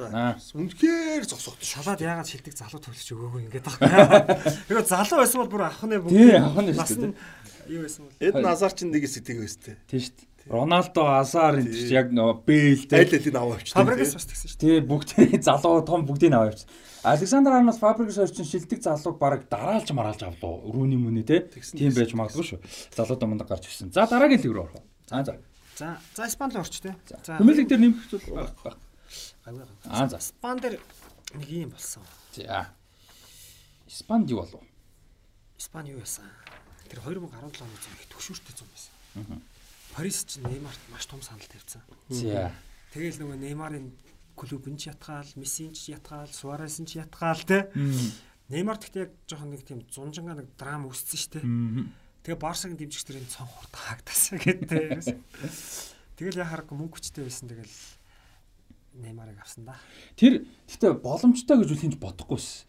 Нөгөө нэг юу 222. 22 Одоо 22 хамгийн үнэтэй шүү дээ. Тэр нөгөө нэг э, тухай одоо нөгөө нэг э, Испани ла лигийн дүрмчин тэр шүү дээ. Тоглогч болгон заавал одоо гэрээ худалдаж авах хүн буюу release clause гэж байх ёстой гэдэг. А тэгээ 222 сая гэж анх гэрээ хийхдээ оруулахад бол хинж 200 саяар хүн аавна гэж бодоагүй. Тэ. Тэгээ энэс чи хойш нөгөө яриад байгаа ш Реал Барс олон 500 сая байна. 500 тэр мом Тий. гэдэг. Тэгээс одоо Гавиг сая тэр бом гэж одоо оруулж гэгээ сонглаа шүү дээ. тэ. Тэр бол хүн тэр бом аавна гэж байгаа даа биш түр үнэхээр хинж төлж авахгүй л гэдэг утгаар яаж байгаа. Тэгэд эндээс хойш бол тэр гол асуудал болсон. Тэгэд энэ ч бас сонирхолтой одоо юу чин Барса ч нөө зөвшөөрөхгүй мөшөөрөхгүй гэдэг. Тэгээ 200 саяар ингээд бас юу яд юм шүү. Тэр нэг ингээд мөнгө зүнг шилжих мэлжих бас нэг тийм банк банк санхүүгийн бас нэг юм асуудал юм байд юм шүү бидний. 222 сая Тийм тийм шилжүүлсэн. ямар банк давборч байх юм бэ? амар юм болдог баг. А тэгээд тэгсэн чинь эн чинь яг одоо яг техник талаас бол Неймар өөрөөхөө гэрэг бодлож авсан юм байна. Тэр нөгөө нэг хөрөнгө оруулалт юмнуудыг цаанаас нь Неймарт өгөөд Неймар өөрөөхөө данснаас Барселонд мөнгө төлөөд одоо өөрөө өөрөөхөө гэрээг худалдаж аваад тэгээд цааш яг нарийн одоо ярих юм бол яг үндэ бол Парис Сен-Жермен авч байгаа дээ. Гэхдээ яг процессын үед бол бас тэгсэн юм байна. Неймар ч одоо өөр. А тэгээ энэс чинь болж цаашаа бөө юм бас. Цаашаа нөгөө нэг төлөөллийн төлөөлж одоо агент нь те агентд нь за тэгээд тэр гэрэмээр яг нь Сантос дээр бүх асуудал байсан. Тэр нь ийшээ явж ороод бас тэдэн хувийг авах хэрэгтэй байсан наан цаа нэг бөө юм болоо. 220 сая чи Сантос ч аавна гэж л үдчих тийм биз ямар ч юм. Барса гэхдээ Неймарыг Сантосоос авахтаас жоохон алдаа гаргасан. Бас асуудал гарсан тийм тэрэн дээр. Тэр нэр чи аав маа энэ аав нь гэж бас нэг амар баг гэдэг. Рабиогийн ээж Неймарын аав хоёроо. Энэ хоёр чи босноо хэлцгүй. Тэр нөгөө нэг юу энэ 8-аас чи 30 40-ээс хэдийг хэвээр авах хэрэгтэй байсан байсан чи аав маа нэг шүүх мөрл шүүх мөхтөгөө чи боо юм болсон шүү дээ дараанаас. Тэгээ энэ чинь ерөөсөө дуусаагүй. Тэгээ энэ 8 бол нэгдүгээр түнтэй болсон. За цэвэр хөлбөмбөг талаасаа бас Барселоны фэнүүдэд асуудалтай байсан. За Paris Saint-Germain клубын хувьд бол энэ орчин цаг үед одоо маш том одоо юу гэмдэ санаагаа үзүүлж байгаа те бид нар бол том баг те том өрсөлдөлтэй шүү. Мөнгөтэй шүү гэдгээ одоо баталж харуулсан ийм том бол наач хамгийн гол нь замбрааг мөнгө واخхой. Тэгээд наад цалин замбрааг ууш тастахгүй. Тийм шүү дээ нэмээд. Авцсныхаа дараа цалингийн нөгөөч наатгач. Эсвэл тэгэхээр амар байгаа шүү. За нэг ийм том юм бол болсон да те. За 2017 оны 100 Барса ямар 8 хийсэн бэ гэхээр за дасгалжуулагч Луис Энрико бол ажиллаа өгсөн. За Эрнесто Вальверде гэж маш сайн дасгалжуулагчийг багтаа авсан. За Кристиан Тео бол ингэж ихнээсээ явж байгаа. Матиог нэ Франц хамгаалагч явж байна. Мүнэр Реал Хадади явж байна. За Неймарыг бол ингэ зарчлаа. За тэгээд өвөл нь бол Арда Туран болон Хавер Машираног явуулаад За ийм 8 бол хийсэн байна. За Барса ямар Делафег бас явуулсан байна. За Барса бол тэгээд нэг Неймарыг явуулсан шархаа нөх гэж хоёр хүнийг бол тоочглсон байсан шүү дээ. Дембеле, Ковтини хоёуланг нь авна гэдэг. Тэгээд Ковтиниг бол яг 100 100 бол авч чадаагүй. Тэгээ Дембелег бол 150 саяар авдаг бах те. Тийм. Маш өндөр үнэтэй авч. 105 биш үү? 150 биш. 105 нь нэмэгдээ 150 болох. Нэр шүү. 105 дээр нэмэгд 45. За харч харч. Тэгээ тэр 45-аа гол нь авах хэмжээнд Дембеле яасан юм уу? Тэр нь харж идэ. Далиг миг авчихаар жоохон авж байгаа байл. Бас тийм юм болов. Би 150 биш гэж хараадсан. 150 150. 150 тий. За ямар ч тэрийг харч харч. Та баг дэмбэлэг чинь бараг л 15-аар авчаад 150-аар зарчлаа гэсэн байна. Юу нь бол тэгсэн. Амар зарсан зарсан. Хос хаалсан юм чи төрөлөр тий. Тэгэд нөгөө бас нэг 8-ны хэцүү юм нь Барселоныг мөнгөдөг бүгд мэдчихсэн. Тэ 100 хэдэн сая. Тэгээд юуны 202 саяар Неймарыг зарцсан. Цон хаагдах гэдэг. Тий, тэгээд яг тэр бас яа Барселоны бас зөв шүү дээ. Тэр чинь бус багууд юм даа. Багууд бол зөв. Зөв. Гэхдээ Барселонод бол тийм хэцүү байдлаар чи. За Дембелегийн хувьд 105 сая юм биш үү? 105 сая евро юм байна. Нэмэх нэмэх вэ? Аа юуг нь юу гэдэг вүлээ? Бонус фиг нь бол тооцог яг трансфер нь л яг 105 бол байсан юм байна. Ямар ч байсан гэсэн. За би 105 дээр 45-ыг санаад байна. За тийм ээ. Ер нь бол add on нь 40 сая юм байна. Тийм. Гэтэ тэр бол тэгээ одоо баталгаатай бас үгүй бид нар л мэдэхгүй шүү дээ нарийн ширэн. Яг 8 нь бол 105-аар байсан юм шүү. Тийм. За тэгээд юу яасан да? А Реал Мадрид Барса бол Дембелегээс гадна Семедуг авсан байна. За өвөл нь бол тэгээ Ковтиныг өссөн Ковтиныг авч байгаа. За Реал Мадрид 100 Пепег явуулсан байна. Хамсыг Байерн руу зээлэр явуулсан. Квантраг бас зээлэр явуулсан. За Моратаг бол Челси рүү зарж байгаа шүү дээ. Морат. Тэгээд Данило бас явуулж байгаа. За тэгээд Тио Эрнандес, Дани Сибайос хоёрыг авсан. Хакимиг бол яг хүүхдийн багаас гаргаж ирсэн байна. Моратаг би яг дээр ярьжсэн Америкт Реал 2017 оноос Америкт явжсэн. Америкт нэг бэлтгэл нэг шууд явдаг. Би тэрийг нэг үзээд байжсэн чинь Моратаг бэлтгэл дээр байжсэн чинь дуудаад чамайг зарчлаа. Яг яваа санаж. Тэгээ Моратаг ингээ бэлтгэл дээр баян баг тэрвэрлэлтэй байжсэн. Тийм болчихсон. Одоо исэн чинь яг тэгдэг. Бэлтгэл тэг хүн эзүү өстэй. Бэлтгэл хийж ирээд уучлаарай жаа. Юугүй. Тэгээ яг бас тийм ч амарч мэдээж өөрөө гарын үсэг мүсэг нөгөө явах уу байгаа л байгаа л та процесс. Тэгтэл те яг бэлтгэл. Ер нь бол шийдсэн л баггүй шийдэл гарцсан. Одоо тэгээд чи гарын үсгээ зур яв. Нотариат орно гэсэн юм байгаа цаа. Тэгсэн те. Одоо ингээ зарчлаа. Ботгоор те сайхан бэлгэлээ гэж багийнхантайгаа гэвэжсэн чи дуутаа зарчлаа гэхээр одоо хүн яах вэ? Эйгүүл мэд. Би өөсөө шоконд орно. Юу вэ ч одоо гэдэг чинь амьдралдаа төлөвлөсөн байгаа шүү дээ. За. Тийм шүү дээ. Энэ тоон тооцол амьдарч байгаа. Одоо ингээ харин Америкт нэг бэлтгэлээ ч буцаад спанд очлоо гэж ч байхгүй. Шууд өөр ус руу яваа. Өөр ус руу донтой болчдөг тий. Бас л нэрээ. За тэгээд юу яасан? Наа чи пөө болчихсон. За энэ удирдал бол Барс бол лигт бол маш нэг тоглосон. За Реал бол их одоо сайн байж байгаа. Реал 3-т орсон. Оноогоор бол нэлээд хаана. За Барса дөрөв төргийн юм бол авраг авч байгаа. За уг нь бол Барса ингэж хөөс юм да. Энэ удирдал бол Испани ла лигт хожигдлгүй төрүүлчих байсан. Тий, төрүүлчих байсан. Тэр удирдал бол Барсагийн хувьд сэтгэл тийм фанатуудынхаа сэтгэлийг одоо маш тавгуулсан хоёр тохиолдол. Нэг нь Рома аврагын лигт нөгөө иргэн бариулдаг. Тэр ихтэй хайр тий. Тэгээд аврагын лигээс хасгсан дараа Барсагийн фэнүүдийн хувьд бол ерөөсөө хожигдлгүй төрүүлж тээ. За энэ нь бол одоо 1936 онд одоо Испани иргэний дайнаас хойш нэгч баг хожигдлгүй төрүүлээгүй юм байна. 38 тойргийн тоглолтын үед бол хожигдлгүй төрүүлдэг тохиол Испанд байгаагүй юм. Тэгээ Барса ингэж байж 37 дугаар тойрогт Левантагийн талбайд очиж 4 5-аар хожигдож байгаа. 5 4 Левант шүү дээ. Тэгээ энэ нэг аюу тэнэг юм болсон байл шүү дээ. Юу гэхээр би энэ тоглолтыг үзээгүй л дээ. Мараш ингээд дүнгийн харагаа хаад. Тэгс мессиг тоглоулаагүй юм байна. Улирал төгсгөөд Барса ч нэг мөнгөний төлөө Сауди Арабт нэг очиж тоглох гэж жилөө. Тэгээ мессиг тэр тоглолтод тоглуулах гад энэ тоглолтод амраагдсан юм байна. Тэгээ дэлхийн аврагтай байж байгаа. Тэр ч хамаагүй л бахал да. Тэгээд Левантад очигдсан. Уул нь Коутине хетрик хийсэн шүү дээ. Барселоны төлөө царайн ганц хетрик гээ. Уг нь хийсэн. За тэгээд хөрх юм. Яа. Харамсалтай 30 доо. Наадах ч бас санаж байна. Өө яг Барса 5 4 дүүлчлээгээд. Яг ярьжсэн баг. Тэ яг нөр Рома мод ерөөсөө ганц үлдсэн юм бол ялтчгүй. Арсеналын хөдөлгөөн төрүүлэх. 2004-өөс 5 оны хожигдоогоо төрүүлдэг. Ювентусыг бол бид нар нэг ярьдаггүй шүү дээ хожигдоогоо. Италийн лиг нь өөрөө жоохон сул мол гарan гэдэг. Испанч бол ерөнхийдөө хамгийн барьцгүй шүү дээ. Ер нь ийм ийм тогтооно гэдэг бол те. Бас л юу их төгсөн те. Тэгээ энэ өдрөлд Атлетико Мадрид одоо нэг голын зөрүү гэж байгаа ш тэрүүгээрээ маш бага мөртлөө хоёрт орсон. Тэгээд Атлетико Мадрид үнэхээр амар хамгаалсан бохор тоглосон мэдгэж байгаа юм л та. Таван тоглогч улаан авц авсан байгаа өдрөлд.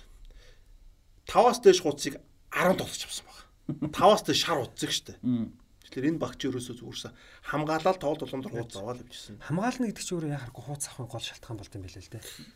Тэгсэн мөртлөө хоёр улаан хуудас авсан тоглогч нэг ч байхгүй. Багаараа жигд сайхан улаан. Одоо Реал Барса хоёр нь 90-с дээш гол оруулсан баг. Атлетико Мадрид 58 гол. Тэгсэн мөртлөө Реалын дээр оноогоор. Реал бол ямар сул байсан бэ гэдэг л. 22 хон гол алдсан. 22 тий 38 тоглолтноос л. Тэгээ энэ өдрлийн дараа чинь Диего Симене боломж байгаа маань ингээ баахан 8 гээ фейлддэг үстэй. Баахан 8 эдэн штэ. За энэ удирлын бас нэг гол баг юу байсан гэхээр Валенси байсан. Одоо Севиа бол ерөнхийдөө топ 4-ийг авсан байсан бол Марселино Гарсиа Торал гэж одоо алдартай бас сайн салжуулагч. Энэ дасгалжуулагчийг Валенси 2хан жил ажилласан. Тэгээд энэ жоо харамсалтай. Валенсиг 2 жил 2 удирдал өдөртөө хоёуланд нь аврагын лигийн байранд оруулсан. Тэгээд 2019 онд нь бүр Копа дель Рей авч өгсөн шүү дээ. Ийм сайн салжуулагчтай Валенси алдчихж байгаа юм да. Тэгээд одоо Лидст байгаа Родриго. Тэгээд Парисаас авсан Гонсало Гэдиш. Гонсало Гэдиш энэ хоёр бол үнэхээр супер тогсон. Тэр үлрэл. Одоо өвлөрөмтөнд байгаа гэдэг юм уу тийм. Сайхны хүртэл сая 100 ярьчихсан үлрэмт. Тэгээд Валенсиагийн нөгөө удирдлагын асуудал орчин үед яригдаал байгаа нь яг энэ л байгаа юм байна. Марселиног дэмжээд илүү үлдээгээд ингээд явахын оронд хал халцсан баг шүү те би андруу бол тэгээд ерөөсө тэрнээс хойш ерөөсө тагсуулж тогтоогүй Марселино явснаас хойш тэр амжилтанд бол ерөөсө хүрээгүй те Марселиног яагаад халсан бэхээр 2019 20 онд ч бүр хүмүүс ингээ хуугаар нь гол гол тоглож зарцсан баг. Тэгээд тэрийг дасгаж өгч байгаа шүүмжлэлтэй. Тийм. Энд одоо нөө багийн удирдлага гэдэг ямар чухал үедийг одоо бид айгүй олон шинээр ярьж байгаа шүү дээ. Одоо энэ нэг компани дээр те юм дээр те. Одоо ингээд нөгөө 2000 2000 2001 оноос хойш ингээд үлрэл ярьж штэ хэдүүлээ. Тэгээ ингээд ярьж байгаад айгүй олон гоё анзаарагдаж болж байгаа биз те. Одоо 8 минут тэр нөгөө түрүүнээр Данило явж л байна те. Мората явж лээд тэр шиг инээдтэй юмнууд байгаа. Тэрнээс гадна одоо энэ удирдлага засаглал хөөгчлөгдөх United өөрчлөгдсөн, Liverpool өөрчлөгдсөн те. Leicester өөрчлөгдсөн гэдэг ч юм. Энэ ингээд улирал тагнаа явахаар бас их гоё юмнууд зөндөө гарч ирж байгаа те. Одоо энэ л компани удирдах юм энэ хөлөөмгийн удирдах нэг хүнийг тодорхой нь юугаа мэдэхгүй шүү дээ. Гэхдээ нөө хандлагаар нь энэ үнэхээр нөө удаан хугацаанд ямиг босгож чадах чадвартай. Зарим нь бол хурдан хугацаанд яваад нэг кок авчдаг. Эний ялгааг олж харахгүй улмаас тэр юу ингээд удаа уртасгүй байдаг ч юм уу тий. Тиймэрхүү бол одоо ингээд зөндөл харагдчихлаа. За тэгээд э, Испани Лалиг тэр жил дөнгөж сая ярьсан Барселон бол одоо 37 тоглолтод хожигдлоо явж төрүүлсэн оноо тасгаа төрүүлсэн мэрэгэн бочоор буюу одоо Пичичи цомыг бол Лионел Месси 34 голтой авсан дараа нь Криштиано Роналдо 26, Луис Суарес 25, Яго Аспас 22, Кристиан Стуани юугаас Жиронагаас 21 голтой. дараалж Тэгээ наад энэ дэр чи бас нөө Реал бас тааруу байсан шалтгаан нь Роналдо Бензема Бэйл идэж бас гимтэлтээс Роналдо шил 26 тоглолтод 27 голчлоо тийм бохоо. Бараг 10 гаруй тоглолт оролцоогүй. Тэгэхээр Реалын хувьд бол гимтэл бэртлээс Роналдо бол хэрэг гимтэл бэртлгүйсэн бол бас мэрэгэн боч бараг авчих хэмжээнд супер байсан үе шүү дээ энэ чинь. Амар байсан үе та. Амар байсан үе. Тэгээд гимтэл бэртлээс Реалдас аягүй нөлөөсөн байдаг. Тэгээд том тоглогчдын гимтэл юм тий. Тэгээд энэ үдэр чинь Бензема чинь баг гимтээгүү тоглосон мөртлөө маш цөөхөн гол хийж байгаа шүү дээ. Хэдэн голтой байлаа? 5 голтой байгаа хөөхгүй Бензема. 32 тоглолтод 5 голтой Карим Карим Бензема. Бенземаг энэ үед бол яг унжийн ер нь нөгөө орлуулсан орлуулна гэж ярьж байсан. Арсенал аавна гэж ярьдаг байсан шүү дээ. Яг яг тийм байна тий. Тэгээ Бензема зүтгэл гайхалтай тий. Одоо сая өчтөр ингээ болондоор авчих шүү дээ. Энийн энийн өмнө ч гэсэндээ Бензема ч бас Реал ч бас болж болох. Роналдо ч айгүй загиндаг шүү дээ тий. Бенземаг. Тэгээ ингээд тэр болгоны ингээд даваад гад нэгдэг бас амар байгаа шүү. Энэ бол одоо хэний юу? Роналдог сүүлийн үйлрэл явж шүү дээ. За Иньестагийн ч гэсэн сүүлийн үйлрэл явж байгаа. Энэ үйлрэл дуусаа Иньеста нөгөө Япон лоо Висел Кобе. Аа тэгээд юу яаж байгаа юм? Бензема сүүлдэх гоё юм ярьсан бэл. Бензема юу гэхээр би энэ 100 аврагын лигийн финалийн үеэр уншижсэн. Роналдог бол том ахаа гэдэг юм байна. Бензема. Загнуулаад идэв. Тэгээд Роналдогоос маш их юм сурсан гэж. Тэгээд Роналдогоос юу сурсан гэхээр хоол, эрүүл хоол, нойр, тэгээд фитнес. Роналдо ерөөсөө фитнес мангас шүү дээ. Одоо бол Бензема фитнес мангас болцсон юм. Сүүлийн 2 жилийн амжилт ялангуяа. Найз нөхдүүд ингээд залах Бензема хаана байж нэхэр фитнес л байждаг гэж. Тэгээ Бенземагийн карьер дахиж замнал дахиж босч ирсэн энэ бол Роналдогийн нөлөө маш их байна. Хүмүүс ингэж яриад дээ. Бензема Роналдогийн бүх голыг бэлдэж өгдөг баг ингээд ашиглуулсан ч юм уу. Тийм биш. Ерөөсөө Роналдогоос авж байгаа юм. Сар хин сурсан.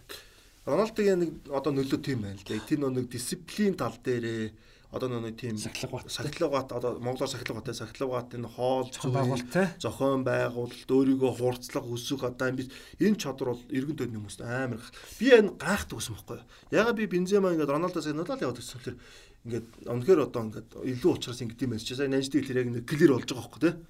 Хүндэлдэг. Аха энэ насны үднээр чи бензема чи нэг л дүүстэй хоёр. Хоёр а 87 оног те. Хоёр л дүүш тэгтэн чин аха гэж нэг хэлэхэргүй юу хахад Бензема ч ингээд Роналдо ч бүр бүгдийн загинд төгссөн шүү дээ. Хаамс Родригес ч ингээд уруу царилчин дээ. Тэгээ бүр нэг ууралж мууралсан шүү дээ. Тэгээ Бензема ч ингээд загнаал дээ. Бензема яадаг ч гүйс. Тэгээ би араад гайхаа л гэдгсэн ингээд яагаад ингээд юм болдог. Тэгсэн чинь амар том юм авцсан тий. Бүр өдөр болгоно шүтэнтэйгээ зүг байдаг гэдэг шиг тий. Яг л тийм байсан байхгүй тий. Тэгээд Роналдо энэ үйлрэлт Реал Мадридын төлөө 9 үйлрэл тоглохдоо хамгийн цөөхөн тоглолтод оролцсон үйлрэл нь яг юуны өрөөнд шүү. Ла лигийн өрөөнд хамгийн цөөхөн тоглолтод оролцсон үйлрэл нь байсан. 27 тоглолтод 26 гол. Оруулсан байгаа. Бүх тэмцээнд бол 44 тоглолтод оролцоод 44 гол. Ла лигт нөгөө 15 биш ээ. Аврагууд гол хийгээд шүү дээ. Аврагууд лигт 15 гол хийж байгаа. Роналдо тоглолт 5 тоглолтод Реал гол оруулаа л гэсэн үг байхгүй. Тий, тий. Ерөөсөө л тийм. Юу гэсэн үг. За тэгээд Роналдо энэ үйлрэлийг дуусгаад явж байгаа тийм Реал Мадридаас явж байгаа. 292 тоглолтод Ла Лига өрөөнд оролцож 311 гол хийгээд бүх тэмцээний өрөөнд за бүх тэмцээнд зааж эхнээс нь гоё хэлцээ. За Реал Мадридын төлөө 9 үйлрэл тоглоод Ла Лига өрөөнд 292 тоглолтод оролцож 311 гол, Аврагуудын лигт 101 тоглолтод оролцож 105 гол, бүх тэмцээнд 438 тоглолтод оролцож 450 гол. Оруулаад явж байгаа. Тэгээ гол нь ийм байл да. Одоо ингээд хааланд Мбаппе те заах бол Левандовски Бенземаар карьер дуусах гэхдээ мундаг байл.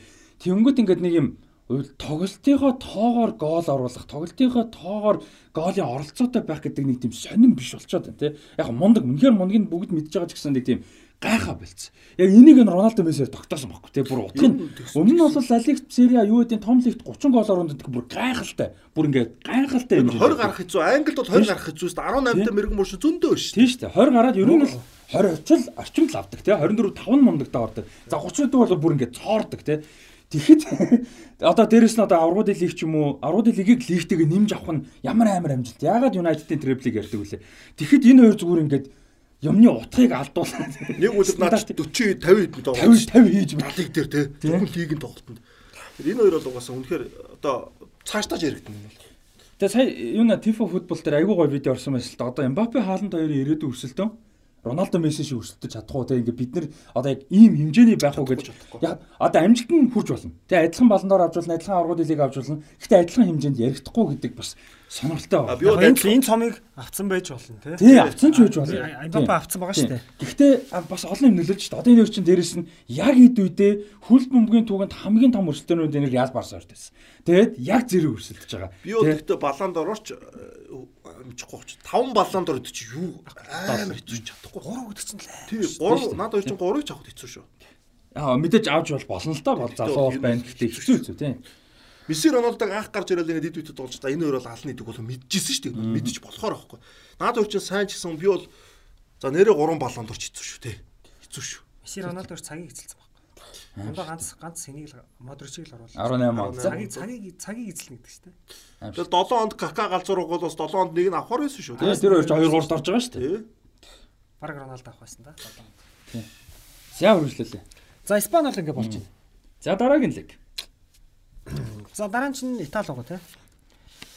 За Ювентус бол 7 дахь дарааж дөрүүлж байна. Сери А. Дээд амжилтаа ахиулаад байна. За энэ удирлын Ювентусээс сони юм хэр шинэ логотой болсон. Нөгөө Jeep Ж Ж үсэг тий. Хуучин лог нь их гоё лог байсан тийм үг. Та хэд тэгс санагдав? Надад хууч нь гоё. гой гоё эс. Дасцсан болоо шүү дээ.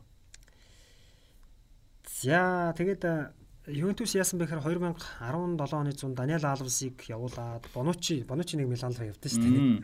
Тэгдэг. Тий. Тийм шүү дээ. Нэг үйлрэл тоглож буцаа явчихсан шүү дээ. 42 сая еврогоор зарсан байж Бонучиг.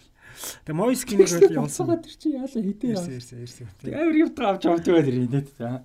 Уучлаарай. За тэгээд бизнес эцэг шүү. Бонош тундлаа. Хилээ болцсон шүү. тэгээд Бентанкур Бентанкур ирсэн байна. Дуглас Коста, Щенсни, Дешилио, Бернардески, Матьюди Хөөдэс нарыг. Оо сайн амар шүү дээ. Хөөдөс явах хаа хэвээр. За ингээ Ювентус 7 дахь төрүүлсэн. Тэгээд За Ювентус бол гэхдээ нэг тийм тасархаа масархаа бол төрүүлээгүй. Наполи ахаад энэ жил авах авах хэвээр үлрэл байсан юм шүү. 91 он авсан биш. Дөрөвхөн оноо яах. хоёр дахь үлрэл. Тэгээ Сара чинь энэ ийм байсан учраас Челси авч байгаа шүү дээ, тий.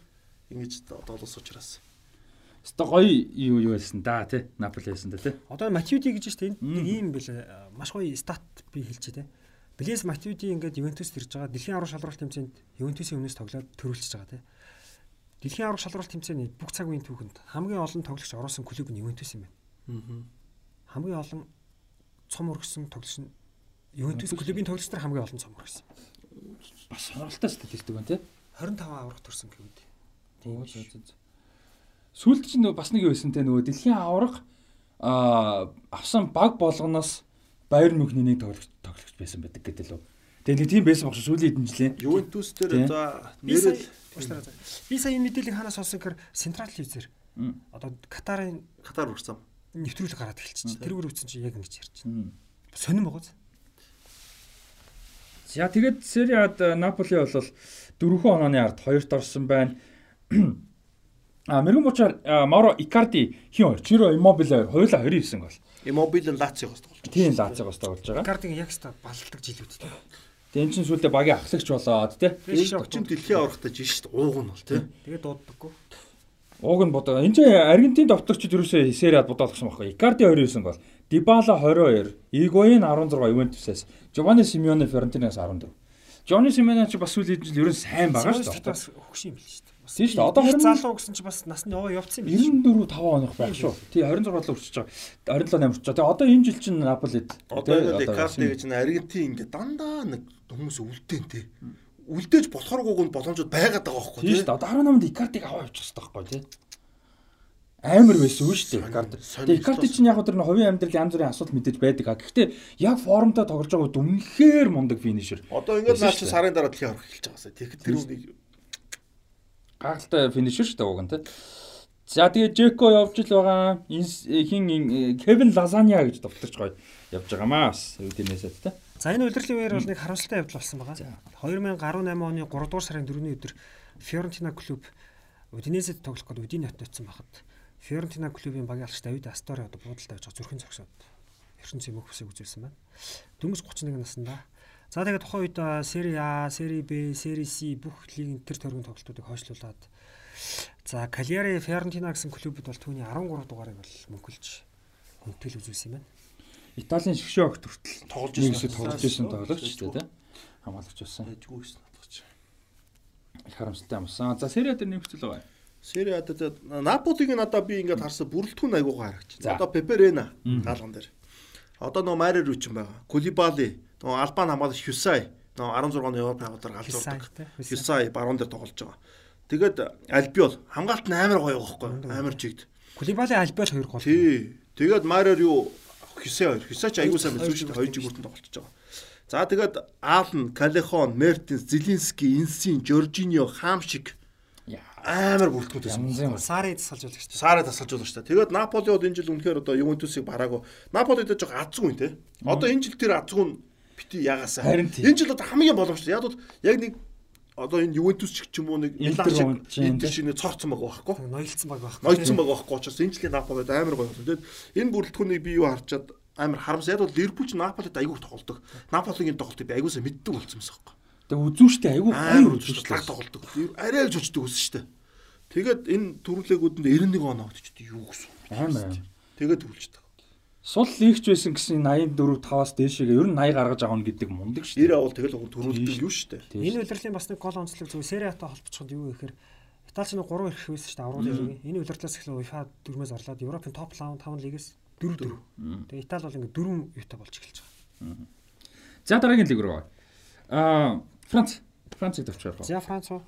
За одоо аврал лиг рүү орохгүй болоос тий, одоо тий, тий. цаг маань хэцүүдэг чинь тий. За Франц бол юу яасан? Парис бол төрүүлсэн. Өмнөх удирлын бол Монако төрүүлсэн байсан. Гэтэ Парис бол үнэхээр амар 8 хийсэн зэ. За баг цэвэрлсэн. Максвелл явсан, Матюди явсан, Орей явсан, Криховяк явсан, Гэдиш явсан, Мавра явсан. Ирсэн нэхэр Неймарыг авч байгаа. А тэнгуүтэ Эмбапег зээлж байгаа Монакогоос. Тий. Нэг их мөнгө гаргаж болохгүй болчиход шүү дээ. Неймар тамаг мөнгө өгчлөө. Тэгээд Эм- Эмбапег дараалал нь худалдаж аваа шүү дээ. 180 Неймар сая Тий, авч Неймар Эмбапе хоёрыг аваад мөн Даниэл Алвес, Ласанад Яраг авсан юм байна. Яа, Дани Алвесийн юм бол гоё 8 байсан шүү дээ. Таны алсан гарааны бүр юу гүч гэсэн чи айгүй чухал үр гүйцэтгэж байгаа байхгүй. Тэ? Тэрний нөлөө тий. Нөлөө өгдөж байгаа юм. Амар цэвэрлэгээсэн юм. Түрүүний цэвэрлэгээнүүд ер нь дандаа ирэхгүй хүмүүс байсан биш үү? Тэгээд аа, Франц лигт тийм тийм. Тэгээд Франц лигт сая юу төрүүлж байгаа шүү дээ. Paris Saint-Germain өөрөө төрүүлж байгаа. Сая амар 8. Яг энэ нөгөө нэг түрүү яриад statement хийн гэдэг шиг яг ингээд ойрын хэдэн жилд болол ингээд бидний зориг юм байгаа гэж байгаа нэг тийм 8. Тэгээд хүмүүс гэхдээ тухайн үед нөгөө энэ financial fair play те э, энийг бол бас тоглоом гэж хүмүүс их шүүмжилж ирсэн л да. Тэгээ нүдэн дээр улаанцан 200 сая хүн авлаа. Тэгснэ дараа жилийн 108 саяар 180 саяар авч байгаа хүн ингээ зээл гэж тоглоом болгож тэ тэгс ингэж ийн гэд бас Наач мод үнэн шүү. Юу нь бол үнэн. Тийм ер нь бол тэр financial fair play-г бол тоглоом болгочлаа л гэж ярьж л байсан тий.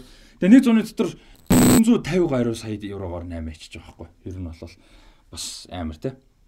Яг Альбис л яг Неймар Эмбапе дараачлан. За тэгээ Paris Saint-Germain 93 оноотой төрүүлж байгаа Монако, Лион хоёр араас нь а орж байгаа. Тэгээ Франц лиг гэснээс нэр юу яаж 20 э, багтаа шүү дээ Франц лиг ч. Одоо энэ үйлрэлээс эхлээд юу 18 болгож байгаа. Энэ үйлрэл дөрвөн баг унана. Доороос 2 баг орж ирнэ. Тэгээд ер нь бол Германш болж байгаа юм шүү дээ. Зөв Франц зөв шүү. Ер нь бол Европтой нөгөө олон баг илүү олон багаа оршилдүүлэхтэй. Бас нэг юм зорилготой. За тэгээд 17-18 оны а, Францын 1-р лигт бол Эденсон Кавани 28 голтой мэрэгэн бурч болсон. Тэгээ Марсейн Флориан Таван а, 22 голтой араас нь Тийм. Депай Неймар 2 19 гол оруулсан. А тэр жил хиний сэргэн мандалтын бас нэг сэргэн мандал то а бас ингээ карьераа сэргээж ийн гэж ярьж ирсэн үйлрэлээс Марио Балотелли тэр үйлрэл нийст одоо нийцаа гэж те нийцаад 18 гол оруулсан. Бас их сайн На тоглосон. Фодорын 5-ын чинь жигүүр дээ. Ньюкасл. Тийм жирүүн баруун баруун а, ер нь бол олон жил Солгоолт тоглосон шүү дээ тийм. Ер нь бол орон гарна энэ Бинарфа шиг ихгүй амар орж гардаг. Тэгээ Бенарфаг бодоод олон жил Франц лиг доктортой тоглосон. А гэтээ ерөөсөө Авьяас нь арай илүү ерөөсөө илүү ерөөсөө яваагүй тийм. Зөв лигтэл байгаад байна. Яг л тэгээ байна. Англи дээр Ньюкасл яваагүй шүү дээ. ерөөс. Тийм тийм Ньюкасл. Тоглолтын тайлбарлалт өгсөн. За Бундслиг. За Бундслиг бол Хамбург анх удаа унсан. Олон жил нэг Бундслигээс унаагүй ганц баг байсан гэдэг унах гал тогтоол плей-оффоор л аргалаа л яваад идэг байсан Хамбург бол бүр бараагүй унсан. Плей-офф хийхгүй унсан. За Баерн дараа л 6 дахь удаага төрүүлж байна. За Баерн гэхдээ энэ нэлээд тийм сайнгүй улирал байсан. За улирлын өмнө бол хид хид 8 хийсэн. За Филип Лам зодог тайлсан, Шаби Алонсо зодог тайлсан. За Бинати яг өмнөх улирлын Ювентус зээлсэн байсан бол одоо ингээд бүр зарцсан. За тэгээд Дуглас Костаг Ювентус руу явуулсан. За тэгээд Ренато Санчесыг Суанзе руу зээлсэн. Гнабриг Вердрес аваад бас нэг баг руу зээлчихэж байгаа юм.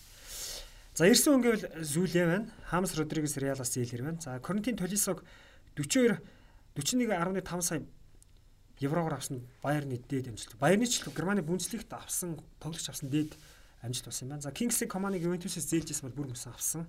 За Gnabry-г аваад ингээд юу яасан гэдэг.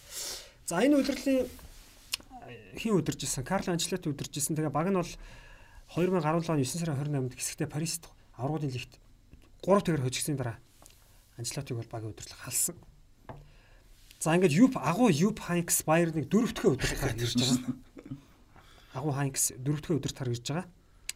За тэгээд энэ удирдал яасан бэ гэхээр хамгийн хэцүү зүйл нь Мануэл Нойер бол ер нь улирлын турш гэмтэлтэй байсан. 3 тоглолтод орсон байдаг. Тэгээ тэгээ байхгүй оронд нөгөө нэг Свен үйлрэх гэдэг хаалгач чаддаг шүү дээ. Тэр хүн бол аврагын лиг дээр чандаг. Тэр бол чансан шүү дээ. Угаасаа. За Левандовски бол мэрэгэн буучиг бол 3 дахь удаа авсан. Энэ нь бол одоо Германы Бундслигт Легоноор тоглож 3 удаа мэрэгэн буч авсан анхны тохиолдол болж исэн юм байна. Тэгээ наад жил чинь Нойер чинь дэлхийн ор дээр яваад бас Герман формог орж ирээд формог орж ирээд тэгээд. За тэр жил Бундслигт юу Баер Мюнхен 21 онооны зөрүүтэй төрүүлсэн Шалке 2-д ороод тэр жилийн цоорсон баг бол Хофенхайм байсан. Юлен Нагelsmann гэж тасалжуулагч бол яг энэ жилийн өөрийг одоо жинхэнэ баталж гарч ирж исэн. А тэгээ сонирхолтой нь 3-т орсон Хофенхайм, 4-т орсон Борусsia Dortmund, 5-т орсон Leverkusen гуруула адилхан 55 оноотой. Э бас орж исэн байх их сонирхолтой. Тэгээд Хофенхаймын хувьд бол энэ жил бас ингэж цоорсон багуудын нэг бол байсан байна. Хофенхайм ч уусаа нэг байж байгаа нэг цордог гэсэн. Одоо энэ жил цорж штэ. Тэг энэ жил бас гоё байгаа те. 8 сезонд нэг цоороод. Тий. Төрүүлдэг үстэй тэр чи. А тэргүүлж явж чад алчдаг те. Ибишевичи. Тий. Тэр Рангникийн. Рангник тийм. Тий. Вольсбург алддаг. За тэр жил Левандовски бол бүр тасархаа мэрэгэн болж болсон юм ба шүү дээ 29 голтой. Араас нь хамгийн ойрхон Фрайбургийн Нилс Петерсон 15 гол оруулсан юм. Ерөөсөө нугалсан юм ба шүү дээ. Тий, Обамян гол их баг оруулсан байна. Крамарич их баг гол оруулсан. Тийм, өвлөн 8 6-аар Снад руу явж байгаа тий. Тимо Вернер 13 гол оруулж ирсэн юм байна. Тэгээд Вернер гарч ирээд дэлхийн ордер айгүй тоглолтсон шүү дээ. Германы ганц байсан Вернер байхгүй. За ийм байжээ. За тэгээд Европа лиг дуртав. Европа лиг аль дурдал аврагууд лиг. За тэгээд За Атлетико Мадрид бол аврагуудын лигт хэсгээс мултарсан. Карабахыг хөж чадаагүй. Тэгээд тэгээ Атлетико мултрангууд Европа лигт орсороод бол асуудалгүй төрүүлсэн. За шүүгийн дөрөвт Арсеналтай үзсэн. Арсенал бол Венгерийн сүүлийн удирдал тэгээ нөгөө Премьер лигт бол аврагуудын лигийн Премьер лигээс аврагуудын лиг ирэх авахгүй нь бол үндсэндээ ойлгомжтой. Тэгээд Арсеналын гол анхаарал хандуулсан зүйл бол Европа лиг байсан. Гэвч шүгэн дөрөвт Атлетико хожигдсон. Тэгээд Атлетико аврагын төлөө нөх хиний Паягийн Марселийг хожиж Атлетико бол зам авч байгаа. Тэгээ Пая тэр тоглолтод гэмтэж дэлхийн орд явж чадах болж байгаа юм тий. Харамсалтай тий. Их гоё байсан шүү дээ. Тэгээ Гризман 2 гол хийсэн байна. Аа финал. Үлээ гарт юм да. Гой тоглож байсан шүү. За тэгэд одоо ч Мерсед гой явж байгаа да. За аргуудын лиг. За аргуудын лиг 2017-аас 18 он ч амар штэ.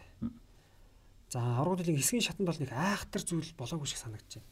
Расти санаж байгаа юм байна уу? Наполи мултарсан.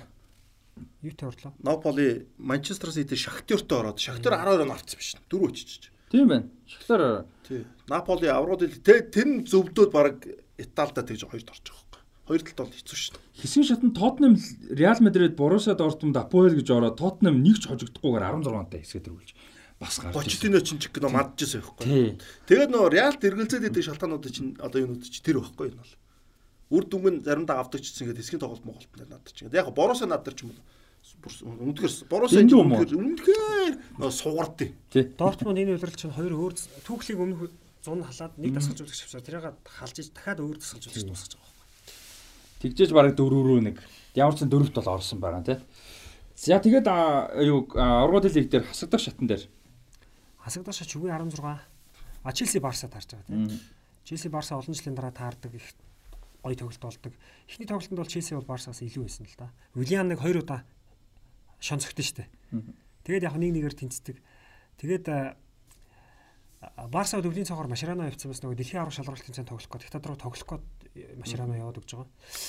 Тэгээд хариу тоглолтын дээр бол яг Барса бол Челсигээс бол бүх зүйлэр илүү байгаа нөгөө Куртуагийн хоёр хөлийн нэг дундуур Месси гол хийгээд нөгөө Куртуасан баха мемэдүүлдэн шүү дээ. Тэгээд тийм зүйл бол болж байгаа. Өөр гол тоглолт юу вэ? Paris Saint-Germain Real 2. Өө. Би наадч тайлбарлаж. За. Тэгээд Paris Saint-Germain Real Неймартай Paris. Тий, Неймартай Мбаппетэй шүү дээ. Гэтэ Неймар эхлээ ихний тоглолт гимтчихдэг тий. Тэгдэг баха. Тий. Юу үдшийн судлаас үзчихээд ш. Тэгээд эхний тоглолтын дээр чи Paris Saint-Germain айгуу сайн тоглолдог хөхгүй. Үр дүнгүй биш тэгтээ.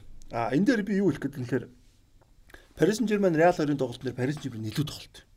Өөртөө голын боломжтой алдтыг. Гэхдээ эсрэгээр үр дүн Реалын талд гарч ирдэ. Реал 3-1 чи голууд нь хардсан нэлээд сүүл рүү орсон. За тийм. Роналдо Марсело хоёр 83 86 гэж ихний тоглолтын дээр. Юу нь бол Парис эхний голыг оруулаад илүү өвж жагаад пенальтаар хийж гэнэ. Роналдо 83 дахь минутанд э, тэгээд 45 дээр пенальт. Тийм 45 дээр пенальт. Пенальтаар яг тэнцүүлж байгаа байхгүй юу? Энэ Реал ч. Тэгээд Марсел айгүй юу Парис Сен-Жермен илүү тоглож чад өөртөө голын боломжууд алдаад Реал зөрж хийгээд тэгээд 3-1-ээр хожоод ерөөхдөө ихний тоглолтын дээр Реал болж хоёр тоглолтын дээр ч Парис Сен-Жермен уг нь айгүй дажгүй тоглолт байхгүй. Тэгэл Реал руу тоглолт иргээд тоглолтын үед бол ерөөхдөө тиймэрхүү. Юу нь бол яг үр дүнгээр бол Реал бол авцсан болшоо тоглолтоор бол Парис Сен-Жермен айгүй сайн тоглолт. Эмбапе ч айгүй сайн тоглолт шүү дээ тоглолтууд дээр ч. За тэгээ өшөөний гол тоглолтоор Сивиа бол Манчестер Юнайтед хоцож байгаа шүү дээ. Бен Эдер 2 гол хийж байгаа шүү дээ. Тэгээ Морино нэг хэвлэн баг хурал тэр Морино ингээд яхад хожигч юм юу гэсэн чинь. Үгүй ер нь хожигдсон зөв. Шүүгийн 8 точид 16 точид ямар ялгаа вэ? Сайхан гаршгаас. За тэгээд хэсэгтээ галзуурсан Тоттенхэм чи Ювентус тавилж байгаа. Ювентустай 2-2 2-1-ээр хожигдоод Тэр уг нь Тоттенхэм гэхдээ илүү тоглолт. Харин тэгээд Тоттенхэм хожигдсон бол бас цааш гоё явахаар байсан тий. Игвайн Ювентусыг яг аварч тийм үү энэ. Хоёр тоглолтод хоёулын дээр гол шүү дээ. Яг аварт тэрийг санаж байна. Тэгээд нэг хасатар шат гэдэг нэг тоглол сурсан багуудын хувьд айгүй юу тоглолтыг тийм мэдгэж байгаа байхгүй нэр бол тий. Үр дүнгээ авчдаг. Үр дүнгээ авчдаг тий Ювентусийн хувьд бол. За тэгээ шүгэн 8 дээр аа Свиа, Байерн Мюнхен, Ювентус, Реал гэж том тоглолт байгаа тий. Ливерпул Сити. Ливерпул Сити за тэгээд нөгөө Дандаа том тоглолт юм шиг. Барселона, Рома. Энэ энэ жилийн аврууд хэлэх чинь амар болсон байхгүй. Дандаа том тоглолт. Тий. Барсаар Ромаг чинь том тоглолт гэж хүмүүс бодохгүй ус чинь наа чинь том тоглолт болчдөг Болчихж байгаа байхгүй тий. За Ливерпул Сити хоёрын тоглолт бол ер нь бол амар тоглолт. Амар, Ливерпул амар. ихний тоглолтноор 3-0 дээ. Мгм. А тэр тоглолтноор гэхдээ Ливерпул илүү гэж байгаас 3-0 дэх шүү. Сити амар гэдэг байхгүй. Хоёр ба. Тэгээ Ситиг нэг гол молог тооцдгүй юм тийм. Тий, нэг голын тооцохгүй. Тэгээд Ливерпул дээр тэр а, Саалах ч галзуурд. Саалах ч ерөө Сити дээр галзуурдаг. Одоо сая Сити дээр гол хийж байгаа шүү. Ситид хамгийн их гол оруулсан 3 тоглогч чинь нэг чинь нэг нь Саалах, нөгөөх нь Месси явж байгаа. Нөгөө өөр юуны Өөр лиг. тоглож явж байгаа байхгүй. Тэгээд Саалах галзуураад тэгээд Оксле Чемберлен чинь нэг амар зөгтөн шүү дээ. Тэр хамгаалтын алдааг ашиглаад дэлб зөгтөг байхгүй. Тэгээд яг Ливерпулийн тоглолтын дээр амар тоглолт нь quality гэж яриад шүү дээ. Энэ тоглолт молдож quality амар гэсэн. Ливерпул ихний тоглолтын дээр 3-0 тод хоёр тоглолтын дээр 4-0 төл амаргүй ч тэгтээ хүмүүс нь итгэл байсан байхгүй. Сити гэдэг утгаараа. Тэгээ Ситиг нэг голыг тооцдгүй маа. Нэг голыг хан дооцдог байна тий. Тэгээд юу аа тий. Дараагийн тоглолтын дээр бас бол Ливерпул 2-1. Тэгээ Ситигийн талбай дээр эхлэхдээ бас ихтэлтэй гэсэн шүү дээ. Дөнгөж 20 дахь минутанд Жисус хийгээд шууд тий. Тэгээ яг тэрний дараагийн голыг тооцдог. Тэр орцсон бол бас Тэр 3-1 дээр чинь нэг бас тооцдгүй ч үлээ тэг санаад шүү. 3-0 дээр нөө. Тий 3-0 дээр ч үлээ тэг санаад шүү. За тэгээ Севиа а талбай дээр Байерн Мюнхен тожигдоод талбай дээр нь очиод тэг тэг харьцаатай тэнцээд ер нь бол мултарсан. За Ювентус Реалыг ярих. За наад ч бол одоо яг наад нэг шүгэн 8 эхлэхэд нөгөө A английн сургалт болж исэн. Лүмбэ ах надад юу гэж хэлжсэн ингээ шүгэн 8 хараад энэ жил Реал Ливерпул финалтахна гэжсэн байхгүй. Тэгэхээр би за юу гэжтэй Ливерпул Ситиг хожихгүй гэж би бодчихсон байхгүй. Тэгээ Лүмбэ ах Би ч гэж бодчихсон. Лүмбэ хол яг л хэлсэн байгаа. Наад ч бол ерөөсөө нэг Ювентус юу ярих тоглолт амар тоглолт болсон шүү дээ. За энэ үед дээ те. Энэ үед ингэж байгаа шүү заа. Хүлэмбэг өмнө нь юу байсан бэ гэхээр эзэн баг л ер нь хождсон шүү дээ хүлэмбэг төр. Тийм байсан бол яг энэ үед тэр Иран дас Ираны их мундаг туршлагатай сургалт орж ирсэн баг. Тэр хүн юу гэж хэлжсэн гэхээр орчин үеийн хүлэмбэгээ өөрчлөж байгаа нэг юм сэтгэл зүй гэж. Өмнө баг зөвхөн талбай дээр хожоод нөгөө талд очиж хожигддаг гэсэн бол одоо тэр өөрчлөгдөж байгаа гэж. Тэгсэн чинь хараа. Ювентус талбай дээр Реалд 3 тэгэр хожигдоод нөгөө Роналдо нөгөө амар унцдаг. Bicycle гол тий. тий. Тэгэнгүүт одоо Ювентус талбай дээр 3-0 хожигдсон. Одоо ингээд ямар ч аврал байхгүй юм шиг боловч яг дараагийн тоглолтод би ингээд шүн сэрээд үзчихсэн чинь Ювентус 3-0 хожижсэн Реалыг тий. Тий. Нэ Манзукич яадаг тий. За наач нөгөө хин Рамас үнсэн баг дараагийн тоглолтыг. Тэгээд зөрөөд гуртаг гуртаг. Е бурхан минь тэгээ үзэж байгаа нэг сүүл пенальти болоод Буфон Яг дээр хөөгдөд нэмэх 8 дээр тий. Буфон хөөгдөд шичээсний орж ирээд тэгээ Роналдо нэг амар цохиж. Стар Роналдогийн жилдээ. За Барса Рома дээр бол юу болсон шүү дээ. Эхлээд бол хожицсан Барса. Тэгээд би хариу тоглолт нь ойлгомжтой гэдээ би үзээгүй. 4-1-ээр очсон тий Рома. Ерөөсөө Рома маш муу тоглолт юм байна. Рома ч баг өөртөө гоолоо хийчихдээ шүү баг. Тэгээд 2 автгол. Тэгээд ерөөсөө за энэ тоглолтыг үзэх хэрэг байхгүй те. Угаасаа айгууч завгүй байсан тэр үед. Тэгээд өглөө нь босч ирээд би 0 дараад ингээд утас үргэсэн чинь хүмүүсийн шүн ингээд комментууд ер нь эвгүй болоо явцлаа шүү. Бүр эвгүй болоо явцлаа шүү. Тэгсэн чинь баггүй яах. Манай манад ус гэрэг юм болж тий. Сүл усч тий. Тастас маналаас. Тэгээ маргааш нь ингээд үтсэн чинь Барсагийн гол алдвал хамгаалцсан байл. Тэгээ нэг тоглолтын завсаргаанаар ингэж хэлж шít. Валверде хамгаалаад нэг тэг болоо хоёр тэг болоо тий. Барса хамгаалаад байгаа шít. Пике бүр очиод суулжуулсаа хэлж ийн гэж байгаа юм. Тэр хүмүүс яриад л хэлээ л. Одоо товтлё. Одоо товтлохгүй болохоо байлаа гэсэн юм байл ш. Тэгээд Эрнесто Валверде ч баг 10 дэлгэд хоёр дахь баг байгаа юм. Атлетикийг Атлетик Билбаог нэг удаа авч орсон. Тэгээд Барса бол комбакт болж хожигдав. Энэ дэр анханасаа хамгаалж тоглодог амар шин тий. Дараа жил нь бас Ливерпул тэгж байгаа дээ. 3 доллар чи 4. Тэн дээр бас тэгдэн дээ. Очиж хилдэв юм лээ шүү дээ. Бид нар Англид ингэ тоглож болохгүй. Бид нар хамгаалах юм бол Ливерпул хожигдно гэд тоглолт эхлээд нэг гол олсон дараа хэлсэн чинь үгүй хамгаасараа дуусгана гэсээр тэгээд 4 0 Үр дүнгээ хадгална гэдэг. Үр дүнгээ хадгална ч 4 0 дуусаа гэдэг л. Тэгэхээр нөө Уна Эмери Эрнесто Валверде эдрийн нэг аврагуудын лиг дээр нөө сул талны тэн дээр гарцсан бохгүй тий. Унаа мэрэж бас тэгдэж шүү дээ аврагууд хэлдэг. Би одоо энэ Галтайг бол бас тэгж тэгээд байгаа шүү. Францтай бол авч болно. Яг аврагуудын лигийн туршлага мөршлөг баг штэ энэ.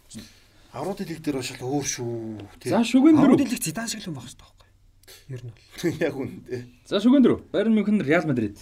За Баер нь бол энэ дэр бол яг нэг үлэхэд өмнөх хөлрөлт нь юунд хожигдсон, Реалд хожигдсон бас энэ үед дахиад хожигдж байгаа. Гэхдээ энд хожих байсан. Энд Навас маш сайн хаасан эсэргээрээ яг Баерны талд юм шийдэгдэж байгаа. Эсвэл өвлөх чандж байгаа. Эсвэл өвлөх төр яасан гэхээр Толисо их муу тоглолт. Толисо голд ингээд бас шийдвэр их муу юм байна шүү дээ. Толисо ер нь Баерны муу 8 шүү дээ. Муу 8 муу 8. Толисо шахуулчаад хаалгах таа гэж байгаа. Хаалгах чинь бенземад шахуулж байгаа байхгүй. Тэгэхэд өөрийн хүний өгсөн мөнгө хүн гараараа барьж болохгүй тий. Мань хүн чинь эхлээд гар явж ирсэн аа. Эсвэл өвлөх барих гэж явж ирсэн гид болохгүй гэдгээ мэдээд хөлөөр авах гэж үзүүлээд ингээ алтчих байгаа байхгүй. Тэгээ тэрийн бензема авчаал. Дараа нь финал дээр Кариус тэгж байгаа дээ савсан хүмүүдээр бензема хөлөө тавиад гол оруулж байгаа шүү дээ. Тэр чинь тэгээд 1-0 болж байгаа шүү дээ. Юу л эхнийг бол эхнийг бол эхнийг бол шүү дээ. Йоо тэр бол. Эхнийг бол тэгээд эхнийг бол тэрний чинь дараа нөгөө Бэйл амар хийгээд манай ээж За финал ярихаас өмнө юу За тий тий. Тэгээд ер нь Баер нь бол ерөөсөө уг нь хочих маш өндөр боломж байсан. Тэгээд ингээд дууссан. За энэ тоглолтыг маа ганцоо жати бид нар үзчихсэн. Тэгээд жати бол амар зөв үг гэлсэн. Юу гэхээр энэ Реал Мадридэд тоглолт шийддэг хүн маш их байна. Одоо ингээд бодоход яг тийм. Реал Роналдо Роналдо гэж агуу тоглолт шийдэгч байна тий. Галач тоглох шүү дээ. Серхио Рамос. Ямар агуу тоглолт тоглолт шийддэг шүү дээ. Марсело. Кросс. Модрич. Касемиро. Касемиро шийддэг мөрөг юм уу цогцдог байсан шүү дээ. Нөгөө хамгаалтан дээр шийдэж байгаа шүү дээ. Тэгээд ингээ Реалт ч за Бенземаныг шийддэг байсан гэж хэлэхгүй. Одоо шийддэг болчиход байгаа. Одоо амар ийм тоглолтыг шийддэг маш олон тоглолт. Тэгээд намаас намаас ч шийддэг алгач таа. Амар ш. Намаас бол амар ш. Тэгээ энэ би энэ жилийн Реалыг хэлээд байгаа шүү дээ. Реал бол нэх бол сайн байгаагүй тий. Яг ингээл тоглоход бол нөгөө багуудаас ерөөхдөө ингээд тоглолтын үг бол дутуу байгаадсан байхгүй. Тэгээ би энэ дээр хэлчихсэн байхгүй яг энэ дээр. За Модрич баг кросс хоёрын нэгийг явуулаа тий. Ялангуяа Модричийг явуулаад Реал жоохон сэргэн босголд өөрчлөлт хийхгүй бол энэ байн гэж азар ч юм уу ингээд тоглолттой байж тожинж байхгүй гэж би тухайд хэлж хад Реалын фанатууд бүгд надад санал хэлжсэн шүү дээ. Бүгд санал хэлжсэн. Яг одоо ингээд дүр дүнд бүх юмыг бид нар таанаж байгаа. Гэхдээ тухайд үнэхээр тэгж харагдчихсан Ливерпул дээсэн тоглолтын дээрсэндээ яг Реалын фанатууд Ливерпул сайн имижсэн байхгүй. Тэгээд Рамос ч хэнийг ячиж байгаа шүү дээ. Салахыг гинтичдэг. За нөгөө тал Ливерпул Ромагийн шүүгэн дөрөв те. Рома бол бас сайн үз те. Наач бол аюу гоё тоглолт. Амар гоё тоглолт. Наач бас нэг Рома нэг дахиад камбэкч гат юм шиг. Ливерпулийн чинь тэр юунд үзчихсэн шүү дээ. Суйсын хажууд нь бөөндөө. Тэгээд наадах чинь гардаа жити ганцоо бид очиж тэнд үзчихсэн. Рома хоёр тоглолтын дээр хуулийн дээр нь сүүл рүү гол хийж ер нь л айлгсан. Тэ эхлээд юу яаж байгаа 5-0-оор хожигдож явж байгаад Жеко Пероти 2-1 81 85 дээр хийгээд ямар ч байсан 2 голтой дуусгаж байгаа.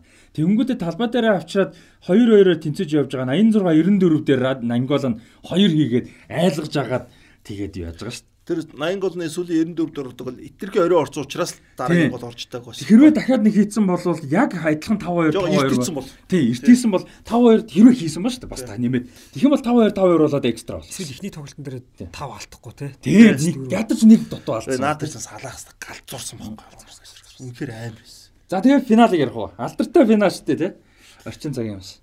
Яг финал болоход бол тоглолтын үед бол Ливерпул илүү үс. Гэтэ би бол Реал авах магадлал өндөртөж харж байсан. Яг үр дүнгийн төлөө тоглодог багч өөр. Гэтэ боломж ягаад бол Ливерпулийн дээр Салах Мане эднэр дээр тоглож амар хэсэг зогсооход хэцүү. Тэгэд эсрэгөгийн Ливерпулд өгж байгаа нэг том давуу тал нь болохоор Ливерпул яг үүндээ хагасууд нь тоглолтыг бүтээдэг гэсэл илүү эсрэгөгийн хагасуудыг нураадаг. Нураалтаасаа сөрөг товтлогоо прессинг аягүй сайдаг. Тэгээд угаасаа амар нураадаг амттай байгаа тоххой наа чи Фабиньо, Жордан Хендерсон, Вайналдум тий тэр гурав. Тий ингэж гарч байгаа шүү дээ. Милнер Хендерсон Вайналдум. Тий айгүй ингээд сайн нураадаг. Ер нь бол тэгээ Сэлгээ Мэлгээ ингээд бүгд ингээд хийж орсон айгүй нураадаг тоглолттой. Реалын би хагас хамгаалтыг нураагаад уртлын 3-аас форум амар гай тоглолт илүү болох болов гэсэн чинь саалах гимтснэр юу басан л да. Ер нь бол тоглолт эргэцсэн л дээ. Яг бол саалах тухайн үед амар байсан. Бүгд саалахыг харж тоглолдог гэсэн мөр хүлэн зөвшөөрсөн байсан шүү дээ. Месси Роналдо хоёрын дундор саалах орхон гэдэг тийм бүр яриа гарцсан байхгүй. А тэгэд би яг Рамосын тэр саалахыг гимтэд дээр би бол буруу тутгын саалахыг. Би өөрөө тоглож байсан. Салах гэдэг нь Рамосыг уу? Рамос саалахыг гимтэж байгаа шүү дээ. Рамосыг буруутгадаг. Рамосыг буруутгадаг би яг өндөө бол.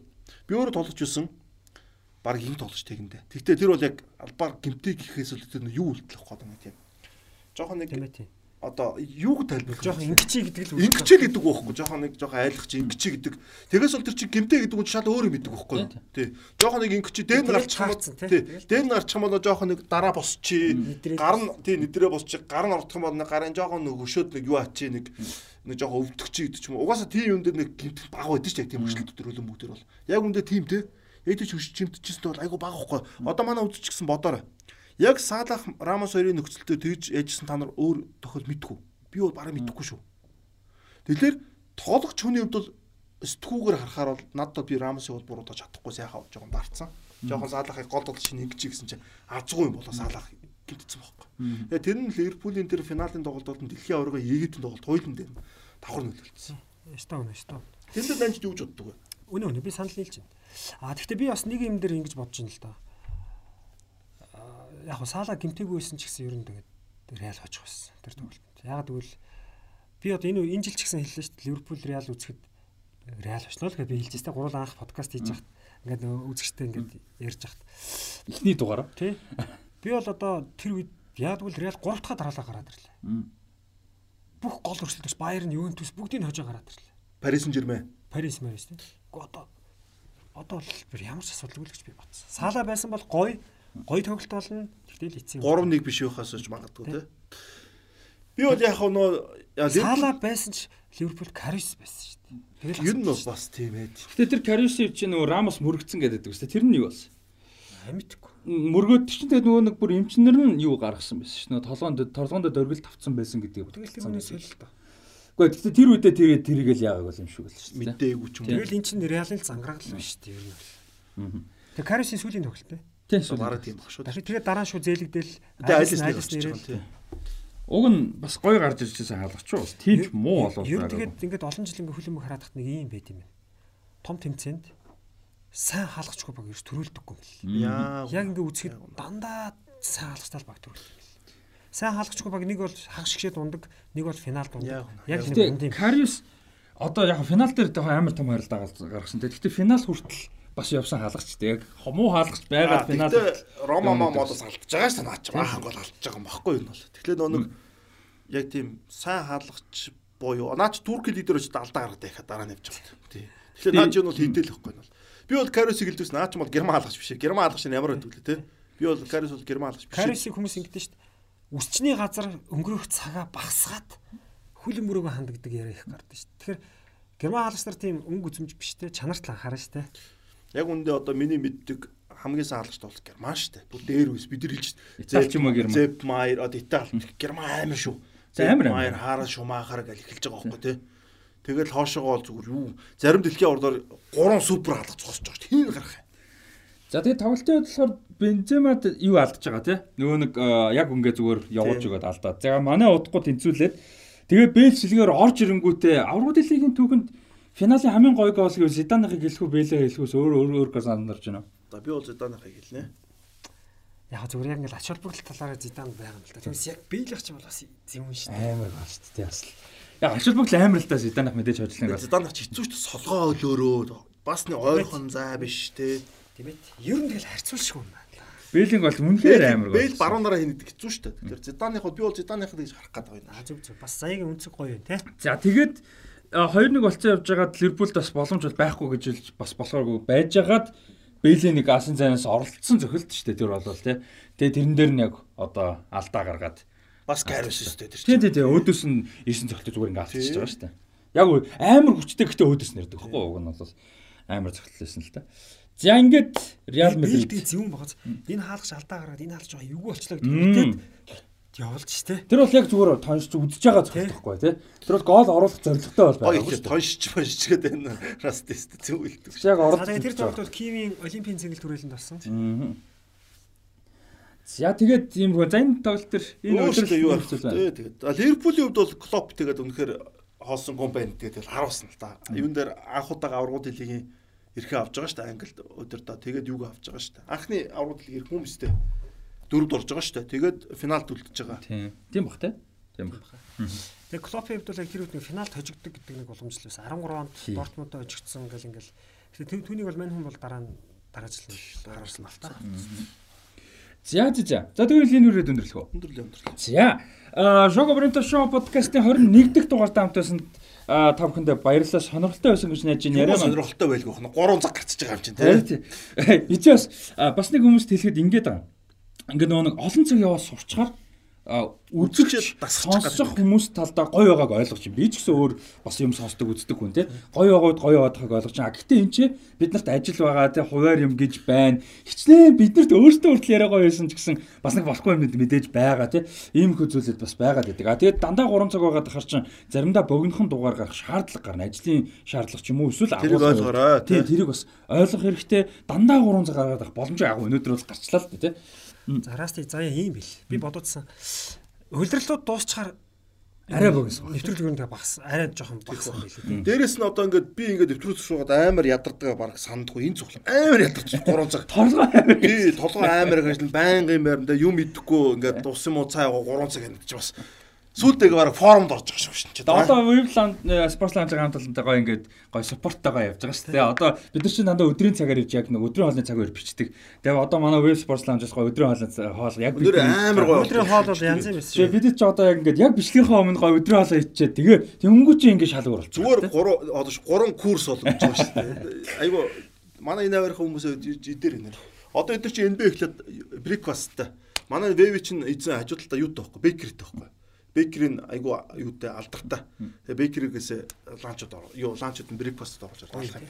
За тэгээд Westport ланч хамт олондоо баярлалаа. За мэдээж шоуныхаа ивент итгэгчид болох MMS болон Хас банкны хамт олондоо баярлалаа Тэгээд аль аль нь бол идэвхжүүлэлт явж байгаа урамшуулал болон агуулж чөлөөлөх хямдралтай худалдаа явж байгаа гэдэг мэдээллүүдийг бол өгсөн байгаа та хэд маань бас мэдээллүүдийг бас нэмээд өөр суугуудаар аваарай. Тэгээд description хэсэг дээр бол мэдээлэл байгаа. За MMS-ийн хувьд бол түрүүн хэлжсэн те автомат таслуур, самбарын тоноглол, за захлаа монтажны удас болон дагалдах хэрэгсэл хүчний резетик болон бусад бүтээгдэхүүнүүд бол бүгд агуулах чөлөөлөх одоо худалдааны хүрээнд бол хямдарсан байгаа. Энэ хямдрал нь 12 сарын 1 хүртэл үргэлжлэх юм байна шүү. Тэгээ та бүхэн Electric Zig MMS гэдэг Facebook хаягаар за эсвэл Source Zig MN гэдэг а вебсайтаас бол мэдээлэл авах боломжтой. Энэ бүх мэдээллүүд нь description хэсгээр байж байгаа. За Хас банкны хувьд бол түрүүн хэлсэн яг энэ дэлхийн аваргын шин одоо албан ёсны эрхтэй юм гоё карт гаргасан байгаа. Тий виза карт гаргасан байгаа. За энэ картны эзэмшигчд бол Adidas, Reebok, Nike, Puma, Under Armour гэсэн